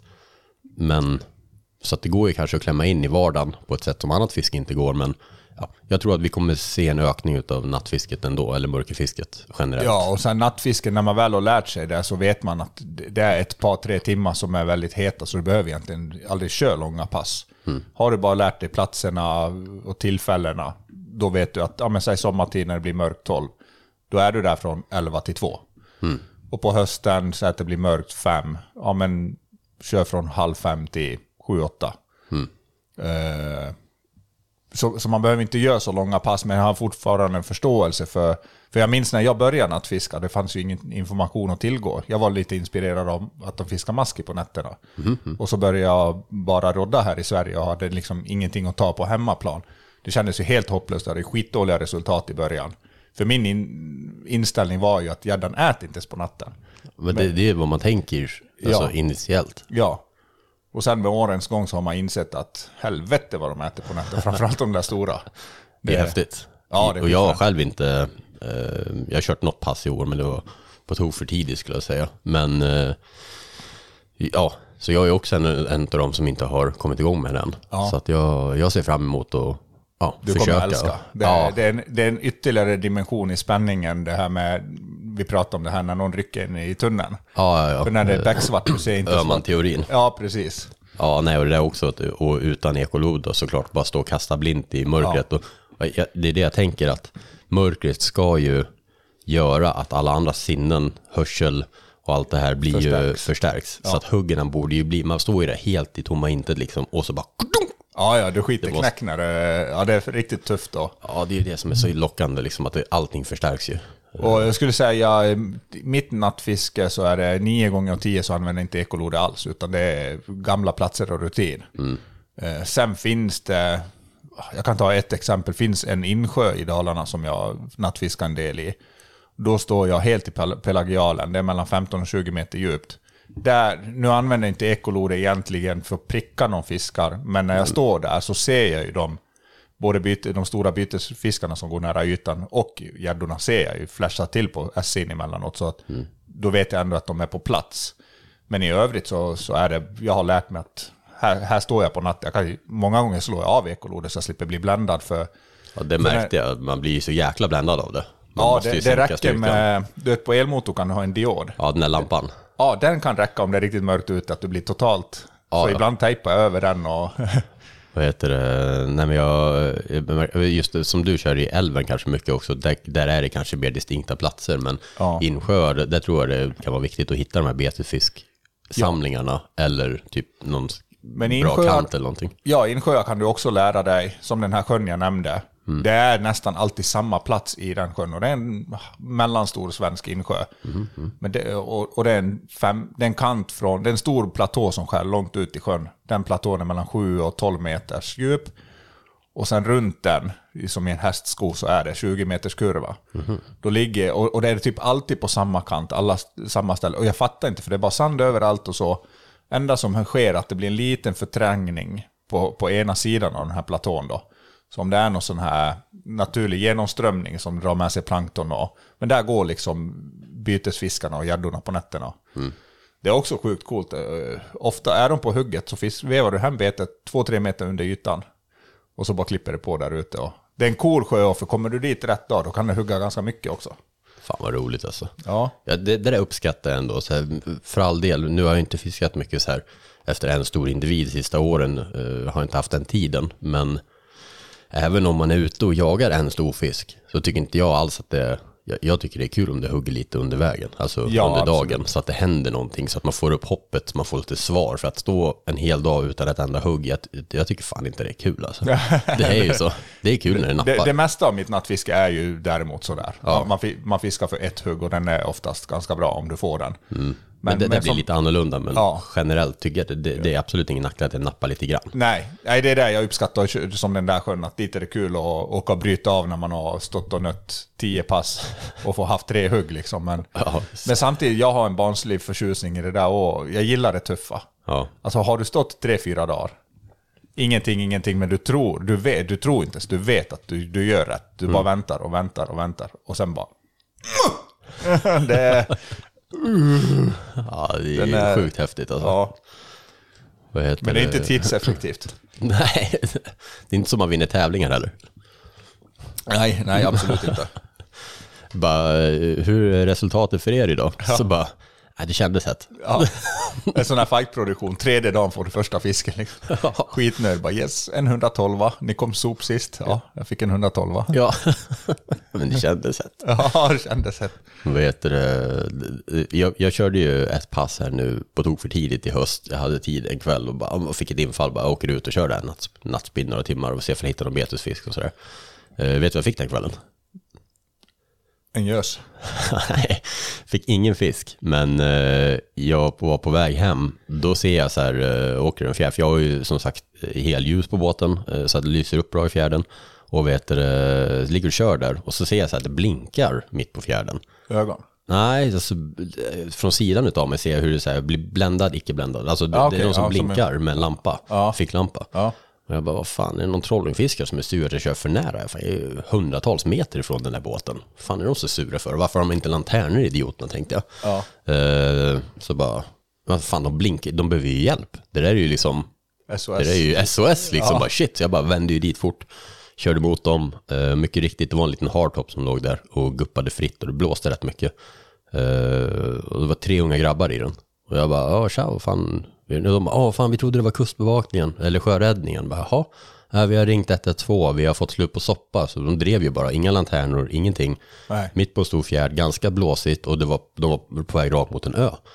Så jag bara, men herregud, eh, vad, när kommer de då? Ja, vi, vi ringde för 45 minuter sedan och skulle komma när de hade tid. Så bara, jag bara, ni kommer ju driva in i ön där borta. Har ni ett ankare eller något så ni kan stoppa upp er? Liksom bara, nej, nej. Jag bara, men herregud. Jag bara, har, har ni någon tamp eller? Ja, jo, men vi har ett rep här. Så bara, jag bara, men jag kollar på kartan så här. Ja, men det finns en marina några kilometer bort. Är det lugnt om jag släpar in er dit? Så där finns det nog en båtramp så kan ni be någon komma med en trailer eller att ni ber någon komma med bensin åt er. De bara, ja, ja absolut. Så att jag, jag boxerar in dem till den där marinan då. Så att det fanns ju någon anledning till att jag var ute den där natten. Ja, ja. Men eh, de hade, det var två grabbar som har varit hemma som hade bodde i en sjötomt. Det här var ju liksom, vad kan de ha varit 18 år de här grabbarna. Och så hade deras kompisar ringt från en fest på andra sidan sjön liksom. Och bara, ja eran polare är för full, han behöver härifrån. Och de bara, ja men vi tar båten. De hade precis köpt en båt liksom, en gammal tvåtaktare på. Ja vi tar båten, det blir perfekt. Tankade inte eller någonting, bara drog. Hämtade sin polare som var dyngfull. Så kör de tillbaka och då dör ju båten och han är ju asfull i båten. Så han ligger där vet, och båten ligger och gungar i, i de här vågorna. Han såg helt likblek ut den här stackaren. Han, Nej, fy eh, fan, det där är inte kul. Nej. Så det var, de, de lärde sig att de gamla tvåtaktarna drog ganska mycket soppa. Det, det, jag fick en liten tankeställare genom en kompis. Eh, jag, jag säger inte hans namn här ifall han inte vill eh, att jag ska prata om det, men eh, när du kommer in på det där. Jag har en, en vän som fiskar på en väldigt stor sjö i år. För jag har inte heller en vanlig ankare i båten. Nej, samma här. Han åker i vågorna och han lyfter så att alltså han hoppar med skrovet. Och när han slår ner då slås tändningslåset sönder. Så motorn dör och det går inte att starta. Han försöker ju tjuvkoppla på något vis med de här tåten men han misslyckas. Han får inte igång den stormotorn. Jag har aldrig hört om det där förr. Vad sjukt. Ja. Eh, En gammal det båt eller? En två... Jag kommer inte ihåg, typ en 2005 eller något. Okej, Så ja, det, det är det typ så plast runt eh, tändningslås och så, Den är väl i metall. Men det var något där som sprack, någon plast eller något, så där ramlade isär och någon tråd Mm. lossnade och grejer. Men, så han får inte igång stormotorn. Han har två mil till rampen. Oh shit. Så han ringer ju till mig så här, "Åh, vad fan ska jag göra? Jag bara, jag vet inte vad jag ska göra. Jag är tio mil bort liksom på jobbet. Och, och du, ja, det var ju kaos. Jag bara, men ring räddningstjänsten. Så, så började han ju åka hem mot rampen med elmotorn. Och det Ja. blåser storm den där dagen. Eh, Så jag säger det, bara fan batteriet kommer ju aldrig att räcka liksom. Men han, han kör så långt det går då. Efter typ tre, fyra timmar tar ju elmotorn också slut. Då är han ju helt rökt. Han ligger ju bara fri- fridriftar ute på de här vidderna. Ja. Eh, och så, så han får ju ringa räddningstjänsten då. Och de skulle ju åka och hjälpa, men medan han väntar på dem, då dyker det upp en trollingbåt som räddar han där. Men där börjar man ju säga, fan vad man förlitar sig på elmotorn och... För man tänker att, ja men händer något med bensinen så är alltid elmotorn. Ja. Men som i ett sånt där fall, va, det hjälper ju ingenting. Så typ någonting, någon jävla paddel eller ankare eller något, är ju inte dumt att ha. Nej, Nej, men det fick där, var, det där var obehagligt. Eh, en bassboat, går två meters vågor liksom och du kan inte styra någonting. Och, och jag sitter på jobbet och jag blev ju också lite så här, fan det här är inte bra. Jag vill hjälpa men vad ska jag göra? När du säger att det är så här långt till rampen och sånt, då är det bättre att kanske bara ankra med elmotorn och inte försöka Ja. åka. För det är bättre att ha batteri kvar Ja, tills någon absolut. kan komma och hjälpa dig. Eh, För det är en fruktansvärd situation att glida in för nära land och, och slå i land och slå sönder Ja. båten också i onödan. Nej usch, mycket händer det där ute, får vara försiktig. Ja, verkligen alltså. Mm. Eh, En, en annan grej som jag har tänkt på, för det här var ju spåkulan, nu har vi verkligen Ja. spunnit iväg här. Eh, det blir ju så här, alltså det blir en lång podd. Ja. Skyll er själva, ni ville ha Mikko. Vad heter det? Jag tror ju eventuellt, jag var iväg nu i höst här och spelade in en film eh, om spinnfiske efter flundra, hällflundra.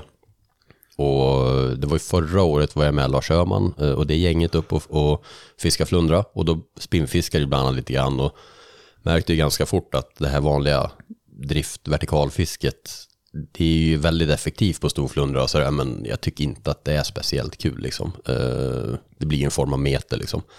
Så att jag, visst det är mer aktivt men i alla fall väldigt, ja jag tycker inte- att det är speciellt kul. Nej, jag håller med. Alltså, Eh, nu gör man det så sällan i Norge så det är kul ändå, men, men det, Mm. jag, jag håller med. Det är inte så jävla rolig metod. Ja, men vi, vi spinnfiskade lite grann då, så vi drev vi och det kändes hett. Då, då stod vi och spinnfiskade samtidigt. Och det märkte man ju att shit, det här var ju kul. Så att jag bara, fan, det där vill jag verkligen göra mer.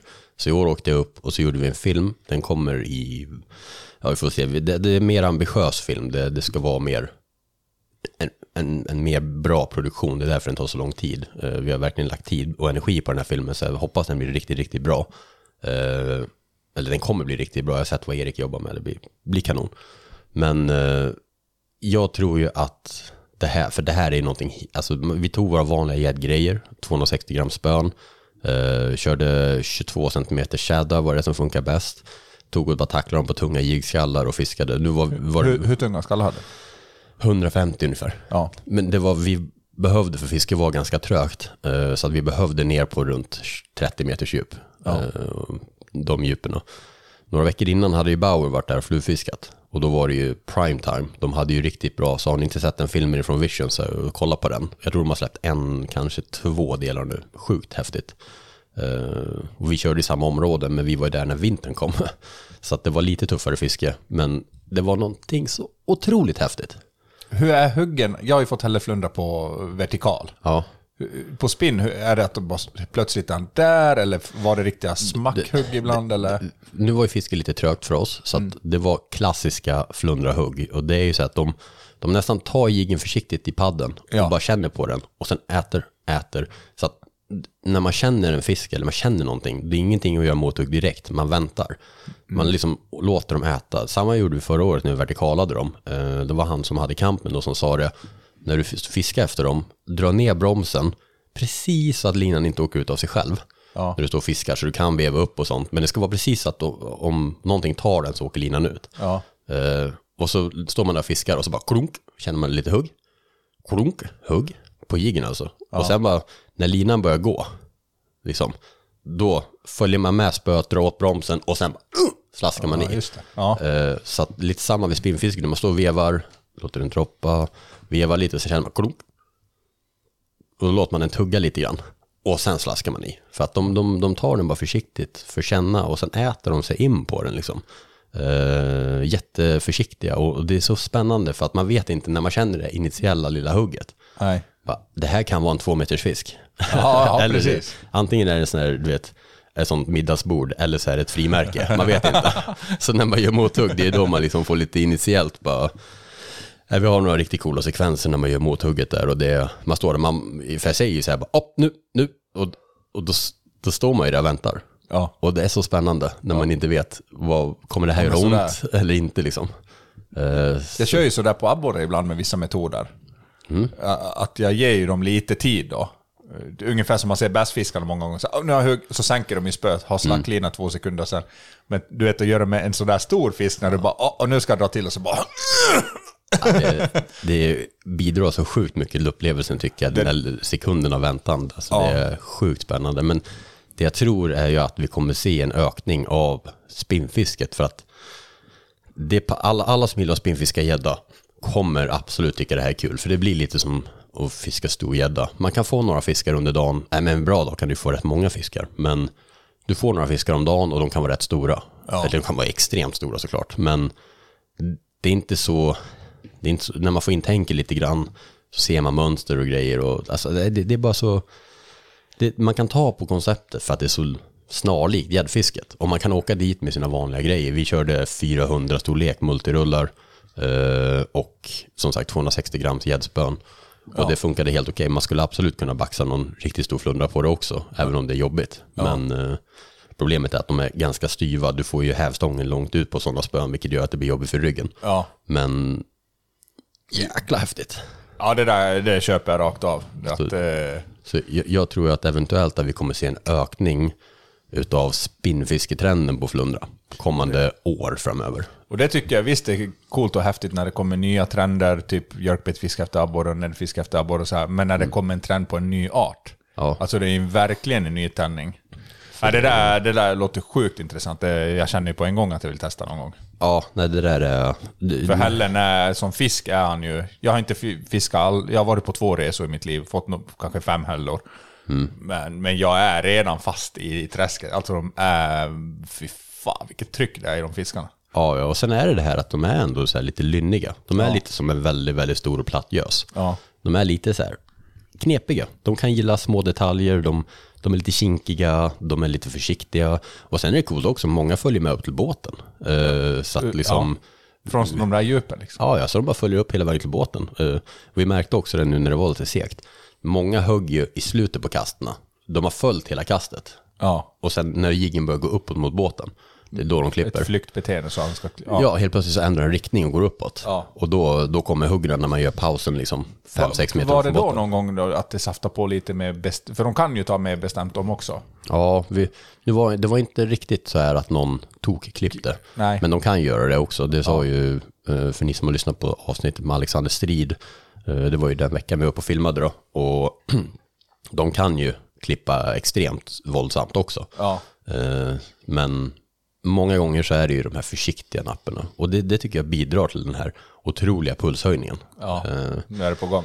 Ja, exakt. Lite som, om man ska jämföra det, eller lite som när man ser när man trollar gädda och man ser paravanen börja backa. Ja. Eh, eller när man ismetar och vippan har vält ut. För då har du några sekunder, du vet att du har kontakt med en fisk, men du vet inte hur stor den är. Så det är den här extrema spänningen. Och Det här är lite samma sak, man känner hugget, man gör Ja. inte mothugg och man, det, det kan vara precis hur stor som helst. Ja, ja. Sjukt bidragande till känslan tycker jag. Coolt. Ja, så det där, eh, jag tror att för att eh, flundrafisket är ju någonting som väldigt, väldigt många svenskar åker på varje år. Ja. Eh, De har en sån här årlig, du vet, Norgeresa. Så jag tror att väldigt många är ju gäddfiskare. Man kan lika gärna bara plocka med sig gäddspöna, ta med sig sina gäddjiggar, bara lite större krokar, lite större skallar. eh, 1,2 mm nylon funkar jättebra. Gädd- Gäddlina man använder funkar jättebra. Och så är det så här, du vet, om det känns hett när du är ute och driftfiskar och vertikalar, bara börja spinnfiska. Kasta runt omkring med spinn. Det kan vara mycket bättre än, än driftfisket. Så eh, jag, jag tror inte man behöver åka dit spinnfiska en vecka. Men ta med gäddgrejerna dit. Det tror Ja. jag folk kommer göra för att det är alltså, ganska liten ansträngning. Ja, ja. Vad har de i båten? Sjukt häftigt, sjukt roligt. Jag hoppas filmen kommer visa det också. Så det tror jag eh, eventuellt kan vara någonting som ökar. Annars så, ja, men, som du sa, näddfisket kommer att fortsätta öka lite grann. Ja. Det är så sjukt effektivt, väldigt Ja. kul stundtals också. Ja. Ja, jag ser inga sådana här riktiga jättetrender som är på väg in just nu. Alltså Nej. så här helt banbrytande. Det är ju svårt då, för varje år som går, det är ju tuffare och tuffare. ja, Jag skulle väl säga att det går ju tre, fyra år mellan att det kommer sådana här totalt nya metoder. Mm. Men, eh, nej det där med nattfiske tror jag, Ned, och det där flundra, absolut. Jag blir ju skittaggad när jag lyssnar. Ja. Alltså jag vill ju åka nu, helst. Ja, det är så sjukt häftigt och det var ett äventyr också. Det värsta var att jag sa till Erik, vår kameraman, innan bara, när vi satt och planerade för det här, jag bara, alltså det bästa som kan hända när man gör en mer så här ambitiös film som ska bli som ett, ett äventyr, jag bara, det bästa som kan hända är ju egentligen att det bara skiter sig och blir värsta motgångarna och sådär. Eh, och när vi satt där i värsta motgångarna, tittade jag på Erik och jag bara, det, det var väl det här vi ville? Ja, precis. Käften. Det lät bra på papper innan. ja, men när man står mitt uppe i det så är det inte lika kul, men, Men det, alltså- det blir coolt för filmen. Alltså satsningar och sånt där. Hur ofta går det som du hoppas att det går? Nej, det, man kan planera så mycket, men Ja. eh, man måste ändå vara här- flexibel. Fight- Fight-produktionerna, du kan ha så solklart för dig från reket exakt hur du ska göra. Det här kommer gå som en dans. Och så står du där och bara, vad i helvete ska vi göra nu? Ja, men det, det, men det är verkligen sådär. Ja. Man, man måste vara flexibel inom fisket. Ja. Eh, en annan cool grej som jag kan berätta, eh, en teori, det är bara en liten, för jag kommer att tänka på det av någon anledning. Eh, det kan vara intressant för dig att höra och även massa andra abborrfiskare där ute. Eh, någonting jag tycker, eller ska jag säga så här, om jag kommer fram till ett ställe och det är rätt mycket abborre där, det första jag brukar göra är att slänga på någonting kanske som, alltså, näddmasken är inte det första som åker på, eller dropshotet. Det Nej. första som åker på är ju kanske en spintail, eh, eller en crankbait, eller en, alltså någon wobbler av något slag, eller vibrationsbete, eller en, en livlig jigg. Mm. Det är det första jag kastar på, eh, och så nappar det direkt liksom. Och sen ju segare fisket blir, ju mer går jag ner till de här statiska metoderna, ned, mindre jiggar, du vet sådär. Ja. Känner du igen dig i det? Eh, förr, ja. Mm. Sista två, tre åren med mina kräftor och Ned-grejer så, Mm. så går jag nästan bara på Ned på en gång. Förutom kanske vissa tillfällen på sommaren med superaktiva, så då åker de på någon jerkbait eller Mm. en vanlig klassisk, klassisk jigg på typ 9-10 centimeter. Mm. Eh, Men det är också lite jag- annorlunda situationer där du fiskar Ja. också i älven och kan, kan de där platserna väldigt väl. Ja, precis. Nöter ut de stora. Ja, men jag, jag förstår din tanke, så har Mm. jag fiskat alltid. Jag har varit väldigt specialiserad nu på sistone. Jag tror att det är ganska vedertaget att man, om man kommer fram till ett nytt ställe så kör man ett aktivt bete för att fiska av snabbt. Liksom. Ja, ja. Eh, Få snabba reaktioner. Men något jag har märkt väldigt tydligt, jag tror jag pratade om det i podden förr, eh, det är att eh, när man kommer fram till ett ställe och man vet att där är mycket fisk, man får fisk i första kastet. Speciellt i lite hårdare fiskare vatten, alltså till exempel ostkusten, Kalmarsund, de områdena. En massa fisk, kommer fram, första kastet, smackfisk. Ja. Andra kastet, ingenting. Nej. Fiskarna är kvar. Ja. Eh, tredje kastet, inget. Fjärde kastet, inget. Det här finns på film. eh, när jag var och fiskade med Freewater istället. Uh, det är massa år sedan vi gjorde en, en vlogg åt dem. Och då, då, då är det så superuppenbart i filmen. Jag också, jag snackar om just det här fenomenet. Man, första kastet får jag typ en så här 1900 Ja. Andra kastet ingenting. Tredje kastet ingenting. Jag bara, vad fan. Så byter jag bete till en wobbler tror jag. Ifrån att köra en jigg. Första kastet, pum, det blir en 1800 Ja. Alltså, de är ju där. Andra kastet, ingenting. Tredje kastet, ingenting. Byter till en dropshot. En helt annan rörelsemönster, annan jigg. Ut, första kastet, pang, typ en 16 eller 1700 Ja. Och sen ingenting på nästa kast. Och så varför är det första kastet? Alltså, det är så intressant. Det, blir- det, det där händer mig också ofta. Ja, Väldigt. men ju mer jag snackat med folk om det här, ju mer får jag höra att fler upplever det. Eh, och då snackade jag med en kille som heter Paolo från Italien, som var med och tävlade i uh, kanalen-tävlingen. Han har varit med bägge åren jag har varit med, eh, eller alla tre åren jag har varit med. Han varit med. Eh, och han fiskar i mycket vatten i Italien som är väldigt, väldigt svåra, svårfiskade vatten. Har ändå en, en del fina abborre i. Mm. Och han, när jag berättade om det här för honom så sa han, ja ja absolut, men varför börjar du med så högljudda beten? Jag bara, va? Han bara, när jag kommer fram till ett ställe och jag tror att det här är abborre, han börjar med de tystaste beten han har. Mm. Typ en viktlös eh, pintail jigg. Ja. Inga ljud, inga vibrationer. Låter den dala ner försiktigt på botten. Tar en fisk, smyger upp en fisk på den. Nästa kast, han sa då kan jag fånga flera fiskar utan att resten av stimmet blir så påverkat. Ja. Och ser och hör och blir stressade. Så då kan han liksom få några. Och ju trögare fisket blir, ju mer går han upp och avslutar med ett vibrationsbete. I slutet för att verkligen Ja. rassla upp de där Ja. sista fiskarna. Så han körde helt tvärtom. Började smyga upp fiskar. Eh, och så det var helt tvärtom. Och jag bara så här, fan det där var ju jävligt intressant. Det, det, är nog den upplevelsen. Jag har inte tänkt... Jag har tänkt på det här med att eh, jag börjar alltid med jättesmå nedkreationer med två gram skalle. Jag fiskar väldigt tyst och långsamt nu för tiden. Eh, och, och sen när jag liksom får, får ingen mer fisk, då börjar jag... Jag har alltid typ fem spön med mig. Då är det typ en liten nedjig, en stor nedjig, sen är det kanske en creek craw, sen kanske det är en vanlig shad eller en jerk och så är det kanske typ ett typ en sån här vibrations, vad heter det, blade bait eller något. Men, men jag har inte tänkt tanken så där långt, men jag hade flera gånger i somras också att jag, när det helt slutar nappa, för min bread and butter är Ned Creatures nu då. När det slutar Du menar n- n- Ned and butter? Ned and butter. Eh, men, men då har jag haft flera gånger att jag har antingen gått på något skramligare eller större. Mm. Eh, typ att de sista fiskarna har inte tagit på de här små nedjiggarna, och har tagit en sån här stor nedmask eller någonting. Mm. Eh, men jag har inte tänkt tanken så som du beskrev det nu, så det klickade lite grann att, Ja. att jag, jag har nog upplevt det, men nej, det är... Men anledningen till att jag vill lyfta det här också är för att som sagt, jag har upplevt det här och så, jag vill bara egentligen sprida vidare den här erfarenheten som, som jag har och fick höra, för jag tänker att andra kan ta till sig det och, och göra någonting med informationen. Så jag kände att det var, nu, nu slänger jag ut det där i alla fall. Det är en in, väldigt intressant eh, sätt att se på det, eh, som jag, jag tror inte många har tänkt på det, men om ni börjar fundera på det, det här med att första kastet får man fisk och sen nappar inte mer och sen det, byter man bete helt, då får man en fisk. Det är någonting det här med att de blir stressade, kopplar stressen till det där de såg och stänger ner. Eh, de är en jävla på att kommunicera de där asen. Ja, det, det märks verkligen. Det, ja, som sagt, jag fiskar ju också mycket sådär förr. Och då var det ju så här, man får en, två fiskar och så byter man, så går man till mindre och mindre eller tystare och tystare. Med. Men, men sen när jag nu har liksom nästan bara börjat med de där små ned, så Mm. känns det som att jag, jag får ju ganska mycket fiskar, men däremot kan jag få några bonusfiskar av och helt, ja men som i somras det där exemplet, extremexemplet när jag till slut står, tar fram gäddspöet med en. Jaha. Och det var, så- det var verkligen för att prova, så här, får se om de tar den här då. Två första kasten, två fisk. Sjukt alltså. Ja, så det, sånt här är tokintressant. Fy fan, jag älskar sånt här nörderi. Ja. Nej, men nu har jag slängt ut det där i alla fall, så får ni göra vad ni vill med den informationen. Eh, det kommer men- nog folk förvalta väl. Alltså, vi har så sjukt många så duktiga som fattar grejer nu för tiden Mm. i Sverige. Det, är det, det är det som är kul. Tycker Ja. Sverige är ju...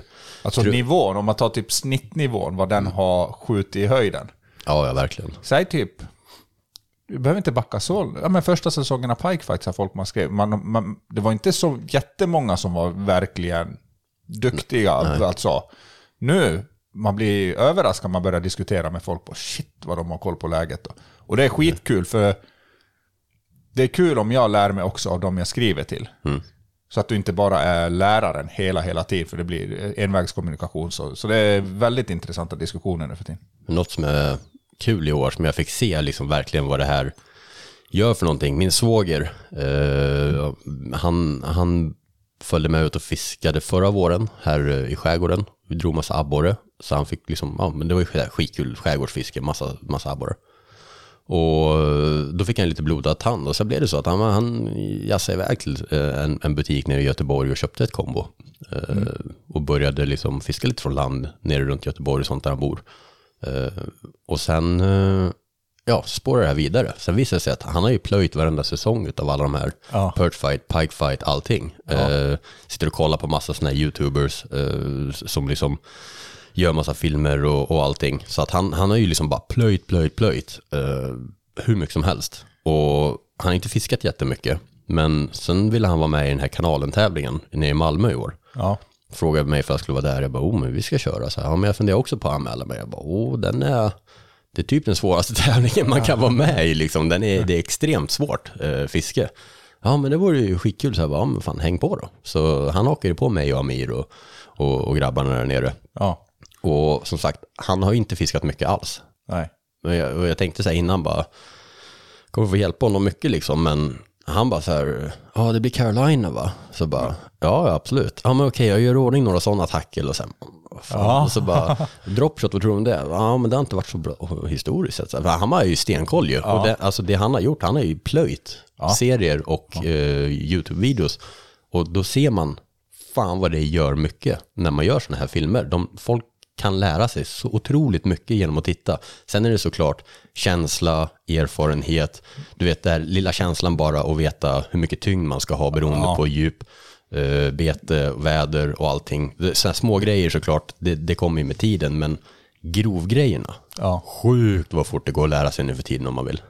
Ja, fan alltså det som tog mig 20 år, det är ju dagens grabbar på ett par säsonger. Ja, och, det, sen- är ju, det är ju inte bara inom fisket. Om man kollar så här, när jag började skata för, de enda egentligen inspirationskällorna vi hade, det var ju de här Tony Hawk Pro Skater 2 tror jag det var på Playstation. Ja, ja. Eh, då fanns det så här, varje gubbe man kunde välja, så här Rodney Mullen eller vem det nu var, då fanns det en två minuters film, en eh, film som visade vem den här skataren var. Så man hade ju en två minuters film på varje sån här figur. Ja. Och de filmerna tittade man om och om och om och om igen. Och så någon hade kunnat fixa en sån här gammal VHS med någon skatefilm från USA eller någonting. Det var det enda inspirationen man hade. Och det, nu för tiden när man tittar, jag följer ju mycket skateboard, eh, och, och olika sidor. Och det är utvecklingskurvan på folk idag. när, när de har all tillgång till video. För att titta på videos på andra, det är så man liksom får inspiration och lär sig. Ja. Eller skata med väldigt duktiga folk. Och, och nu för tiden, kids som är så här 12 år gamla, du vet, de är ju bättre än vad proffsen var eh, för f- 15 år sedan. Det är helt Det är sjukt. helt sjukt. De Ja. är så här ner för sådana här megatrappor och räcken och allt. Och de är så avancerade grejer. Eh, så utvecklingskurvan inom många branscher är helt enorm idag. Mm. Folk har så mycket tillgång på information och eh, inspiration. Så att även inom fisket såklart, då, så det bara skjuter i höjden. Och det är YouTube liksom.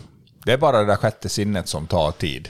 Ja, ja. Det- Finkänslan och sånt ja, där, det måste ju komma med tiden liksom. Men eh, de- den är svåraste för om någon skulle säga, ja, men vad är viktigaste grejen du har för att lyckas bra? Mm. Jag skulle säga att det är det sjätte sinne man har utvecklat. Men, och så får du frågan, vad är det? Förklara. ja, nej. Nej, det, det, du kan inte sätta ord på det. är bara en, det. Jag har en känsla att nu gör jag rätt, jag är på rätt ställe med rätt... Det känns rätt i linjen, allting känns... Mm. Du, det går inte att sätta ord på det.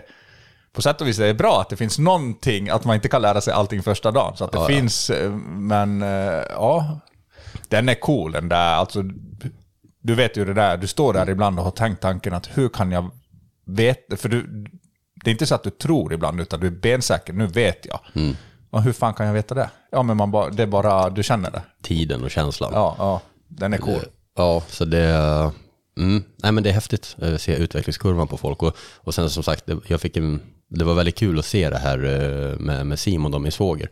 Hur han har lärt sig så otroligt mycket på att bara plöja YouTube-grejer. Och då, då, då, då blir man lite glad att fan, det här som, som vi pysslar med, som gör YouTube-filmer och alla andra YouTubers och sånt där, fan, det, det, det gör verklig skillnad Ja. för folk. Det är sjukt häftigt att se. Det jag- har ett exempel. Jag har en kusin som är lika gammal som mig, 42. Och han var en av dem som jag fiskade med mycket som barn. Han var jätteintresserad. Eh, Men det var ju väldigt många, i, alla fall när jag växte upp, att i ton, tonårsåldern så tappade de fiskesuget och började med annat. Men jag det, var är, det är typ, rätt klassiskt. Liksom. Ja, jag var typ den enda som liksom fiskade livet igenom då.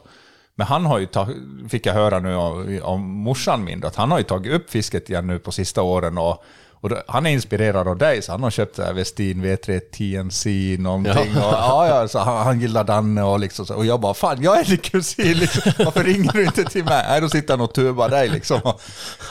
Men det, det är så många som håller på och det är skitkul. Ja, ja verkligen. Ja.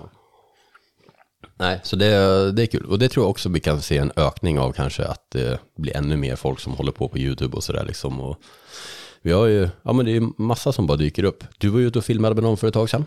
Vad heter den kanalen? Eh, Johan på Lorebox. Lurebox heter den ja. Skitbra kille. Han var jättetrevlig. Han var ju fram på mässan, Sportfiskmässan och gick runt och gjorde filmer hos massa Ja. montrar. Så han var ju och presenterade sig för mig och gjorde en film där. Så att, eh, men han känns ju som att han lägger mycket energi på att göra det bra också liksom. Ja, jag har ju varit med i både Fike-produktionerna och massor med Rappalla reklamfilmer och sådär. Han, han jobbar så jäkla bra. Jag filmade med honom en gång. Mm. Det var den enklaste filmningen i, i mitt liv. Allting, manus, allt prepp var klart. Jaha, han fixar okej. båt och boende, allting. Jag åker dit, dyker upp, hoppar i båten. Så bara, tut, tut, tut, allting är klart sådär. Så en kanonkille och lite intressant kanal på det viset att han eh, vägrar ju binda upp sig och sälja sig, utan Mm. han liksom kör ärliga recensioner sådär. Men jag tror han, ju- det gör han rätt i. Eh, Ja. Om man långsiktigt ska köra det där så är det nog bra Ja. att vara fristående. finns ju inget sånt riktigt. Nej, Inte mycket. Eh, Men det, det är coolt, det ökar sånt där. Så det tror jag Ja. också vi kommer fortsätta se. Vi vill ha mer content. Det är kul att det finns. Ja, ja, absolut. Och i dagsläget så man behöver inte titta på allting, men man tittar ju på det som man tycker kan verka intressant. Så att det, det tror jag ju blir så här att folk historiskt har ju tittat på typ det mesta som produceras kanske. Men nu för tiden så tittar man bara på det som faktiskt intresserar en. Ja. Eh, Är man abborrfiskare kanske man bara tittar på perch fight, man skiter i pike fight. Ja, Eh, är man gösfiskare så skiter man i allt och bara fiskar gös. Står hemma och filerar hela nätterna liksom. och gillar man Ja, gädda kan- så orkar man inte kolla på perch fight liksom. Nej, Eh, och det är inget fel i det. Det är ju det är coolt att det finns en stor katalog där ute att välja från. Ja, ja. Och gillar du gädda kan du kolla på Pike Fight, du kan kolla på Flyan och sen kan man titta på alla de här YouTubers som specialiserar sig på gädda. Ja. Och så skiter man i de här som håller på och fiskar nedd och grejer liksom. Och det är det som är så fint. Nu finns Ja. det så mycket som man kan specialisera sig. Är så sjukt häftigt. Och om man sa för tio år sedan att eh, folk kunde så livnära sig på att jobba med fiskefilmsproduktion, då hade man ju skrattat. Ja.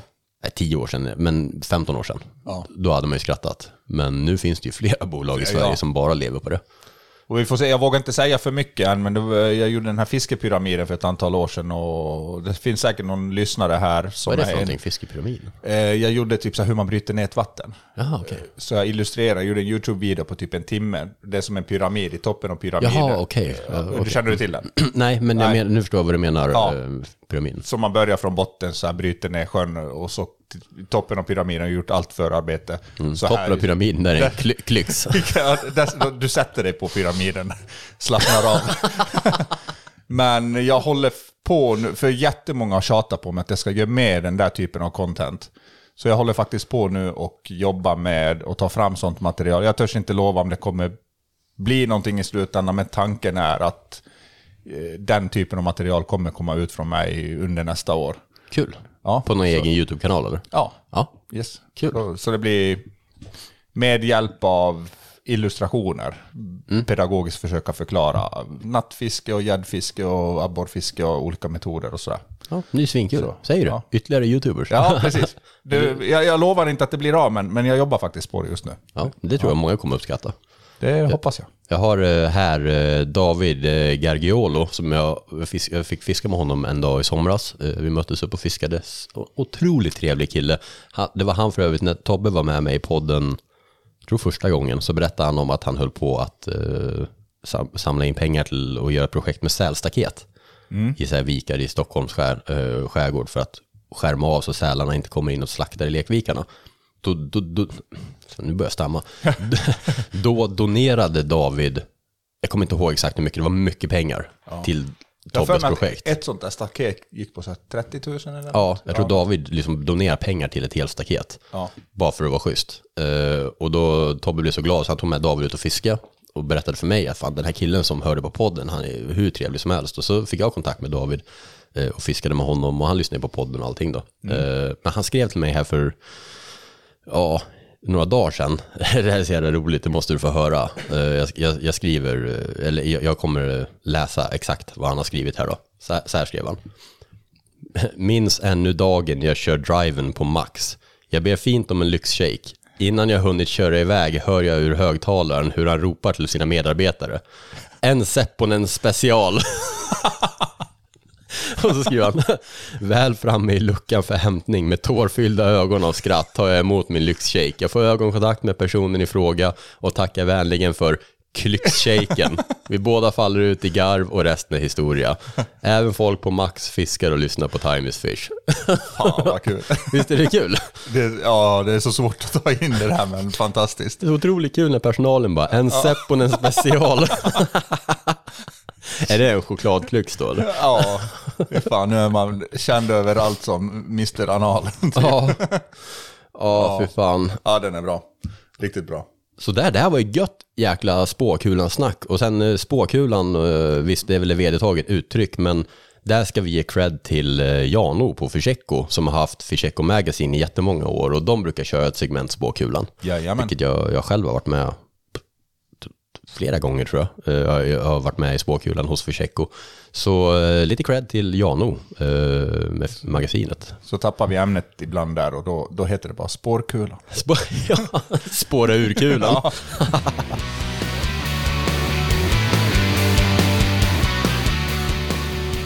avslutar vi med lite, ja vi får hoppas att det blir humor då. Eh, Jag har ju haft så många som har eh, bjudit på sig själva här och berättat om hejvilt-upplevelser eh, och jag har velat gjort det, men jag har, inte, jag har tyvärr inte haft någon riktig sån, ja, när det, när det går åt helsike. Men som sagt, förra veckan kom jag hem ifrån Madagaskar så här kommer hejvilt Madagaskar. Det har jag väntat på i tre dygn nu. Ja, ja, som sagt, jag berättar för Mikko att jag kan ha eh, lite kul att berätta i podden, men han får inte veta någonting innan.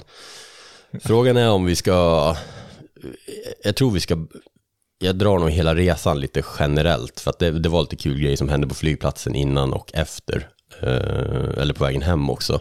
Men sen är det såklart det roliga är ju eventuellt det roliga, än när vi var på plats. Men när vi skulle till Madagaskar så säger Mikey, som är min kollega i Finland, eh, som också var reseledare här, han har varit där förut och han sa det, ta ut lite små euro, eh, typ så här två euros, eh, för att på flygplatsen så behöver man ge det till folk för att komma vidare. Så jag tog ut typ så här 15 stycken två euros, eh, som jag hade, jag hade ett gäng sådana i fickan. Och mycket riktigt, vi kom fram, vi hade fyllt i alla sådana här inresepapper och sånt, lämnade det, det gick bra, sen kom vi till ett sånt här litet bås innan man kom in där man fick, för flygplatsen på Nosy B där vi landade är pytteliten. Eh, det är egentligen bara en ankomsthall och en avgångshall, that's it. Så vi kom till ankomsthallen eh, och sen skulle man gå igenom en liten sån här station och då stod det en snubbe där eh, vid luckan med en kollega som stod rygg i rygg med honom och han bara så här, passports, passports. Och så man bara okej, så bara upp, vi var typ fem i våran klunga då, så bara, jag gav honom passen. Så stod han och bläddrade i passen så här, så här helt planlöst liksom. Han väntar Och- på sin och- två euro. Ja, och, och Mikey bara, det är nu, nu pengar, pengar, pengarna. Och så bara, okej, alla bara fiskade upp varsin peng, gav honom, och då bara slog han igen passerna, räckte dem bakom ryggen till sig, till sin kollega, han tog dem bakom sin rygg, han bara, come round, come round. Så bara, ja, gick vi ut eh, och ställde oss vid andra sidan luckan där då, vid hans kollega, och han bara, I'm the boss, give me more money, give me more money. Man bara, vad i helvete? Ja, ja, upp med en till två euro, gav honom allihop så här. Han bara slog igen passen, gav oss dem. Så väntade vi på bagaget. Fick vi det. Eh, Alla fick sitt bagage, vilket är, alltså när man åker iväg på sin fiskeresa, att inte få sina spön och grejer är fruktansvärt. ja, Eh, det det är en sak när man åker på solsemester, men man kan ju köpa nya shorts bara och jassa vidare. Men får man inte sina spön och grejer så är det ju hemskt. Att det är ju en lättnad när alla får sina grejer. Och så ska vi gå ut ur terminalen. Uh, och då, då kommer fram en snubbe med en väst. Han bara så här, passports, passports. Och man bara, vad fan, igen? Vi är ju klar, vi ska ut ur eh, flygplatsen. Nej, upp med, jag gav honom passet och han började bläddra så här, du vet, förbi alla de här papperna där det är bild på mig och grejer, till de här blanka papperna i bak. Och han stod så här, sakta, sakta. Och jag bara, vad fan då? och så tittade han upp på mig så här som att jag var dum i huvudet. Och så fortsatte han bläddra. Jag bara, vad fan, okej, ja, vart fiskade upp en sen två euro och gav honom. Han bara, smack igen med passet. Han bara, thank you. så bara, vad fan. så fick han tag i någon eh, kompis där också och började, här, passport, passport. Och sen kom det en till, så här, passport. Jag bara, nej fuck no. Så bara gick förbi honom ute i flygplatsen så här. Eh, och sen åkte vi den här guppiga vägen till ett hotell eh, som ägs av de som har resorten. Så vi bodde där första natten. Eh, och sen hade de en restaurang 100 meter bort eh, som de också ägde. Så vi höll oss på restaurangen och resorten eh, och hotellet där då. Och så riggade vi upp alla grejer och sånt för dagen efter så åker vi med båtarna mot resorten och fiskar man sig hela vägen dit. Så det är inte bara en transportsträcka. Och sen är det ju så när man åker till Afrika så man blir dålig i magen. det hör till. Ja, ja. Det, när jag varit bägge resorna i Sudan, eh, det tar ungefär max tre dagar, sen är alla kissar från stjärten-läge liksom. Ja. det är verkligen, eh, och, och folk kan ta vacciner innan man tar sådana här vaccin mot E. coli, bakterier och grejer. Det, det har inte spelat någon roll, alla blir dåliga i magen ändå liksom. Så att, och nu kunde man ändå lite mer kontrollera det, så vi har redan sagt det innan. Liksom. Okej, badar man i poolen så doppar man inte huvudet, även om de har klor i poolen. Eh, absolut inte något kranvatten när man borstar tänderna och sånt. När man duschar så håller man munnen tvärstängd och sen torkar man efter och spritar liksom eh, munnen och sånt utanpå. Spritar händerna hela tiden, beställer inga sallader eh, på restaurangerna eller till middagen, eh, liksom bara lagad mat. Eh, Det ska vara kött, då är det well done och så vidare. Bara för att undvika liksom, och, och det är inte bara för att det eventuellt är liksom lortigt, men det är en helt annan bakteriekultur i allting. Ja. Så att man blir, tyvärr, det, jag tror till och med heter så här turistdiarré. Ja. Oundvikligt kan man säga. Fan vad svårt att duscha och inte någonstans öppna munnen. och Nej, nej, men, liksom- men när man står där, det är lätt alltså. Man, Ja, det är det enda man fokuserar på. Ja, man, man kör eh, trestegstvätten och kniper med munnen. Det är lite som att duscha i ett fängelse fast man kniper med en annan ring. Om man ska... Man slipper bloody prison pocket. ja, men i alla fall. Första dagen vi var på restaurangen där på Nosy B när vi bodde på hotellet. Då beställde typ alla pizza. Eh, och det var en bra restaurang. Så där. De hade en vedugn, det var en italiensk kvinna som drev restaurangen. Så det, det var verkligen bra pizzor. Eh, och sen så dagen efter då så tog vi och fiskade oss ut mot ön. Alla var kanon i magen. Eh, och så vet du på kvällen på ön då är det så här tre rätters meny och allting och med jättebra kock, jättefin resort, pool, allting. Så bor man i sådana här bungalows, vi bodde två och två i de här bungalowsarna. Ingen AC och sådär, men det var fläktar, man hade myggnät runt sängen. Eh, och så var det så här, simpel toa, dusch, men ändå fint liksom. Det var en jättefin resort. Jag har aldrig varit iväg och haft så här fint boende och mat och grejer på sådana här fiskeresor förr, så Det var en otrolig upplevelse. Men på kvällen där alltså, alla ändå så här bra. Eh, Allt ingick, mat, sprit, öl, allt ingick i, i priset. Så att, eh, det var ju kanon. Uh, käkade middag på kvällen, sen satt jag med några finnarna på kvällen och drack en bira. Och då kände jag så att magen börjar liksom, du vet, när det börjar så bubbla och låta och man känner att nu är det, nu är någonting som händer här. Och man var inställd på att visst, man kommer bli lite dålig i magen, så är det bara. Ja. Gick och la oss då andra kvällen i bungalon.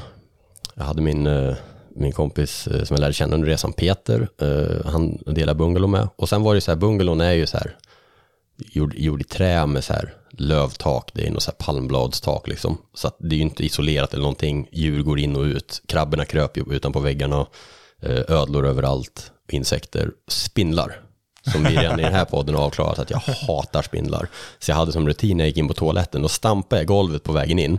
Du vet, eh, min farmor gjorde samma sak när hon gick i, när hon skulle ner till vattnet ute vid deras landställe. Då gick hon och stampade med fötterna för att skrämma ormarna. Ja. Så jag gick in på toaletten varje gång och stampade som en galning och klappade händerna bara för att jag tänker att de här stora spindlarna ska springa och gömma sig för jag vill inte se dem liksom, även om jag vet att de finns överallt.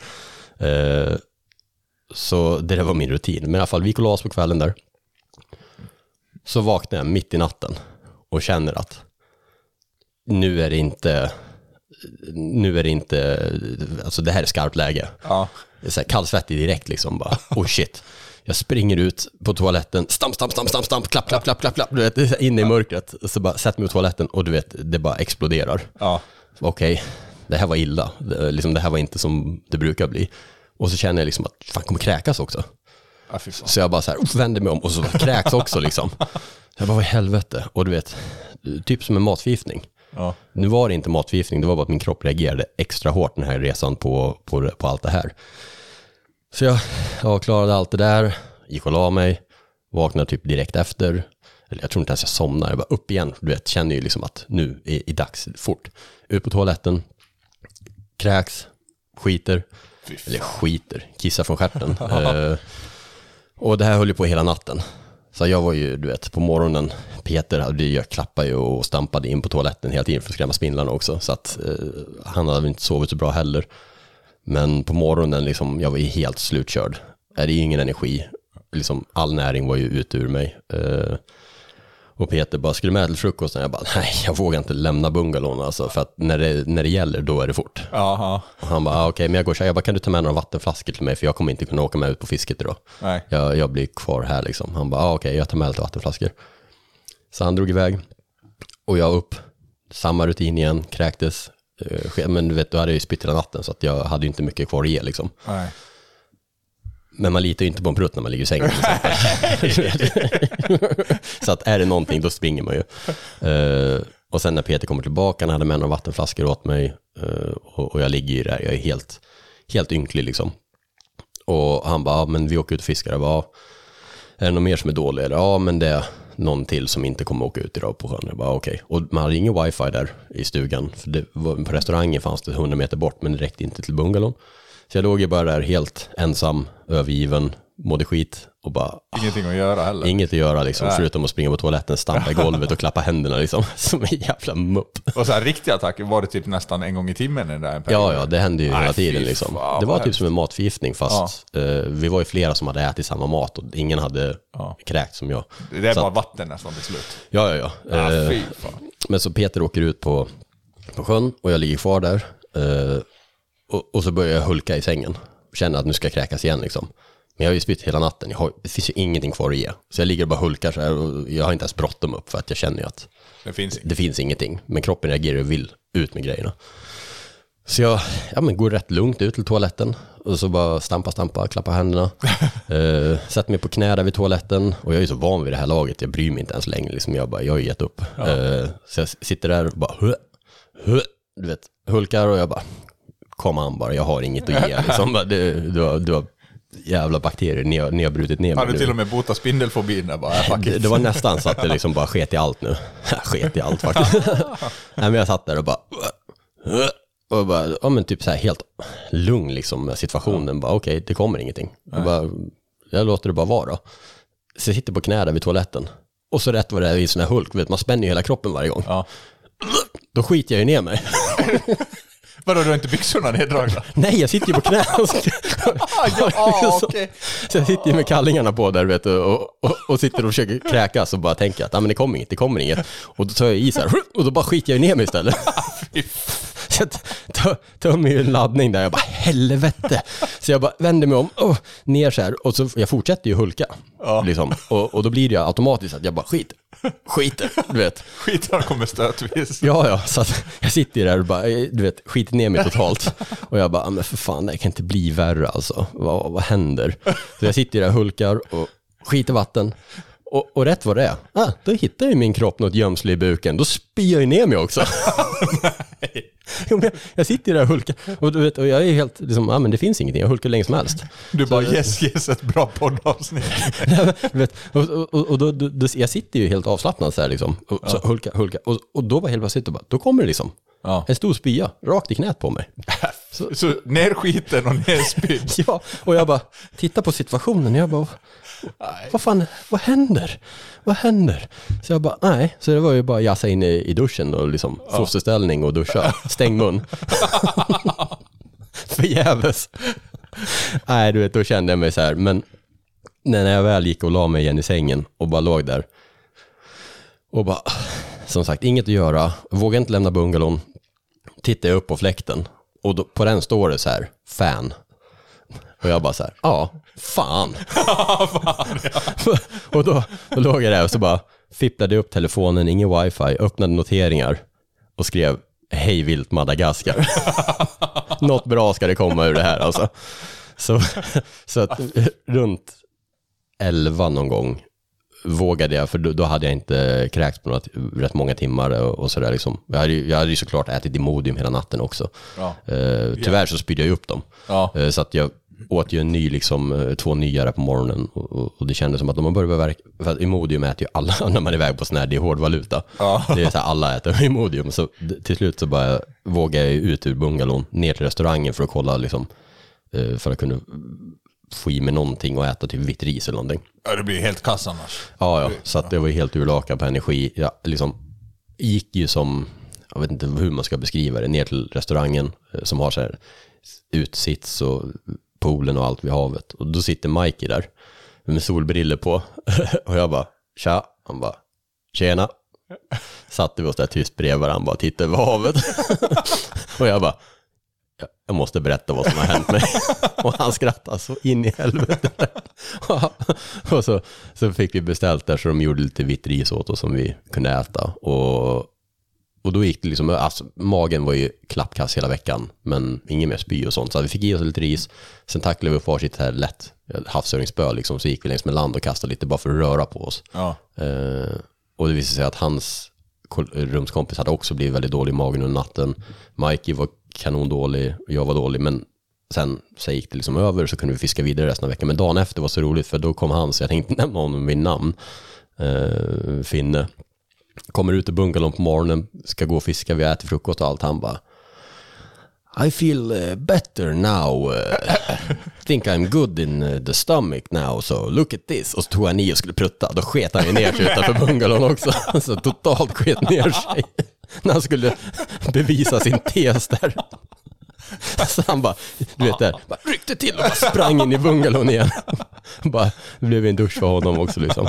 Man ska aldrig lita på en prutt när man är i Afrika, det kan jag säga. Nej fy.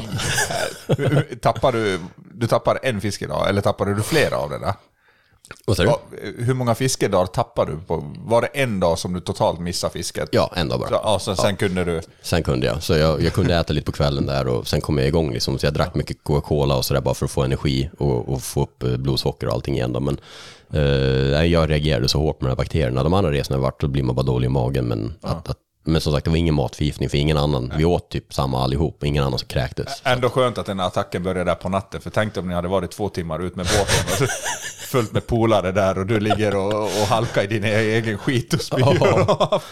Ja, tyvärr så är det sådär i Afrika. Det är ofrånkomligt att man blir dålig i magen. Det- Och som sagt, man kan försöka ta vacciner innan. Det hjälper inte. Man kan försöka undvika sallader och grejer. Det hjälper inte. Så ena fickan full i Imodium och andra full i två euros. Och, och tredje bajs. Prison pocket i bajs. ja, det var kul. Sista dagen så var, då var jag med två av de finska grabbarna eh, och fiskade i deras båt. Käkade vi lunch i båten, allt blev kanon. Och den ena där, han bara så här, för de hade ätit mycket Imodium under veckan. Ja. Eh, Too och- much. Ja, så han bara så här. Oh no, my stomach is not so good. Du vet, då började så här skruva på sig. Så till slut så bara, han fick fråga guiden bara, hur skiter man från båten?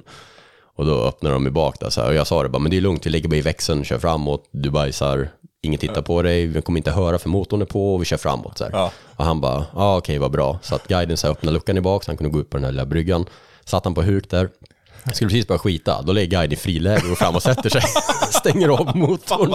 Och det är helt vindstilla och soligt. Han bara, no, no, no. Så det var ju bara så här, jag bara, guiden, guiden, bara starta och kör. Han bara, ho, ho, och så började han garva så här. Nej, de är ju van vid att folk kanske behöver göra sånt där från båten alltså. Så att, Oh ja, oh ja. Nej, fruktansvärt. Eh, eh, utöver det här då, eh, så är var det en helt fantastisk resa med Getaway Sea Angling. Otroligt rolig, vi hade jättekul och fånga mycket fisk och, och så här. Så att Madagaskar är ett bra resmål om man vill prova på saltvattensfiske. För vi fick prova på allt från speedjigging, popperfiske, trolling, man kan prova big game-fiske, allting. Allt, det finns så mycket arter så att väldigt bra resmål. Och som sagt, ha med Imodium, det är standard. Det spelar ingen roll vart man åker i Afrika. Men det var så roligt också det här med de här mutorna på flygplatsen. Ja, ja, ja. Eh, För när vi skulle resa hem också så visste vi att okej, nu är slutbossen då, det är flygplatsen. Mm. Så vi kommer dit, checkar in bagaget och där i eh, incheckningen så kommer vi liksom ifrån varandra lite grann. Eh, Och det är bara ett plan som lyfter så att det är inte så mycket folk där. Gick ändå bra. Och så kom jag till den här, då gick jag själv liksom, för de andra hade gått före eller kom efter mig. Så kom jag till den här säkerhetskontrollen, när man får scanna ryggsäcken och allting. Mm. Och står det en snubbe där innan som vill ha boarding pass och det här, det är ju standard. Men han vill ha mer. Så att han bara, passport, boarding pass. Man bara, ah, här. Han bara, tittar han på mig så här. Så gestikulerar med handen så här. Ja. Han bara, ah, okej. Fram med två, euro- två euro, gav honom.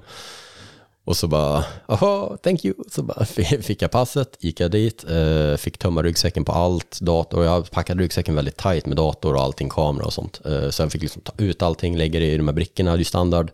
Eh, kör igenom röntgenmaskinen, jag gick igenom den där skannern. Klart, inget problem. Jag frågar dem, "O- okej? Han bara, yes, yes, okej. Så bara, okej. Börjar packa ner datorn och allt och som sagt det är extremt tajt att datorn går ner och det är så värsta böket och få äntligen ner allting. Dra igen dragkedjan, äntligen klar. Och då kommer en snubbe springande från den här röntgenmaskinen. Han bara så här, excuse me sir, can I look in your backpack? Och man bara, "Vad fan. Ja, då tänker jag, då har de ju sett någonting på skannern och vill dubbelkolla liksom. Så bara, "Ah, ja okej, jo men självklart får du göra det liksom. Öppnar upp och han börjar så här dra ut kamera. Han bara, what's this? Jag bara, camera. Och så drar han upp datorn, jag bara, computer. Så tog han upp min hårddisk och han bara, "Ah, powerbank. Och jag bara, nej, nej, det där är hard drive. Han bara, mm. Så jag bara, fan, märkte, okej, han letade efter någonting. Ja. Och så tömde han hela ryggsäcken, ingenting där. Och så pekade han på det lilla facket på utsidan. Och jag bara, ja visst, öppna. Så bara öppnade han, så körde han in handen och rasslade omkring där inne. Bra tag med handen. Och Ja. tittade så här liksom. Och så bara hörde man bara kling, kling, kling, kling. Och så bara kom det upp en två euro och tittade. så tittade han på mig och jag bara Take it, han bara, thank you sir, och så gick han. Så han ville ju bara rota igenom min väska tills han hittade en peng liksom. Jävla tjuv. Så jag bara, åh, packa all skit igen. Och då var det så här, eh, du vet, en sån här labyrint med linor man ska Ja, gå igenom ja, som ja. vid köbildning. Men det var ingen kö, det var ju bara jag. Och jag tycker alltid det blir så här lite så skumt att gå i de där långa labyrinterna när det inte är någon kö. Blir, man vill ju bara hoppa över dem Ja. eller gå under dem. Så, men man är ändå så här svensk liksom, så att man går i de där jävla labyrinten helt ensam. Gick där och när jag rundade första hörnet då fick jag så här ögonkontakt med han som satt i båset innan eh, vänthallen. Och så, han bara tittade på mig så och log. Och jag gick den labyrinten och så kom jag runt nästa krök, tittade på honom, han var satt och log. Och jag bara, okej, här är final boss alltså. Ja. Här är final euroboss. Så jag kommer runt liksom den där långa jävla... Och så kom jag till honom och han bara, ler som satan, han bara, passport. och jag bara, och då var jag så här irriterad liksom, så jag, då hade jag en, så här, en liten mynt, en sån här 50-centare. Så jag bara så här, la den på passet, sköt under den under den här lilla luckan han satt i. Och han bara så här, tittade på den, han bara, more money, more money. Skit i passet. Och jag bara, Jag tänkte det kunde lika gärna bara skicka mynten hela tiden, skita i passet helt. Ja, nej, så jag bara så här, eh, excuse me but you are last in line. All your friends have taken my money. You're the last in line. This is all I have. This is yours. Och han bara så här, oh, thank you. Så han bara garvar för att jag blir skinnad av alla andra liksom. Eh, Men, och sen eh, fick Mikey också blev inkallad i rum efter säkerhetskontrollen, berättade han sen då. Så de tog in honom eh, och de bara, sir your backpack? Så bara, ja, upp på bordet. Och det var ju sånt här rum liksom, där de tar på sig plasthandskar och kollar eh, prison pocket. Men här, Om det är här, någon vaniljstång där. de, här är bara tre stycken poppers, vi lägger tillbaka dem. Nej men så, så börjar de ju så här, can I open your backpack? Ja. Do you have eh, vanilla? Så han bara, nope, no vanilla. Så blir han så här, fan också. Ja. Mm, stod han och funderade lite grann så bara, do you maybe have uh, seashells? du vet, de försöker så här greppa någonting, någonting. som de kan hävda att man behöver papper på. Liksom. Ja. Han bara, nope, no seashells. Och då han bara så här, mm. Can I look? Så bara, yes, yes. Så bara börjar han rota runt där. Så bara, what's this? Och bara, computer. Och så har han en, så här, eh, en stor systemkamera med stort objektiv på, så den är tung liksom, i en liten sån här väska. I en mjuk väska. Så han bara, känner på den där, känner att den är tung. Så här. han bara, "Hå!" fick han upp hoppet. Nu, här, här är det någonting. Så bara lyfter han upp den och så bara tittar han på Mike. Han bara, "Hå! You have a rock. Ja, men typ som att han ska släppa med sig en sten hem i handbagaget liksom, så att då, då kan man så hävda att okej, Ja, du måste ha papper för att Ja, ja. ha med sig en sten hem. Och han bara, nope, that's a camera. Han bara så här, mm. det är skitsur. Så packade han ihop skiten så Michael fick komma ut i hallen med oss igen, men de försökte verkligen liksom. Det, om ni inte hade haft någon mynt alls, är det bara att ni skulle bara få sitta och vänta och jävlas liksom? Ja, de hade bara dragit ut på tiden överallt liksom. Och vet du, Mikey var ju där förra året då, och då hade han inte massa mynt. Så han fick ju ge liksom 10 eurosedel, 20 eurosedel bara för att komma vidare liksom. Eh, Så att ett tips om man ska åka till sådana här typer av länder, ha lite mynt. Det är alltid bra alltså. Nej, så det var otroligt kul alltså. Eh, och jag tänkte bara så här, hela tiden i huvudet, varje gång någon sån här konstig grej hände, man bara så här, hej vilt Madagaskar. Jag tror, aha, de lever nog gott av det där. Alltså man tänker, Det blir rätt mycket pengar. ja, deras lön kontra varje två euros de nallar av någon sådär. Alltså är, Ja, ja, men kommer det flygplan och de får liksom en två euros från varannan passagerare, det blir rätt mycket pengar. ja, oh ja. Eh, Så ja, nej, väldigt kul. Ja, nej, det var... Ja, så det var ju lite utav min hejvilt upplevelse. Eh, Så det kan man ju vara glad att man får. Nu är du med i klubben. Ja, nu är jag med i klubben. Jag är liksom. redan en hej, hejviltare. Ja, nej, nu, nu har vi fått uh, skämma ut oss bägge två lite grann. Offentligt kan man ju säga. Eh, Jag har, inte, jag har aldrig skitit ner mig på det här viset i vuxen ålder, men man väntar ju på att någon gång... Jag, jag har varit på en fiskeresa i, i Nordnorge, jag ska inte gå in på det nu och inte nämna namn, men där var det en som i båten sket ner flytoverall och, och, och båten och allting. Det var diarré överallt och så här, två timmar ut, det var bara att klä på sig och fortsätta fiska liksom. Men fan man har, sen dess har jag tänkt så här, en vacker dag då är det där jag alltså. Fy fan! åh. Shit happens.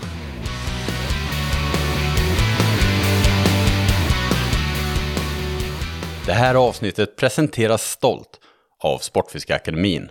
Det är din och min väg till drömyrket inom sportfiskebranschen.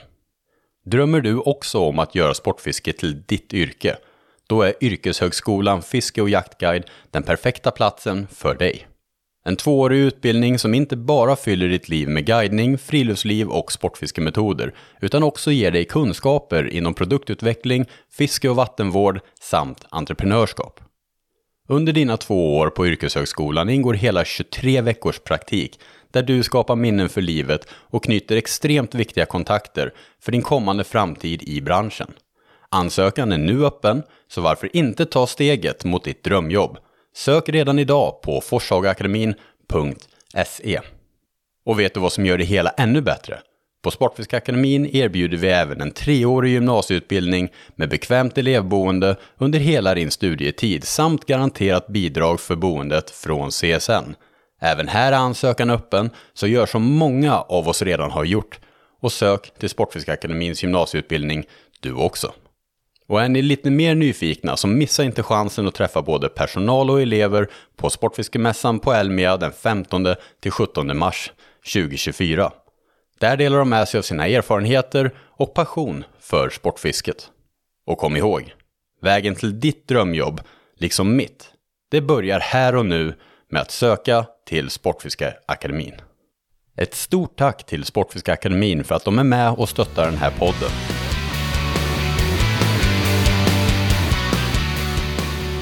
Så där, då var det ju, då har vi gjort eh, historiskt sett det absolut längsta avsnittet av poddens historia någonsin. Har vi slag i... Ja, det har vi. Ja, ja, ja, alltså det, är, det är så långt det här avsnittet nu, så det är klart, jag kommer ju klippa ner och ta bort alla pauser och sånt. Så Ja. att, det är otroligt långt avsnitt, så ja, förhoppningsvis uppskatt. Folk har ju efterfrågat långa avsnitt. Ja. Ja, då fick ni något att bita i. ja, verkligen. Får stycka upp det. Ja, men det, det är bara att man lyssnar. Jag, jag vill inte dela upp det i två avsnitt heller, jag orkar inte det. Utan jag, jag vill bara släppa det, så får folk ta del av det. Ja. Det är roligare tycker jag. Men eh, vill avsluta också med att säga hur frestande det än må vara att handla på nätet nu för tiden. För det är inte bara inom fiske, det är inom alla branscher. Så eh, fisket ligger faktiskt efter i utvecklingen när det kommer till näthandel. Många andra branscher har drabbats av det här mycket hårdare. Men jag skulle vilja, och jag nämnde förr i podden, att se till att handla i era lokala butiker. Ja. Jätteviktigt. Eh, om man vill ha kvar den lokala butiken, då är det jätteviktigt att man går dit och handlar. De kanske inte har, de har oftast inte samma utbud som stora näthandlare har, men de har ofta samma leverantörer, så att de kan ofta beställa in allt som vilken som helst har. Så ha lite framförhållning, gå till den lokala butik, prata med dem och säg fan jag är sugen på den här rullen, de bara, vi har inte den. Nej men kan ni beställa in den? Jajamän det kan vi. Och alltså till 100 procent, det är nästan 100 procent, det är sällan att det är dyrare, alltså i butik. Det, det är i stort Och i sett sådana fall är det väldigt, väldigt liten skillnad. Ja. Och det finns så många fördelar. Du får proffshjälp på plats, du får möjlighet att få hjälp och, och ställa frågor hur saker Ja. fungerar, hur det hänger ihop. Eventuell reklamation Mm. blir också enklare. Så Och sen just det här bara att känna på grejerna innan man köper Ja. dem, speciellt spön. Många skriver till mig och frågar, hej har du några spö att rekommendera? Ja, men jag kan säga några som jag gillar, men jag tycker att du ska åka till en butik och känna på spöna för att det är inte säkert att du har samma preferenser som mig. Absolut inte. Eh, och sen också det där som du sa med reklamationer, man får hjälp. Och sen även en annan viktig aspekt, även om du som lyssnar på det här kanske vet vad du behöver och du, du vet hur saker och ting funkar och sådär, men tänk på de nya generationerna som kommer, barn, folk som är nybörjare. Vart ska, du- alltså en butik är ett fantastiskt sätt att få tips och lära sig hur man gör knuten, hur du ska spinna på lina, hur du ska rigga jiggar, alla de här grunderna som, som kan verka självklart för någon som är duktig på att fiska. Det är ju en helt ny värld för någon som är ny och butiker är ofta ett ställe där många lär sig de här grunderna och får den här hjälpen. Så även om du kanske känner att du vet allting, men om du stöttar en butik, då kommer de kunna hjälpa andra som är nybörjare, om de finns kvar. Därför tycker jag butiker är extremt viktiga. Och vi har så många fina butiker ute i landet. Eh, många kämpar just nu efter pandemin. Eh, det är tufft med ekonomin. Så det är viktigare än någonsin att handla lokalt sina butiker. Eh, Jag tycker det är superviktigt. Du jobbar på jakt där uppe i Falun. Fantastiskt fin butik. Ja, tre år där och det har varit väldigt lärorikt för mig och en stor del av min, mina dagar, framförallt under sommartid när fiskesäsongen är igång, är ju att vara en lärare. Mm. Eh, Ja, jag, jag lär ju dem att fiska liksom och vi, har du rätt personal i butiken, man tar ju sig tid att lära. Eh, sen är det ju också, du kanske handlar mycket på nätet, men ibland kommer den här panikgrejen fredag eftermiddag, du ska ut med polarna och fiska nattgädda på kvällen. Mm. Fan, du, du saknar någonting, då hinner du inte få he- hemma från en webbshop. Ja. Eh, Då är det jävligt nice att inte de här fysiska butikerna har gått omkull och finns kvar där. Ja. Och som sagt, det här är inte någon specifik butik jag pratar om, utan det här är generellt i hela landet. Det finns butiker i nästan alla orter. Ja. Så prata med dem. Är det någonting ni behöver? Prata med dem om ni har läst om det på nätet eller någonting. Det går att ta in det på de flesta butikerna, kan ta in det mesta. Men man måste fråga. Och det vet jag att det är lite svårt ibland. Jag har ju själv jobbat i butik och man bara så här, hej, kan jag hjälpa er med något? Och personen bara, nej, nej, det, det är bra, det är bra. Mm, Alltså det är ju jättevanligt att man bara, nej, nej, det är bra, tack.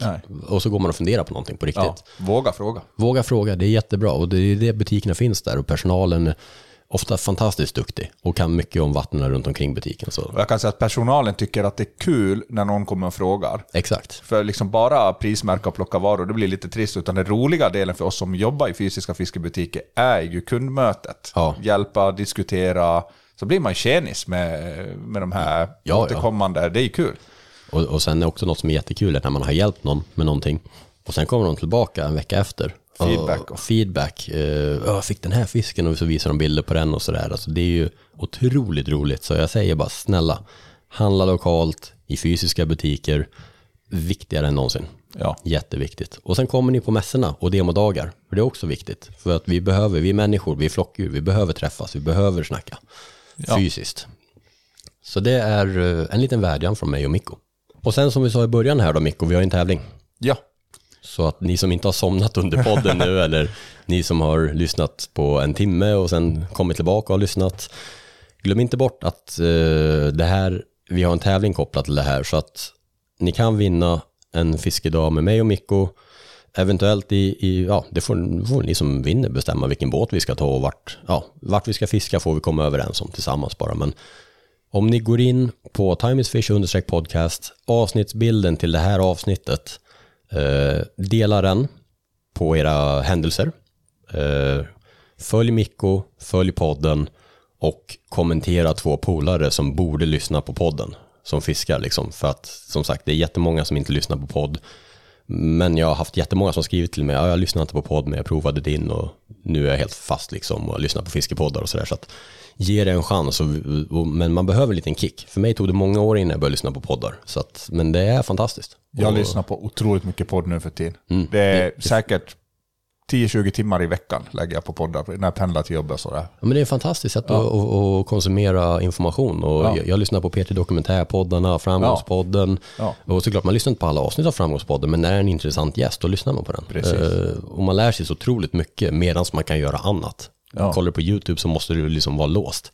Här Ja. kan du pendla till jobbet, du kan, om du står och hänger varor kanske du kan lyssna på podd. Alltså, stå ja, inte vid en fabrik, kör bil. Lång promenad, gymmet, Ja. fiskar. Gym, gymmet har jag slutat lyssna på podd bara för att jag, det var någon gång jag höll på att träna så lyssnade jag på eh, kafferepet eller eh, tror den som skrattar förlorar och du vet, och så börjar man bara garva mitt i ett set, det går ju inte.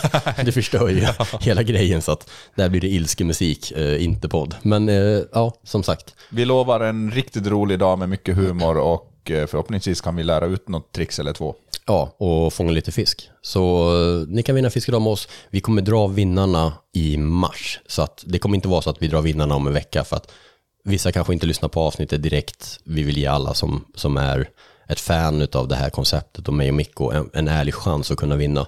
Så eh, i mars drar vi vinnare. Yes. Mm. Grymt. Hörni, tack så jättemycket för att ni har lyssnat på det här avs- långa avsnittet med mig och Mikko. Och vill ni höra mer med mig och Mikko, om ni eventuellt skulle vilja det, så kan vi göra fler eh, specialavsnitt framöver. 100 procent. Ja, ja, absolut. Så vi kan ses några gånger och, och göra sådana här eh, lite mer ambitiösa avsnitt. Eh, så vill ni höra det, det är jättekul om ni bara kommenterar vad ni tycker eh, och, och dela, dela, det betyder jättemycket för mig att ni delar och, och stöttar podden. För det är ju någonting som, som man bara gör liksom för skojs skull i stort sett. Så det, det är ju jätte, jättekul med sån feedback och att ni pushar för den.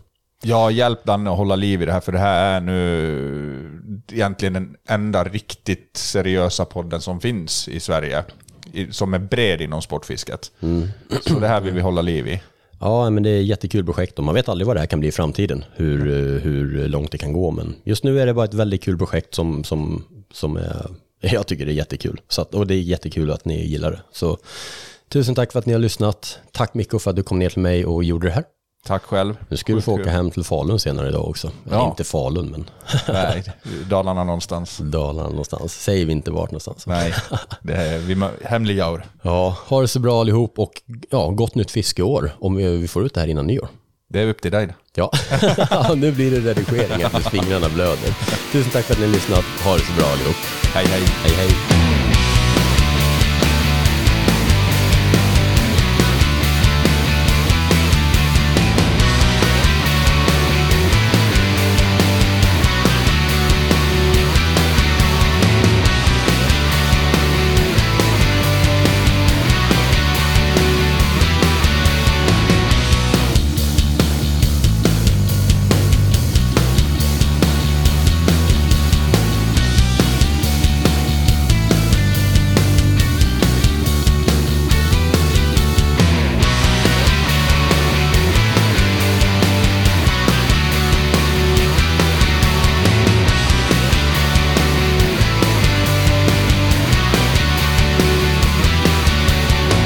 Intressanta strukturer. Nu tar vi ett stickprov på en lekvik här som vi fiskade riktigt bra på. Det är en människa som är naken där Stanna, inne. stanna! Oh, stanna! Stanna! Den är här. Ankra! Ja. Ankra! Fy fan, den är bra den här. Ja. Åh, det är ett skruvstäd! Oj, oj, ett skruvstäd! Satan, vad stod det här? Kolla in huvudet alltså så grov den är. En fet jäkel också! Alltså. Jag gråter aldrig när jag är ledsen och nu är det fasiken nära till tårar av rätt anledning också. Oh, vad äcklig det blir. Det är så man avslutar en rolig dag. Ja, fy fan vad nice!